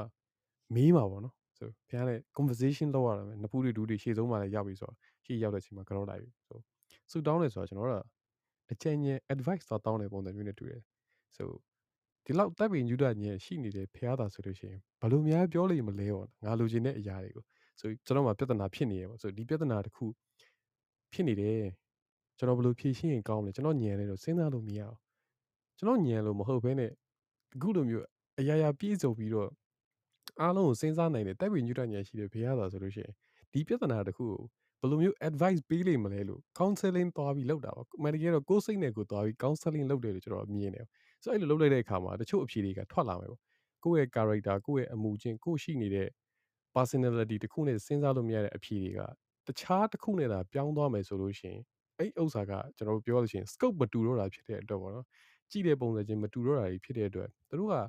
အဲ့ အဲ့ဘက်ကရှူတော့နဲ့ကြည့်မယ်ဆိုလို့ရှိရင်မမြင်တဲ့ရှူတော့တွေလည်းမြင်လာနိုင်တယ်လို့ကျွန်တော်ထင်တယ်ပေါ့လူတွေကအဲ့ဒါကိုဆူတောင်းတယ်ဆူတောင်းတယ်လို့ပြောကျွန်တော်ကတော့သွားပြီးတော့ counseling ယူရလို့ပဲယူဆတယ်ပေါ့ဒါကြောင့်မလို့ချို့ဆိုအာဖះသွားပြီးထိုင်နေလိုက်လို့ရှိရင်ဖြီတွေရလာတယ်လို့ဘာလို့ဖြစ်တယ်ဆိုတာဆိုအဲ့အဲ့လိုမျိုးတွေပေါ့နော်ဒါပေမဲ့လူတွေကအဲ့အဲ့ essence ကိုပျောက်သွားပြီးတော့လိုချင်တာတွေပဲစွတ်ပြီးခုနကတောင်းတယ်ပေါ့ဆိုပန်းရတော့ဝယ်လာတာ300ဘူးလိုချင်တော့300 3000ပေါ့ဆိုမတရားကြီးတွေသွားပြီးတော့အဲ့ဆိုအဲ့အလေးထားသတင်းကြိုကြော်ရတီလည်းပါလာတယ် ဆိုဝယ်သွားတဲ့ချင်းတော့2000ကျတယ်ဆိုလို့ရှိရင်မဘိုးပြန်ပေးတယ်1000ဆိုအဖေကအရင်တော့မကြည့်သေးဘူးအမေအရင်တော့မကြည့်သေးဘူးထပ်ပေးဦးလို့ပါတော့တောင်းနေဆိုရတယ်အဲ့အဲ့ဒါလေးတွေကနေစလာတာပေါ့နော်ဆိုပြောရင်တော့ဝစ်လေတာလားမသိပါဘူးအဲ့လူကြီးတွေလည်းအရန်တောင်းခဲ့လို့နေမှာသူတို့ပြန်တောင်းမယ်လို့ပြန်ပေါ်လာတဲ့အချိန်ပေါ့ဘလို့ခံစားရလဲသိအောင်လို့သူတို့လည်းဝစ်လေခိုင်းလိုက်တာလို့ထင်တယ်နော်ရာဟိုဟိုကိုကိုလာပြပြောတာခုနကလို့ပေါ့ဟိုအဲ့ဒါကိုကျွန်တော်သဘောကျတယ်နောက်တစ်ခုက ကျွန်တော်အနေနဲ့ဆိုလို့ရှိရင်နောက်ဆုံးမရမနေရအတင်းတောင်းတယ်ဆိုရင်တော့မှဒီရှိသမျှလူတွေအကုန်လုံးအကုန်လုံးအဆင်ပြေပါညာအဲ့လိုမျိုးဖြစ်နေပါစေဆိုပြီးတော့ကျွန်တော်အမြဲတမ်းဆူတောင်းတယ်ကျွန်တော်ဆူတောင်းတဲ့ပုံရှိအဲ့အဲ့လိုမျိုးလေးပဲတောင်းဘာလို့ဆိုတော့အကုန်လုံးအဆင်ပြေနေကိုလည်းကိုယ့်အကိုကိုလည်းအဆင်ပြေလာလာလိမ့်မယ်ဘာလို့ဆိုတော့အကုန်လုံးအဆင်မပြေအမှကုန်လာလုံးအကိုဆင်လည်းပြေလိုက်လို့လို့တော့ခါရမရဘူးထင်တယ်ကိုနာအကုန်လုံးအဆင်ပြေတယ်ဆိုလို့ရှိရင် baby လူသက်သမားတို့ဗန်ဖောက်ချင်တဲ့ကောင်တို့ဆိုဟစ်တလာလိုမျိုးတုံးအောင်လို့အကုန်တက်ချင်တဲ့ကောင်တို့အဆင်ပြေတယ်လို့ပဲဖြစ်မလဲ right yeah ဒီ ဟိုပါပေါ့တတ်နိုင်သလောက်ဟိုဒီသူတို့ရဲ့ဒုက္ခတွေဒေါမနတာတွေဘာစိတ်တွေအဲ့လိုမျိုးတွေတိုင်းတာတစ်ခုဒီငြိမ်းချမ်းပါစေပေါ့ဒီလိုမျိုးဟာမျိုးပေါ့နော်အဲ့လိုမျိုးပေါ့အဲ့လိုမျိုးအနေနဲ့ပဲပြောပြခဲ့တယ်ပေါ့လောက်ခဲ့တဲ့ကုသိုလ်ကြောင့်ပေါ့နော်နောက်ဆုံးပြောရဆိုတော့ဒါပေမဲ့တုံတန်ဝါဖြစ်တော့ကိုလာပြည့်လို့ဒီလိုမျိုးပဲကျွန်တော်ပဲကျွန်တော်လည်းလုပ်လို့ရှိတယ် counseling သဘောအနေနဲ့အဲတရားတရားတစ်ခုနဲ့အလူတန်းလုပ်လိုက်တယ်ပြီးတော့အဲ့မှာပဲอืมဒီလိုမျိုးလေးတော့ဖြစ်ချင်တယ်ဒီလိုမျိုးလေးတော့လုပ်ချင်တယ်ဘယ်လိုလုပ်လို့ရမလဲဒီလိုမျိုးအနေနဲ့သွားတာလောက်ပဲရှိတယ် အဲရပါစေပေါ့အိမ်ကြီးရပါစေတိုက်ကြီးရပါစေကားကြီးရပါစေဆိုပြီးတော့ကျွန်တော်အနေနဲ့တိတ်ပြီးတော့မပြောပြဘူးဘာလို့ဆိုတော့အဲ့ဒါကျွန်တော်10တန်းနှုန်းတွေကကျွန်တော်ပါလာတာပေါ့နော်ဘာလို့ဆိုတော့ကိုလှုပ်ကိုကြိုးကြိုးစားစားလှုပ်တဲ့အရာတစ်ခုကိုအကူညီပေးလိုက်လို့တခြားအကူညီပေးလိုက်လို့ရတယ်ဆိုရှင်ကိစ္စမရှိဘူးကူညီရလို့ကျေးဇူးတင်ဒါပေမဲ့အဲ့ဒါကြီးအဲ့ဒီတစ်ခု credit အဲ့ဒါကြီးကို credit ကြီးပေးလိုက်ရတဲ့ဥစ္စာကိုဘာမှလည်းမလုပ်ဘဲနဲ့ဘာမှလည်းမကူဘဲနဲ့ပေါ့နော်ဟို credit ပေးလိုက်ရတဲ့ဥစ္စာမျိုးမပေးချင်ဘူးပေါ့နော်ဥပမာဆိုတော့ဗျာကျွန်တော်ငယ်ငယ်တော့ကျွန်တော်10တန်းဖြေတော့ဆိုကျွန်တော်အဲအင်ကနေပြီးတော့လုတ်ပေးတယ်အဲတကယ်ကိုနတ်ဖျောင်းနိုင်လားရွှေဖျောင်းနိုင်လားမသိဘူးလုံးဝ share တနေ့ကိုတစ်တိုင်းဘယ်နေရာမှာဘလို့တော့ဘာညာဟိုလိုမျိုးဖြစ်လိမ့်မယ်ဆိုတော့အဲ့တော့ကျွန်တော်ဒီလောက်စားတွေကြက်ထားပြီးတော့စားတွေလည်းတေချာလောက်ထားတနေ့လုံးလုံးဟိုမှာမှာတခါတည်းခေါင်းဖော်နာမစော့နာလောက်ရတယ်အဲ့လိုမျိုးလုတ်ပြီးတော့ နောက်ဆုံးဆောင်းပွဲဖြေကန်ဒီလိုမှဒီဖြောင်းနိုင်၄၅ချောင်းလောက်ကလာပြီး credit ယူနေမှာကျွန်တော်တိတ်ပြီးတော့မလိုလားဘူးပေါ့နော်မကြိုက်အဲ့လိုမျိုးတွေရှိတယ်ပေါ့ဆိုတော့တခါလေကြားလို့ရှိရင်ကိုလာပြပြောလို့ပဲ counseling တော့လုပ်ပြီးတော့ okay ငါဒီလောလောဆယ်တော့အခက်တွေ့နေပြီပေါ့နော်ဘယ်လိုမျိုးလေးဖြေရှင်းရင်ရတယ်လဲဒီညံရှိတဲ့လူဒီလိုမျိုးခုနကကိုလာပြပြောတာအဲ့လိုမျိုးပဲပုံစံပဲဒါအကယ်၍အကယ်မြတ်စွာဘုရားတက်ရှိတက်ရှိထင်ရှားမရှိတော့အကယ်အခုတက်ရှိထင်ရှားရှိနေတဲ့ဒီ net တွေကသာကြားခဲ့မယ်ဆိုလို့ရှရင် ဘယ်လို့ကူညီပေးသလိုရတယ်လဲဘယ်လို့နီးလိုက်တဲ့အတွေးခေါ်တွေငါရှိမှာပေါ်လာနိုင်မလဲဘယ်လိုမျိုးစဉ်းစားပြီးတော့ငါဖြေရှင်းရင်ရမလဲဆိုတဲ့အခြေအနေထိပဲလာပြီးတော့ဝုန်းဆိုပြီးတော့ကိုရှက်အခက်ခဲကြီးသွားဆက်ဟဲ့ဆိုပြီးနောက်တနေရာလွှတ်ပစ်ပေးလိုက်တဲ့ဥစ္စာမျိုးမဖြစ်ချင်ဘူးပေါ့နော်အဲ့လိုမျိုးလုပ်မယ်ဆိုရင်တော့မှကျွန်တော်အနေနဲ့လက်မခံဘာလို့ဆိုတော့ဒီဟာကိုကိုကိုယ်တိုင်ဖြေရှင်းလို့ရမယ်ဆိုရှင်းလိုက်မယ်ပေါ့နော်ဘယ်သူမှလည်းတိတ်ပြီး credit သွားပြီးမပေးချင်ဘူးဆိုတော့အခြေအနေမျိုးတော့ရှိတာပေါ့နော်ဆိုတော့ဒါကတော့ကျွန်တော်ရဲ့ဘူးကလတ်အတွေ့ခေါ်ပါအဲ့ တော့ကွန်မန့်လေးဆက်ဖြည့်လိုက်ပါအောင်ကိုလာဖြည့်ညဘက်ခွေးတွေတရေတွေတွေ့လို့လားအကုသိုလ်များနေဘုရားမှာသွားထိုင်ရမယ် yeah ကျွန်တော်ခုနပြောသလိုပဲအေးတဲ့နေရာသွားထိုင်လို့ရှိရင်တော့အေးတဲ့တက်လီရတယ်ညဘက်ခွေးတွေဥရင်တရေတွေ့လို့လားဆိုတော့ဆိုခွေးတွေဥတဲ့အကြောင်းရင်းကလည်းအများကြီးရှိတယ်ပေါ့သူတို့ကလာရဲဆွဲအားကြောင့်အာဖြစ်တဲ့အချိန်မှာလည်းသူတို့ဥတာတွေရှိတယ် maybe ဘိုက်စာတို့လည်းဖြစ်နေတယ်ပြီးတော့သူတို့ဥတာကလည်းကူးဆက်တယ်ပေါ့နော်တခြားဟိုးအဝေးကြီးမှာဥနေတဲ့အတန်တခုကြားလို့ရှိရင်သူတို့ကသူတို့ချင်းချင်း message ပေးတဲ့ပုံစံမျိုးနဲ့လည်းတွားတယ် so 101ငယ်ငယ်တုန်းကကာကြည့်ဦးမယ်ဆိုလို့ရှိရင်ခွေးတွေကတကောင်နဲ့တကောင်ဥပြီးတော့သူတို့ message ပေးကြတာမျိုးရှိတယ်ပေါ့နော်ဆိုအဲ့ဒါကြောင့်လည်းနေပါလိမ့်မယ်ညပိုင်းဒီမှာကြောင်ကိုခွေးပုတ်လို့ခေါ်ရတယ်လို့ကြောင်လို့ပြောလိုက်ရင်တခိုးလာတတ်တယ်လို့အဲ့လိုမျိုးတွေကြားဘူးတယ်ဆိုအဲ့ဒါကတော့ပေါင်ထဲမှာထည့်တယ်ငါတက်ပြား story နဲ့သွားရောနေမှထင်တယ်ဆိုอืมတောင်လားလို့မေးလိုက်လို့ရှိရင်တော့ကြောင်ဟဲ့ဆိုပြောပြီးပေါင်ပုတ်ပြီးသွားပြောလို့တာရှိရင်ညာရရပြီးရင်ခိုးခံရတယ်နိ ညာအဲ့အဲ့ story ပေါ်မှာအဲ့ဒါအဲ့ game လား game တောင်ရှိသေးရဲ့မလားကျွန်တော်ငယ်ငယ်တော့ဆော့တယ် game yeah i think is there's a game right yeah there's a game there yeah အဲ့ငါတပြ game တင်တယ်အဲ့တော့ story ဒီဒီဒါတော့ဒါဒီဒီတချို့ကဒါဆိုကျွန်တော်မှတ်တာမှတ်မိတော့အခုသူပြောတော့မှပေါ်ပေါ်လာတာဟိုတော်တော်များများ ရှိရဒါတော့ကျွန်တော်တို့နိုင်ငံတစ်ခုပဲရှိတယ်နော်တခြားတစ်ကမ္ဘာလုံးကခုနအဲ့လို mix ဖြစ်နေတဲ့အယူအဆပေါင်းများစွာတော်တော်များများရှိတယ်ဒီ topic ပြောရဲဆိုတော့မှကျွန်တော်တော်တော်များဖတ်ကြည့်လိုက်တဲ့အခါမှာဟိုအယူအဆလွဲမှားနေတဲ့အရာမျိုးတွေမြင်အမှားမှားနေရတယ်ကျွန်တော်တို့မှမမဟုတ်ဘူးဗျတော်တော်များအကုန်လုံးမှာရှိနေတာဆိုတော့အဲ့တော့တူတူပဲပေါ့နော်တူတူပဲဆိုတာတော့ဒါကတော့ဟိုမြင်တဲ့အမြင်ပေါ့အမြင်နဲ့မြင်ရခုနပြောလို့ ဒီမြန်မာကျွန်တော်တို့နိုင်ငံတစ်ခုလေကွက်ကွက်ပြီးတော့ဟိုဟာဖြစ်နေရတော့မဟုတ်ပါဘူးတကဘာလုံးမှာလည်းဒီလိုဟာမျိုးဒီလိုအမြင် superstitious ဖြစ်တဲ့ဥစ္စာတွေဒီ touch food တို့ဘာလို့လောက်တာဆိုလို့ရှိရင်တခြားနိုင်ငံတို့ဘာတော့ပိုးတော်မှစိုးစီရဒီလေရင်မမတက်ခင်လေရင်ပုတ်တာတော့ပေါ့ဆိုတော့လောက်ကြတာပဲသူတို့တွေအဲ့လိုမျိုးဟာမျိုးရှိတာပဲ hachu ဆို bless you လို့ပြောတာ yeah exactly right တောနက်ထဲရောက်ရင်နာမည်မခေါ်ဘူးဆိုတော့အယူချအဲ့ဒါဟိုဟာလေတန်ပချုပ်ကောင်ရှိတဲ့ဥစ္စာပေါ်မူတည်တာသူတို့ကအတန်ကိုလိုက်တူတာပါဒါကဟိုလိုမျိုးကြီးမဟုတ်ပါဘူး နောက်တစ်ခုကဟိုကျွန်တော်အနေနဲ့နာမည်မခေါ်ဘူးဆိုတော့အခုအေးခုနအဲ့အဲ့အဲ့အဲ့ဘာလဲအတန်ကို तू ကလိုက်တူနိုင်တယ်ဟုတ်တယ်မလားတန်ပချုပ်ကောင်အဲ့တော့လိုက်တူနိုင် तू သာကြားခဲ့ဆိုလို့ရှိရင်ဟိုကခေါ်နိုနိုဒီကခေါ်နိုနိုဖြစ်မှာဆိုတာပေါ့နော်ဒီလိုနောက်တစ်ခုကကျတော့အန်ရီဖြစ်နိုင်တာပေါ့ကိုအဲ့နာမည်နဲ့လုံနိုင်တာဒါမျိုးပါပဲတခြားတော့တိတ်ပြီးတော့မရှိပါဘူးကျွန်တော်အနေနဲ့ဖတ်ကြည့်တော့ကတော့အဲ့နဲ့ပတ်သက်။ညာခီးသွားရင် ကိုရောက်မသွားဘူးကြောက်ခဲတစ်လုံးယူသွားရတယ်။မောင်ကြောက်ခဲလေးခေါ်သွားတယ်လို့ပါမောင်ကြောက်ကဲမောင်ကြောက်ကဲဥစ္စာလည်းဟုတ်တယ်တော်တော်တော်တော်ခစ်စားခဲ့တဲ့အတိုင်းအတာတစ်ခုတည်းရှိတယ်ကျွန်တော်တင်ပြောရရင်အခုချိန်ထိတော့တော်တော်များအဲ့လိုမျိုး။ဟွန်းဟွန်းရှိနေကြအောင်ထင်တယ်နော် right ။ညာခီးသွားလို့ရှိရင်အဲ့လိုမျိုးကတော့ယူသွားကြတယ်။ဆိုကျွန်တော်တို့ခီးသွားတော့လေအဲ့လိုမျိုးယူသွားတဲ့အခောက်တွေရှိတယ်။ကွက်တီဖြစ်နေလို့ပေါ့နော်။တခါလေအတွက်မားပြီးတော့ရှေ့ရောက်ပဲရှိတယ်။မောင်ကြောက်ခဲကိုခေါ်သွားလို့ကားမောက်တဲ့အတွဲတွေရှိတယ်နော်။ ဆိုတော့ဒါဘာဝါလို့ရှေ့ရောက်တဲ့ကိုရောက်ရှိနေပြီဆိုပြီးတော့ကြောက်ခဲကခေါ်သွားလိုက်အဲ့တော့ဘာကိုရောက်ပြီးသွားလို့ပြဿနာတက်တဲ့လူတွေလည်းရှိတယ်။ဆိုဒီတချို့ဟာတွေကတော့အာကျွန်တော်တို့ဟိုဓာတ်သဘောရပါတော့။သူတို့ကျန်းနေထဲမှာရှိတဲ့ဟာကြီးကဒီလိုမျိုးရွေ့ရှားသွားလာနေတဲ့အရာက9ကနန်းဖြစ်တယ်ဆိုလို့ရှိရင်အရင် perfect ဖြစ်နေ9ကနန်းအကြီးဆုံးပဲပေါ့နော်9ဖြစ်နေလို့ရှိရင်အရင် perfect ဖြစ်နေတယ်သူတို့လှုပ်เสียကရွေ့ရှားသွားလာတာဆိုလို့ရှိရင်ဒီ cycle ဖြစ်နေတဲ့အရာတွေကနေလွတ်သွားဖို့ပဲရှိတော့တယ်ဆက်ပြီးနေနေကြအကြောင်းမရှိတော့ဘူး ဆိုအဲ့တော့ထွက်သွားစရာလည်းတလိုက်ပဲရှိတယ်လူဆိုတေမှပဲဒီခန္ဓာကိုယ် body တွေကနေထွက်သွားလို့ရမှာမဟုတ်လို့ရှိရင်ထွက်လို့မရဘူးဒါကြောင့်မလို့အဲ့လိုထွက်သွားမှာဆိုလို့အာမလုပ်ပါနဲ့လို့ပါလို့ပြောကြတာမျိုးတွေပေါ့နော်ဒါတွေကအာယုံလို့လည်းရတယ်လို့မယုံလို့လည်းကျွန်တော်ခုနပြောသလိုဘယ် lens နဲ့ကြည့်မလဲအဲ့လိုမှမဟုတ်ဘဲနဲ့သူចောင်းကားတွေမှာကဲဆက်ဆချင်းစီးချင်းမှာတော့အယောက်20တက်သွားတယ်လူလိုက်ပို့ရင်ပို့ရင်ပို့ရင်လည်း9ယောက်ဖြစ်သွားလို့ရှိရင်ကျွန်တော်ကြောက်ခဲသလုံးတင်ရမှာလားဆိုအဲ့အဲ့လိုတွေကအစားမေးခွန်းရှိလာဘလူတွေနေ့တိုင်းလှုပ်လဲပေါ့နော် ဆိုတော့ဒါတွေကအစပြောစရာအများကြီးရှိပါတယ်ဆိုပြောမယ်ဆိုလို့ရှိရင်တော့ကျွန်တော်တို့တစ်ထောက်တညပုံပြင်တာဖြစ်သွားမယ်တင်တယ် maybe ကျွန်တော်တို့ဂျင်းတူတာကိုပတ်တူးခီးစဉ်သွားလိုက်ရင်ကောင်းမယ်တင်တယ်ကျွန်တော်တို့ဒီနေ့လောက်လာတဲ့အခန်းလေးကလည်းအခုဆိုတနာရီနဲ့48မိနစ်ဆိုတော့နှစ်နာရီနီးပါးတောင်ရှိနေပါပြီအိမ်မြောင်တွေစုပ်ထိုးလို့ရှိရင် net တီလာလာလာဆိုအိမ်မြောင်တွေကလည်းအာ scientifically မှာတော့မိတ်လိုက်ခြင်းတဲ့အတွက်တရားနဲ့တရားနဲ့ခေါ်ရလို့ပြောတယ်ပေါ့။ Yeah. Yeah. ဒါပေမဲ့ but it's not very proven ပါ။ Mhm. อืม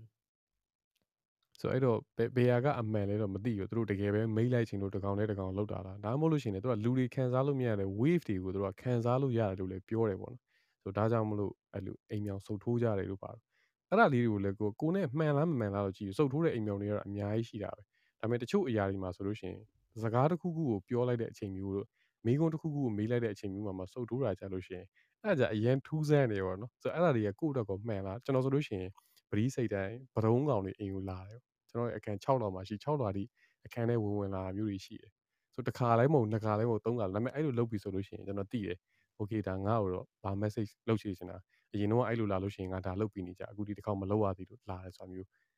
ကိုယ့်ကို notes မှတ်ထားလို့ရတယ်ပေါ့ကိုနဲ့မှန်နေဆိုတဲ့ signal ပဲကိုယူပေါ့ဆိုခွေးဥတိုင်းမကောင်းတာဖြစ်နေဆိုလို့ရှိရင်ခွေးတွေညာတိုင်းဥနေမှာပဲတနေရာမို့တနေရာမှာဥနေကြရပဲဆိုတော့ဒါတွေမကောင်းဘူးတော့ပြောလို့မရပါဘူးဆိုတော့အဲ့တော့ ကိုတော့ဆိုပတ်တူးသွားခြင်းသေးလားပတ်တူး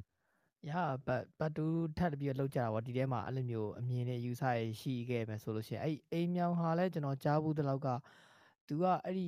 ဘာသာတစ်ခုပဲ तू ကပကံပါပကံပန်ပန်ကန်တာအဲ့လိုဟာမျိုးပေါ့နော်သူတို့အဲ့ဒီဖုန်းကြီးကြောင့် तू ကအစားအသောက်ရှိပြီဆိုလို့ရှိရင် तू ကစုပ်ထိုးတာစုပ်ထိုးတာဆိုတော့ဒီလက်ကောင်းတာပေါ့အစားအသောက်ဆိုအရင်တော့ကအစားအသောက်ပြည့်ပြီဆိုလို့ရှိရင်ဒါကစီးစိမ်ပဲလေသဘောကတော့ အခုခေတ်နဲ့တော့မတူဘူးပေါ့နော်အဲ့တော့အဲ့တော့အစားအသောက်ရှိပြီဆိုလို့ရှိရင်ဒီလိုအတန်ထွက်တယ်ဆိုတော့အစားအသောက်ရှိတဲ့အိမ်ကစီးစိမ်ကောင်းတယ်ပေါ့အစားအသောက်ပြည့်စုံတယ်ပေါ့ဆိုတော့ဒီလိုဟာမျိုးလဲပြောကြတယ်ပေါ့နော်ဆိုတော့အဲခုနကလည်းပြောလို့ကိုကိုရဲ့ကိုယ့်ရဲ့ဥစ္စာကကိုယ့်ရဲ့ဟိုဘယ်လိုခေါ်မလဲကိုနဲ့ပြန်ကြိုက်နေမယ်နေဟာတဲ့အရာမျိုးရှိပါတယ်ထူးထူးဆန်းဆန်းဖြစ်တဲ့ခုနဟိုကိုကိုကျော် ကိုကျော်စီကလည်းပြောသလိုမျိုးပေါ့အနက်ဝမ်းဆက်ဖို့လို့ရှိရင်မဟုတ်တာတွေပဲမကောင်းတာတွေပဲကြုံနေရဆိုတော့အဲ့တော့တချို့အရာတွေမှာခုနကိုလာပြေပြောလို့ပေါ့နော်ကျွန်တော်တို့နားမလည်နိုင်တဲ့အရာဒါတွေကတော့ပတ်တူးအနေနဲ့ပြောမှတော့ရမယ်ကိုလာပြေမှန်တယ်အဲ့တော့ကိုကိုစီကထွက်တဲ့ vibration energy frequency တစ်မျိုးပေါ့နော်အဲ့ဒီဟာတွေ ਨੇ ပြန်ပြီးတော့အစင်မပြေတဲ့ frequency တွေဖြစ်နိုင်တယ် vibration အစင်မပြေတဲ့ vibration ပြန်လာတာမျိုးတွေရှိနိုင်တယ်ဖြစ်နိုင်တယ်ဒါတွေကိုမြင်နိုင်ဖို့သိနိုင်ဖို့တတ်နိုင်ဖို့အတွက်ကျွန်တော်တို့မှာအဲ့လောက်ထိထိ ဉာဏ်ကရှိလဲရှိမနေဘူးခုနပြောသလိုအဲ့လောက်ထိလဲ advance ဖြစ်နေတဲ့အရာတွေမဟုတ်သေးဘူးကျွန်တော်ဟိုတနေ့မှဖတ်လိုက်ရတာကျွန်တော်တို့မျက်လုံးကဒါဒီမြင်ရတဲ့အလင်းရောင်ရဲ့ density ဟိုဟိုဒီ light intensity ရဲ့ level ကိုဘယ်နှဆလောက်ထိလဲမသိဘူးမြင်နိုင်တယ်ဆိုလို့ရှိရင်ကျွန်တော်တို့ခန္ဓာကိုယ်က luminescence နော်လုံးဝအဲ့လိုမျိုးလင်းတောက်နေတာလူတွေရဲ့ခန္ဓာကိုယ်က like ဒါပေမဲ့ကျွန်တော်တို့မျက်လုံးကအဲ့ဒါကိုမဖမ်းနိုင်မဖမ်းနိုင်တဲ့အတွက်ကြောင့်ဒါကိုမမြင်ရအောင် ကဲစဉ်းစားကြည့်နော်အဲ့အဲ့အချက်ကိုကျွန်တော်သိတာမကြသေးဘူး like I I was like this year this years old when I found out about that ပေါ့နော်ဆိုတော့ human body က luminescence ဖြစ်တယ်ဒါပေမဲ့ကျွန်တော်တို့ရဲ့မျက်လုံးကမမြင်ရတဲ့အတွက်ကြောင့်ဒီဒီ frequency light light ဟိုမဖမ်းနိုင်တဲ့အတွက်ကြောင့်အဲ့လိုမျိုးမသိတာအဲ့တော့ဒါကိုဖမ်းနိုင်တဲ့လူတွေဆိုကျွန်တော်တို့အဲ့လိုမျိုးမြင်တယ်ဟိုလင်းတို့တို့ဘာလို့ဆိုကျွန်တော်တို့အဲ့လိုမျိုးအလင်းနေနဲ့မြင်တယ် see so တချို့အရာတွေကကျွန်တော်တို့အနေနဲ့စမ်းသပ်လောက်မှ scientifically ပဲဖြစ်ဖြစ်ဒီလိုမျိုးဟာမျိုးမြင်နိုင်တဲ့အရာဖြစ်ဖြစ်ဖြစ်လိုက်တော့မှကျွန်တော်တို့ဒါကိုသိလိုက်ရတယ်မဟုတ်ဘဲနဲ့သိစရာအကြောင်းရှိ ਉਹ ရှိမနေပြီးတော့ကျွန်တော်ဒီကြားမှာထပ်တည်ရဆိုရရှိရကျွန်တော်တို့ကထားပါတော့ဟိုခုန god ကဖန်ဆင်းတာပဲဖြစ်ဘယ်လိုလဲအဲ့ဒါခဏထားတာနော်ဆယ် scientifically ရလူတွေကမြောက်ကဆင်းသက်လာတယ်ဆိုပြီးတော့ basically ပြောကြမြောက်ကဆင်းသက်လာတာမဟုတ်ဘူးမြောက်နဲ့ဆင်းသက်လာတဲ့ကျွန်တော်တို့ရဲ့ဒီအရှိရ Asian ဟာချင်းတူတာ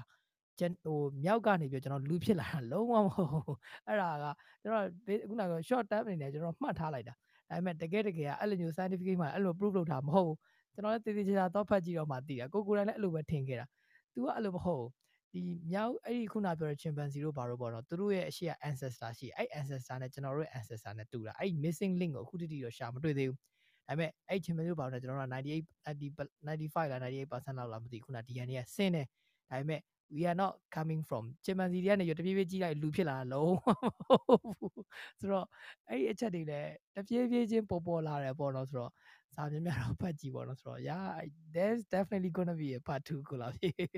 อือหือဆိုမပွင့်ရမိတာဆွဲတော်လေးစုကိုနေတော့တယ်နဲ့ပြအောင်ဖူးပြီးတော့ဆူတောင်းရင်ပြည့်တယ်ဆိုတော့တကယ်ဖြစ်နိုင်လားอืมအရင်တော့ကတော့အဲ့ဒါတွေကခက်ခဲတယ်ပေါ့နော်ဟိုရင်တော့လမ်းမဆက်တွေခက်ခဲတယ်ဆိုတော့အဲ့လိုမျိုးဖူးနိုင်မှုဆိုတာတော်တော်ကိုမလွယ်ဘူးပေါ့ အဲ့လိုဖူးနိုင်တယ်ဆိုလို့ရှိရင်ပြည့်တယ်လို့ပြောလူတိုင်းမလုံနိုင်လို့ပေါ့နော်ဒီဒီခက်ကတော့လုံနိုင်တဲ့လူကလွယ်သွားပြီဆိုတော့သွားလို့ရသွားတာပေါ့ဆိုအဲ့တုန်းကတောင်းခဲ့ဘူးတဲ့စုကမပြည့်ရတော့ဘူးတဲ့ပြည့်နေပါဆိုလို့ဆိုတော့ yeah လူတိုင်းမှာအဲ့လူမျိုးအခိုက်အတန့်တွေရှိမှထင်တယ် maybe ace တွေတဲ့တွဲတွေတော့အရန်ချစ်ပြီးတော့သိတယ်မလားဘဝဆက်တိုင်းပေါင်းရပါစေဘယ်ဘဝမဆိုပြန်တွေ့ရပါစေလို့ဆုတောင်းတာတိတ်မကြောက်ပြတ်သွားပြီနောက်တစ်ယောက်နဲ့ထပ်တယ်နောက်တစ်ယောက်နဲ့လည်းအဲ့လိုပဲဆုတောင်းတာ6ယောက်လောက်ဖြစ်လာပြီဆိုလို့ရှိရင်တော့ ဘဝဆက်တိုင်းဆက်တိုင်း6ယောက်9ယောက်နဲ့တွဲနေရမှာတော့ so that can be avoid ပေါ့နော် so ဘယ်တက်တိုင်း play ပေါ့ so တောင်းပြီးသွားပြီဘွာဒိတ်လို့ရလားပြန်လာတော့ကျွန်တော်ကိုယ်တိုင်လည်းမသိသေးပါဘူးကျွန်တော် definitely gonna be part 2ပေါ့နော် so ဝင်ဆွေးနွေးခြင်းတဲ့လူဘူးကလေးလူတွေရရှိနေဆိုလို့ရှိရင်ကျွန်တော်သာလာကျွန်ခဲ့တော်ပါသာနှက်ဆိုလို့ရှိရင်ပြောပါတောင်းတော့တောင်းမျိုးဘွာဒေးလာလို့နဲ့ငါကတော့စုတွေဖြည့်ပေးလိုက်ရတာမင်းတို့ကတော့ဘွာဒေးရဲဆိုတော့ yeah so အဲ့တော့အာကျွန်တော်တို့ဒီ part 2လဲအစီအစဉ်လာပါဦးမယ် so တကယ်လို့များ Telegram channel Yes. မ join ရသေးလို့ရှိရင် join တာပါအဲ့မှာထပ်ပြီးတော့အခုဒီနေ့ပြောလိုက်တော့မှပြန်မှတ်မိသွားတယ်ပေါက်တဲ့ကေကတွေးကျင်တယ်သိကျင်တဲ့ဟာတွေရှိလို့ရှိရင်လဲဆိုအခုတော့မှအိမ်မြောင်နေစုပ်ထိုးနေကျွန်တော်ဆို so ရှိတယ်ဆိုလို့ရှိရင်လဲမိကုန်းတွေလာပြီးတော့ပို့ထားပြီးလို့ရပါတယ်ကျွန်တော်တို့ part 2ဆက်ပြီးတော့လာပါဦးမယ်ဆိုအစားဆုံးလာ join ပြီးတဲ့လူတွေရောပေါ့နော်နားထောင်ပြီးတဲ့လူတွေမိကုန်းမေးပြီးတဲ့လူဝင် contribute လုပ်ပြီးတဲ့မချောစုဝင်တော့ပါဆိုအများကြီးမှအများကြီးပို့တာကျေးဇူးအများကြီးအများကြီးအများကြီးအများကြီးကိုတင်တယ် ဆိုနာမည်တွေအကုန်လုံးတော့ဖတ်မပြတော့ဘူးပေါ့နော်ဆိုလာ join ပြီးတဲ့လူတွေအကုန်လုံးကျေးဇူးတင်နားထောင်ပြီးတဲ့လူတွေရောမေးပြီးတဲ့လူတွေရော so maybe နောက်ွယ်မှာဒီဘဲနှစ်ကောင်ငပေါ်တွေရှောက်ပြောနေလို့ပြောပြီးတဲ့လူတွေလည်းကျေးဇူးတင်တယ်။ဘာကြောင့်အချိန်တစ်ခုပြီးပြီးတော့လာနာထောင်ရလို့ပေါ့။ so ဘာပဲပြောပြောဒီထဲမှာလာရှိနေပြီးသားပါကျေးဇူးအများကြီးတင်ပါနောက်တစ်ပတ်နောက်တစ်ပတ်ဒီမှာလည်းကျွန်တော်တို့စိတ်ဝင်စားစရာ topic တွေ maybe ဒီလိုပေါက်ကြရည်လည်းဖြစ်ရဖြစ်မယ်ပေါ့နော်အဲ့ဒါကြီးနဲ့ပြန်လာခဲ့ပါဦးမယ်ဆိုကိုနာဆို anything you want to say ရခုနကကိုလာပြေရောကျွန်တော်ပြောလို့ပေါ့ အာဂျင်းဆိုတာသုံးတန်တော့လဲတိုင်းတာတစ်ခုဒီဆေးပါပဲဆိုတော့ဒါကကိုယ့်ကိုယ့်လက်ခုပ်တဲ့ရောက်တဲ့အရာတစ်ခုကိုယုံကြည်လို့ရတဲ့အရာတစ်ခုကိုလုပ်လို့ရတဲ့အရွယ်တစ်ခုရောက်နေပြီဆိုလို့ရှရင်ဒါအကုန်လုံးကိုယ့်ကို play လို့ရ zoom in zoom out လုပ်လို့ရတဲ့ကိုယ်မှာလုံလုံနိုင်တယ်လုပ်လို့ရတယ်ပေါင်ခတ်ချင်လည်းရတယ်ပေါင်ဖဲချင်လည်းရတယ်လုပ်လို့ရတဲ့ choice က like is up to you guys so whatever you decide then go go ahead and do it ပေါ့နော် so ဒါလေးပဲပြောချင်ပါတယ်ဟုတ်ကဲ့ပါကိုလာပြီ ဟုတ်ကဲ့ပါဆိုအဲ့ဒါဆိုကျေးဇူးအများကြီးတင်ပါတယ် ပြီးရင်တော့ဘွာတေး အား မ လုံး လုပ်ကြည့်ပေါ့နော်မပွင့် Yeah, ဘွာတေး ။ဘာတရားတော့ကျွန်တော်ကိုယ်လည်းမသိဘူးเนาะရလားပြရလားကျွန်တော်မသိပါဘူးဆိုတော့အဲ့တော့ good luck လို့ပဲကျွန်တော်ပြောချင်ပါတယ်ကျွန်တော်တို့နောက်နေ့နောက်ခန်းဒီမှာပြန်လည်ဆုံတွေ့ပါမယ်အားလုံးပဲ see you all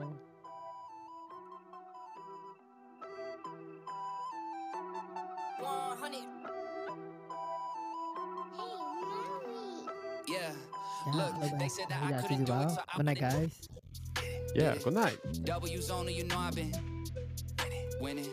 Top of the world, the globe is spinning, spinning. If you know, you know I've been on a what mission? Mission. Go. Okay, let's get it. Got a little time on my hands like a wristwatch.